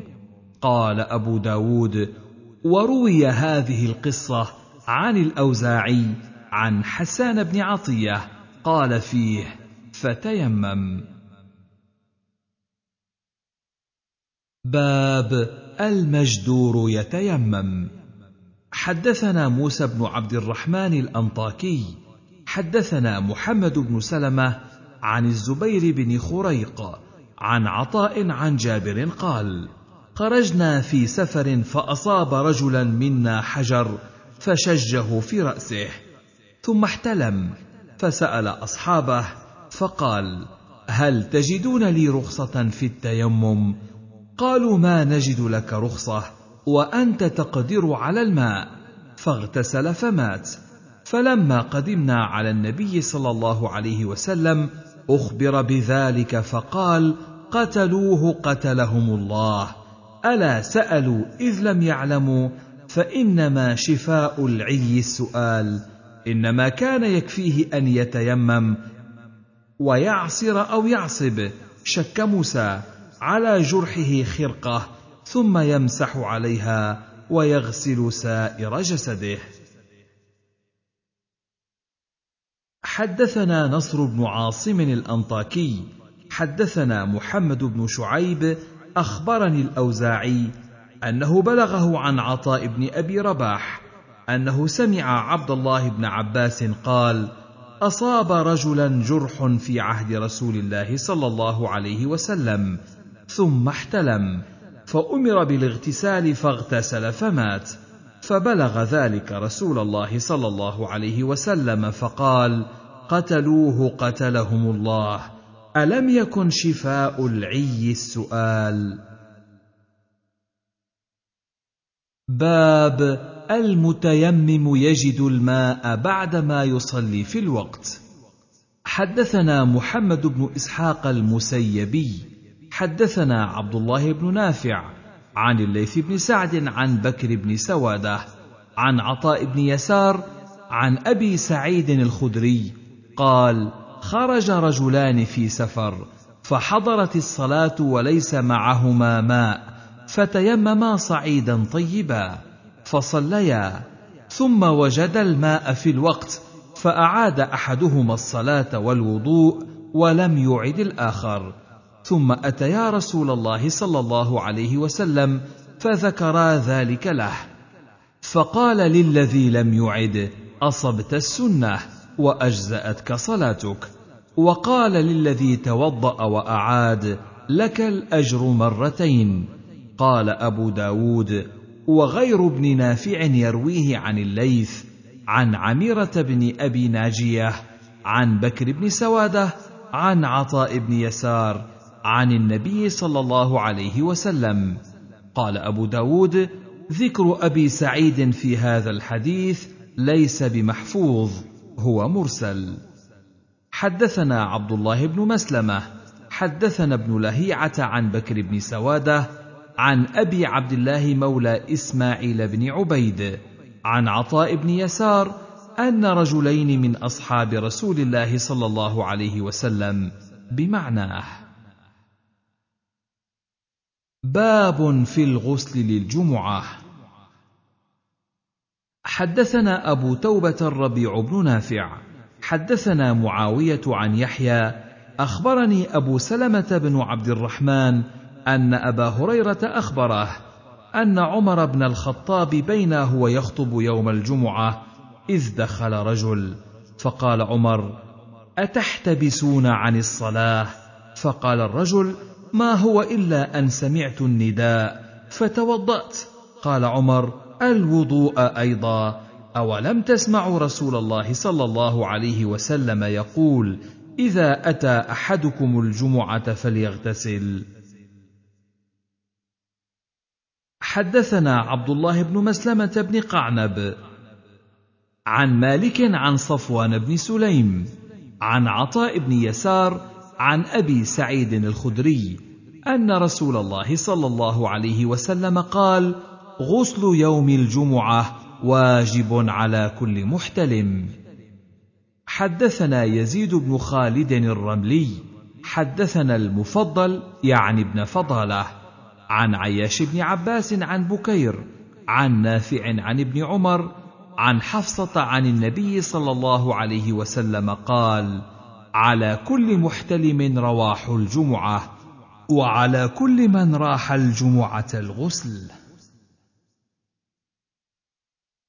قال أبو داود إذا اغتسل الرجل بعد طلوع الفجر أجزأه من غسل الجمعة وإن أجنب.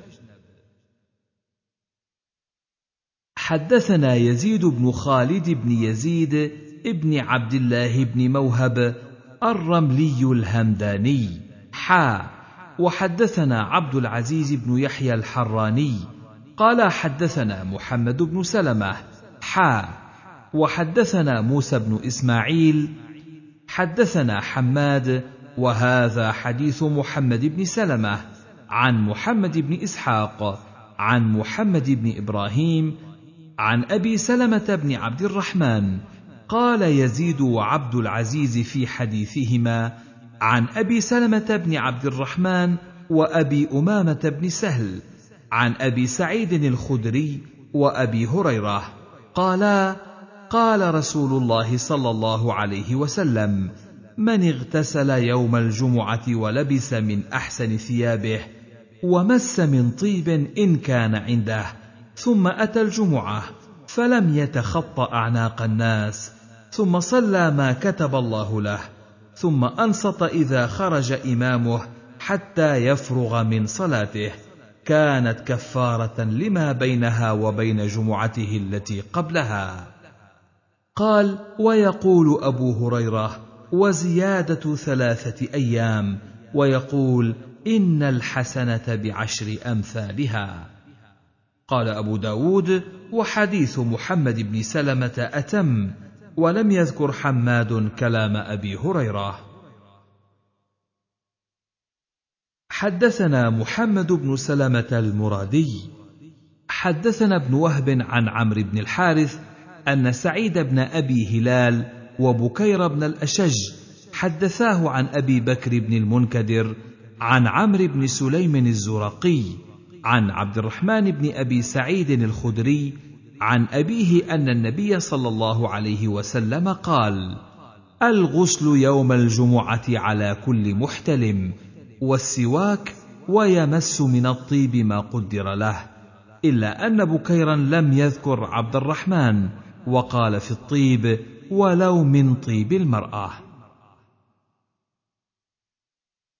حدثنا محمد بن حاتم الجرجرائي حبي. حدثنا ابن المبارك عن الأوزاعي حدثني حسان بن عطية. حدثني أبو الأشعث الصنعاني. حدثني أوس بن أوس الثقفي. قال سمعت رسول الله صلى الله عليه وسلم يقول من غسل يوم الجمعة واغتسل ثم بكر وابتكر ومشى ولم يركب ودنا من الإمام فاستمع ولم يلغ كان له بكل خطوة عمل سنة أجر صيامها وقيامها. حدثنا قتيبة بن سعيد حدثنا الليث عن خالد بن يزيد عن سعيد بن أبي هلال عن عبادة بن نسي عن أوس الثقفي عن رسول الله صلى الله عليه وسلم أنه قال: من غسل رأسه يوم الجمعة واغتسل وساق نحوه. حدثنا ابن أبي عقيل ومحمد بن سلمة المصريان قال حدثنا ابن وهب قال ابن أبي عقيل قال أخبرني أسامة يعني ابن زيد عن عمرو بن شعيب عن أبيه عن عبد الله بن عمرو بن العاص عن النبي صلى الله عليه وسلم أنه قال من اغتسل يوم الجمعة ومس من طيب امرأته إن كان لها ولبس من صالح ثيابه ثم لم يتخط رقاب الناس ولم يلغ عند الموعظة كانت كفارة لما بينهما ومن لغى وتخطى رقاب الناس كانت له ظهرا. حدثنا عثمان بن أبي شيبة حدثنا محمد بن بشر حدثنا زكريا حدثنا مصعب بن شيبة عن طلق بن حبيب العنزي عن عبد الله بن الزبير عن عائشة أنها حدثته أن النبي صلى الله عليه وسلم كان يغتسل من أربع من الجنابة ويوم الجمعة ومن الحجامة ومن غسل الميت. حدثنا محمود بن خالد الدمشقي حدثنا مروان حدثنا علي بن حوشب قال سألت مكحولا عن هذا القول غسل واغتسل قال غسل رأسه وجسده. حدثنا محمد بن الوليد الدمشقي حدثنا أبو مسهر عن سعيد بن عبد العزيز في غسل واغتسل. قال قال سعيد غسل رأسه وغسل جسده. حدثنا عبد الله بن مسلمة عن مالك عن سمي عن أبي صالح السمان. عن أبي هريرة أن رسول الله صلى الله عليه وسلم قال من اغتسل يوم الجمعة غسل الجنابة ثم راح فكأنما قرب بدنه ومن راح في الساعة الثانية فكأنما قرب بقرة ومن راح في الساعة الثالثة فكأنما قرب كبشا أقرا ومن راح في الساعة الرابعة فكأنما قرب دجاجة. ومن راح في الساعة الخامسة فكأنما قرب بيضه. فإذا خرج الإمام حضرت الملائكة يستمعون الذكر. باب الرخصة في ترك الغسل يوم الجمعة. حدثنا مسدد حدثنا حماد بن زيد عن يحيى بن سعيد عن عمرة عن عائشة قالت كان الناس مهان أنفسهم فيروحون إلى الجمعة بهيئتهم فقيل لهم لو اغتسلتم. حدثنا عبد الله بن مسلمة حدثنا عبد العزيز يعني بن محمد عن عمرو بن أبي عمرو عن عكرمة أن ناسا من أهل العراق جاءوا فقالوا يا ابن عباس أترى الغسل يوم الجمعة واجبا؟ قال لا ولكنه أطهر وخير لمن اغتسل ومن لم يغتسل فليس عليه بواجب. وسأخبركم كيف بدأ الغسل. كان الناس مجهودين يلبسون الصوف ويعملون على ظهورهم وكان مسجدهم ضيقا مقارب السقف. إنما هو عريش. فخرج رسول الله صلى الله عليه وسلم في يوم حار وعرق الناس في ذلك الصوف حتى ثارت منهم رياح. آذى بذلك بعضهم بعضا. فلما وجد رسول الله صلى الله عليه وسلم تلك الريح قال أيها الناس إذا كان هذا اليوم فاغتسلوا وليمس أحدكم أفضل ما يجد من دهنه وطيبه. قال ابن عباس ثم جاء الله تعالى ذكره بالخير ولبسوا غير الصوف وكفوا العمل ووسع مسجدهم وذهب بعض الذي كان يؤذي بعضهم بعضا من العرق.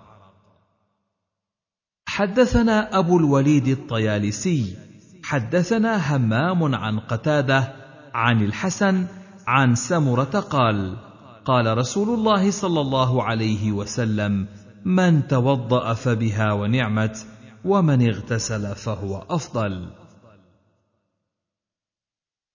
باب الرجل يسلم فيؤمر بالغسل. حدثنا محمد بن كثير العبدي أخبرنا سفيان حدثنا الأغر عن خليفة بن حسين عن جده قيس بن عاصم قال أتيت النبي صلى الله عليه وسلم أريد الإسلام فأمرني أن أغتسل بماء وسدر. حدثنا مخلد بن خالد حدثنا عبد الرزاق أخبرنا ابن جريج قال أخبرت عن عثيم بن كليب عن أبيه عن جده أنه جاء النبي صلى الله عليه وسلم فقال قد أسلمت فقال له النبي صلى الله عليه وسلم ألق عنك شعر الكفر يقول احلق. قال وأخبرني آخر. أن النبي صلى الله عليه وسلم قال لآخر معه ألق عنك شعر الكفر واختتن. باب المرأة تغسل ثوبها الذي تلبسه في حيضها. حدثنا أحمد بن إبراهيم حدثنا عبد الصمد بن عبد الوارث حدثني أبي حدثتني أم الحسن يعني جدة أبي بكر العدوي. عن معاذة قالت سألت عائشة عن الحائض يصيب ثوبها الدم. قالت تغسله فإن لم يذهب أثره فلتغيره بشيء من صفره. قالت ولقد كنت أحيض عند رسول الله صلى الله عليه وسلم ثلاث حيض جميعا لا أغسل لي ثوبا. حدثنا محمد بن كثير العبدي أخبرنا إبراهيم بن نافع قال سمعت الحسن يعني ابن مسلم يذكر عن مجاهد قال قالت عائشة ما كان لإحدانا إلا ثوب واحد تحيض فيه فإذا أصابه شيء من دم بلته بريقها ثم قصعته بريقها. حدثنا يعقوب بن إبراهيم حدثنا عبد الرحمن يعني ابن مهدي أخبرنا بكار بن يحيى.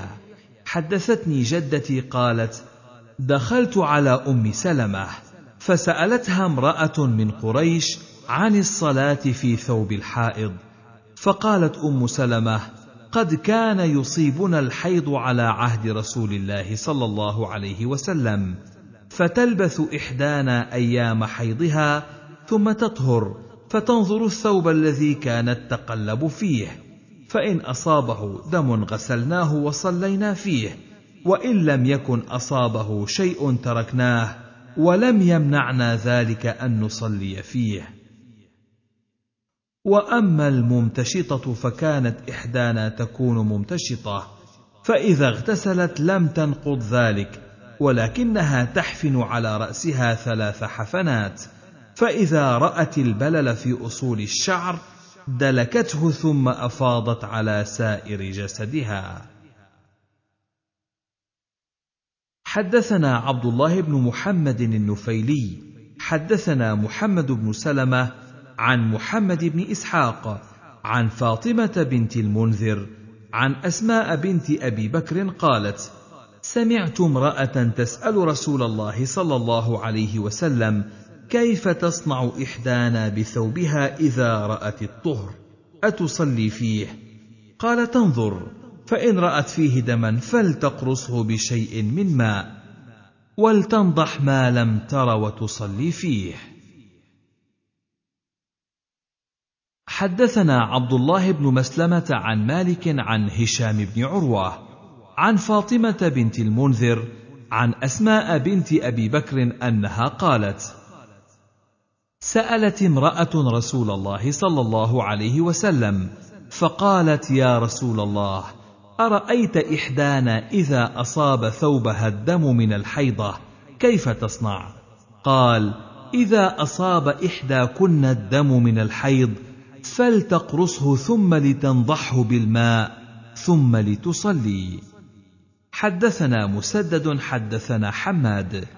وحدثنا مسدد قال حدثنا عيسى بن يونس حا وحدثنا موسى بن إسماعيل أخبرنا حماد يعني بن سلمة عن هشام بهذا المعنى قالا حتيه ثم اقرصيه بالماء ثم انضحيه. حدثنا مسدد حدثنا يحيى يعني بن سعيد القطان عن سفيان قال حدثني ثابت الحداد حدثني عدي بن دينار قال سمعت أم قيس بنت محصن تقول سألت النبي صلى الله عليه وسلم عن دم الحيض يكون في الثوب قال حكيه بضلع واغسليه بماء وسدر. حدثنا النفيلي حدثنا سفيان عن ابن أبي نجيح عن عطاء عن عائشة قالت قد كان يكون لإحدانا الدرع فيه تحيض وفيه تصيبها الجنابة ثم ترى فيه قطرة من دم فتقصعه بريقها. حدثنا قتيبة بن سعيد حدثنا ابن لهيعة عن يزيد بن أبي حبيب عن عيسى بن طلحة عن أبي هريرة أن خولة بنت يسار أتت النبي صلى الله عليه وسلم فقالت يا رسول الله إنه ليس لي إلا ثوب واحد وأنا أحيض فيه فكيف أصنع؟ قال إذا طهرت فاغسليه ثم صلي فيه. فقالت فإن لم يخرج الدم. قال يكفيك غسل الدم ولا يضرك أثره. باب الصلاة في الثوب الذي يصيب أهله فيه. حدثنا عيسى بن حماد المصري أخبرنا الليث عن يزيد بن أبي حبيب عن سويد بن قيس عن معاوية بن حديج عن معاوية بن أبي سفيان أنه سأل أخته أم حبيبة زوج النبي صلى الله عليه وسلم هل كان رسول الله صلى الله عليه وسلم يصلي في الثوب الذي يجامعها فيه؟ فقالت نعم إذا لم ير فيه أذى. باب الصلاة في شعر النساء. حدثنا عبيد الله بن معاذ حدثنا أبي حدثنا الأشعث عن محمد بن سيرين عن عبد الله بن شقيق عن عائشة قالت كان رسول الله صلى الله عليه وسلم لا يصلي في شعرنا أو لحفنا. قال عبيد الله شك أبي. حدثنا الحسن بن علي حدثنا سليمان بن حرب حدثنا حماد عن هشام عن ابن سيرين. عن عائشة أن النبي صلى الله عليه وسلم كان لا يصلي في ملاحفنا. قال حماد وسمعت سعيد بن أبي صدقة قال سألت محمدا عنه فلم يحدثني وقال سمعته منذ زمان ولا أدري ممن سمعته ولا أدري أسمعته من ثبت أو لا فسلوا عنه. باب الرخصة في ذلك. حدثنا محمد بن الصباح ابن سفيان. حدثنا سفيان عن أبي إسحاق الشيباني سمعه من عبد الله بن شداد يحدثه عن ميمونة أن النبي صلى الله عليه وسلم صلى وعليه مرط وعلى بعض أزواجه منه وهي حائض وهو يصلي وهو عليه. حدثنا عثمان بن أبي شيبة حدثنا وكيع بن الجراح حدثنا طلحة بن يحيى عن عبيد الله بن عتبة عن عائشة قالت كان رسول الله صلى الله عليه وسلم يصلي بالليل وأنا إلى جنبه وأنا حائض وعلي مرط لي وعليه بعضه. باب المني يصيب الثوب. حدثنا حفص بن عمر عن شعبة عن الحكم عن إبراهيم عن همام بن الحارث أنه كان عند عائشة فاحتلم فأبصرته جارية لعائشة وهو يغسل أثر الجنابة من ثوبه أو يغسل ثوبه. فأخبرت عائشة فقالت لقد رأيتني وأنا أفركه من ثوب رسول الله. صلى الله عليه وسلم ورواه الأعمش كما رواه الحكم. حدثنا موسى بن إسماعيل حدثنا حماد بن سلمة عن حماد بن أبي سليمان عن إبراهيم عن الأسود أن عائشة قالت كنت أفرك المني من ثوب رسول الله صلى الله عليه وسلم فيصلي فيه قال أبو داود وافقه مغيرة وأبو معشر وواصل. حدثنا عبد الله بن محمد النفيلي حدثنا زهير حا وحدثنا محمد بن عبيد بن حساب البصري حدثنا سليم يعني بن أخضر. المعنى والإخبار في حديث سليم. قال حدثنا عمرو بن ميمون بن مهران قال سمعت سليمان بن يسار يقول سمعت عائشة تقول إنها كانت تغسل المني من ثوب رسول الله صلى الله عليه وسلم قالت ثم أرى فيه بقعة أو بقعا باب بول الصبي يصيب الثوب. حدثنا عبد الله بن مسلمة عن مالك عن ابن شهاب عن عبيد الله بن عبد الله بن عتبة بن مسعود عن أم قيس بنت محصن أنها أتت بابن لها صغير لم يأكل الطعام إلى رسول الله صلى الله عليه وسلم فأجلسه رسول الله صلى الله عليه وسلم في حجره فبال على ثوبه فدعا بماء فنضحه ولم يغسله. حدثنا مسدد بن مسرهد والربيع بن نافع أبو توبة المعنى.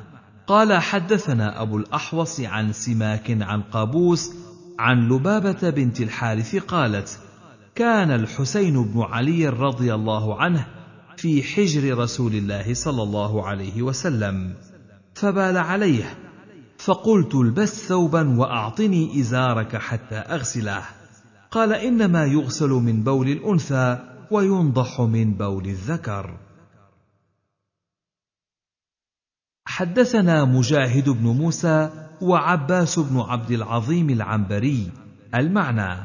قال حدثنا عبد الرحمن بن مهدي. حدثني يحيى بن الوليد.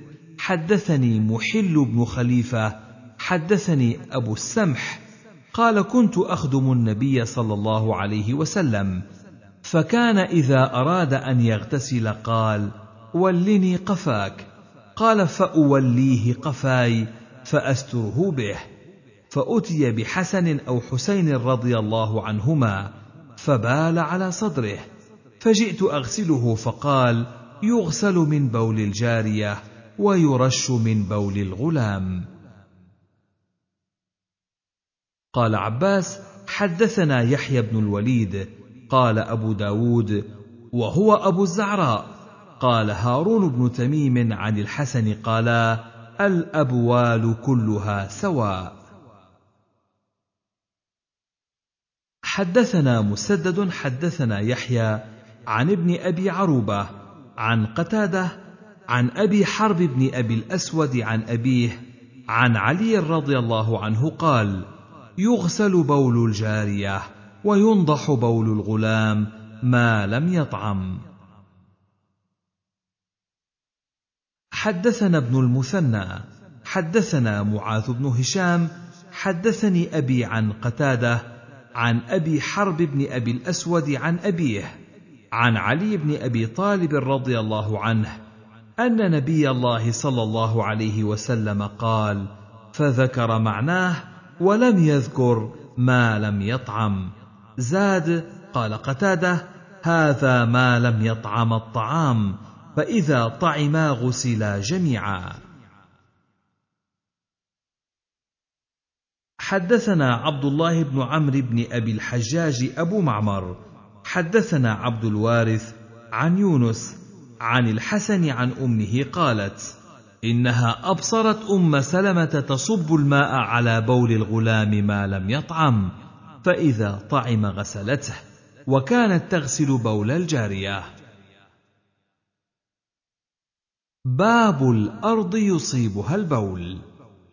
حدثنا أحمد بن عمرو بن السرح وابن عبدة في آخرين وهذا لفظ ابن عبدة. قال حدثنا سفيان عن الزهري عن سعيد بن المسيب عن أبي هريرة أن اعرابيا دخل المسجد ورسول الله صلى الله عليه وسلم جالس. فصلى. قال ابن عبده ركعتين. ثم قال اللهم ارحمني ومحمدا ولا ترحم معنا أحدا. فقال النبي صلى الله عليه وسلم لقد تحجرت واسعا. ثم لم يلبث أن بال في ناحية المسجد فأسرع الناس إليه. فنهاهم النبي صلى الله عليه وسلم وقال إنما بعثتم ميسرين ولم تبعثوا معسرين صبوا عليه سجلا من ماء أو قال ذنوبا من ماء. حدثنا موسى بن إسماعيل حدثنا جرير يعني ابن حازم قال سمعت عبد الملك يعني ابن عمير يحدث عن عبد الله بن معقل بن مقرن قال صلى أعرابي مع النبي صلى الله عليه وسلم بهذه القصة. قال فيه وقال يعني النبي صلى الله عليه وسلم خذوا ما بال عليه من التراب فألقوه وأهريقوا على مكانه ماء. قال أبو داود هو مرسل. ابن معقل لم يدرك النبي صلى الله عليه وسلم. باب في طهور الأرض إذا يبست. حدثنا أحمد بن صالح حدثنا عبد الله بن وهب. أخبرني يونس عن ابن شهاب. حدثني حمزة بن عبد الله بن عمر قال قال ابن عمر كنت أبيت في المسجد في عهد رسول الله صلى الله عليه وسلم. وكنت فتى شابا عزبا وكانت الكلاب تبول وتقبل وتدبر في المسجد فلم يكونوا يرشون شيئا من ذلك. باب الأذى يصيب الذيل. حدثنا عبد الله بن مسلمة عن مالك عن محمد بن عمارة بن عمرو بن حزم عن محمد بن إبراهيم عن أم ولد لإبراهيم بن عبد الرحمن بن عوف أنها سألت أم سلمة زوج النبي صلى الله عليه وسلم فقالت إني امرأة أطيل ذيلي وأمشي في المكان القذر. فقالت أم سلمة قال رسول الله صلى الله عليه وسلم يطهره ما بعده. حدثنا عبد الله بن محمد النفيلي وأحمد بن يونس. قال حدثنا زهير حدثنا عبد الله بن عيسى عن موسى بن عبد الله بن يزيد عن امرأة من بني عبد الأشهل. قالت قلت يا رسول الله إن لنا طريقا إلى المسجد منتنة فكيف نفعل إذا مطرنا؟ قال أليس بعدها طريق هي أطيب منها؟ قالت قلت بلى. قال فهذه بهذه. باب الأذى يصيب النعل. حدثنا أحمد بن حنبل حدثنا أبو المغيرة حا. وحدثنا عباس بن الوليد بن مزيد أخبرني أبي حا. وحدثنا محمود بن خالد حدثنا عمر يعني بن عبد الواحد عن الأوزاعي المعنى قال أنبئت أن سعيد بن أبي سعيد المقبوري حدث عن أبيه عن أبي هريرة أن رسول الله صلى الله عليه وسلم قال إذا وطئ أحدكم بنعله الأذى فإن التراب له طهور.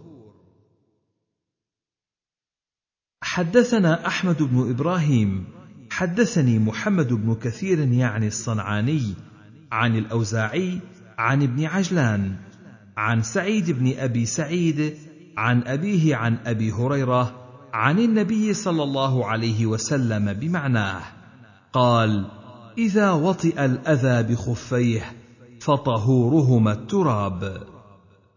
حدثنا محمود بن خالد حدثنا محمد يعني بن عائذ حدثني يحيى يعني بن حمزة عن الأوزاعي عن محمد بن الوليد أخبرني أيضا سعيد بن أبي سعيد عن القعقاع بن حكيم عن عائشة عن رسول الله صلى الله عليه وسلم بمعناه.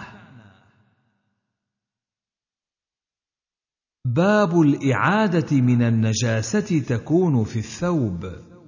حدثنا محمد بن يحيى بن فارس. حدثنا أبو معمر. حدثنا عبد الوارث. حدثتنا أم يونس بنت شداد. قالت حدثتني حماتي أم جحدر العامرية أنها سألت عائشة عن دم الحيض يصيب الثوب فقالت كنت مع رسول الله صلى الله عليه وسلم وعلينا شعارنا وقد ألقينا فوقه كساء. فلما أصبح رسول الله صلى الله عليه وسلم أخذ الكساء فلبسه ثم خرج فصلى الغداة ثم جلس.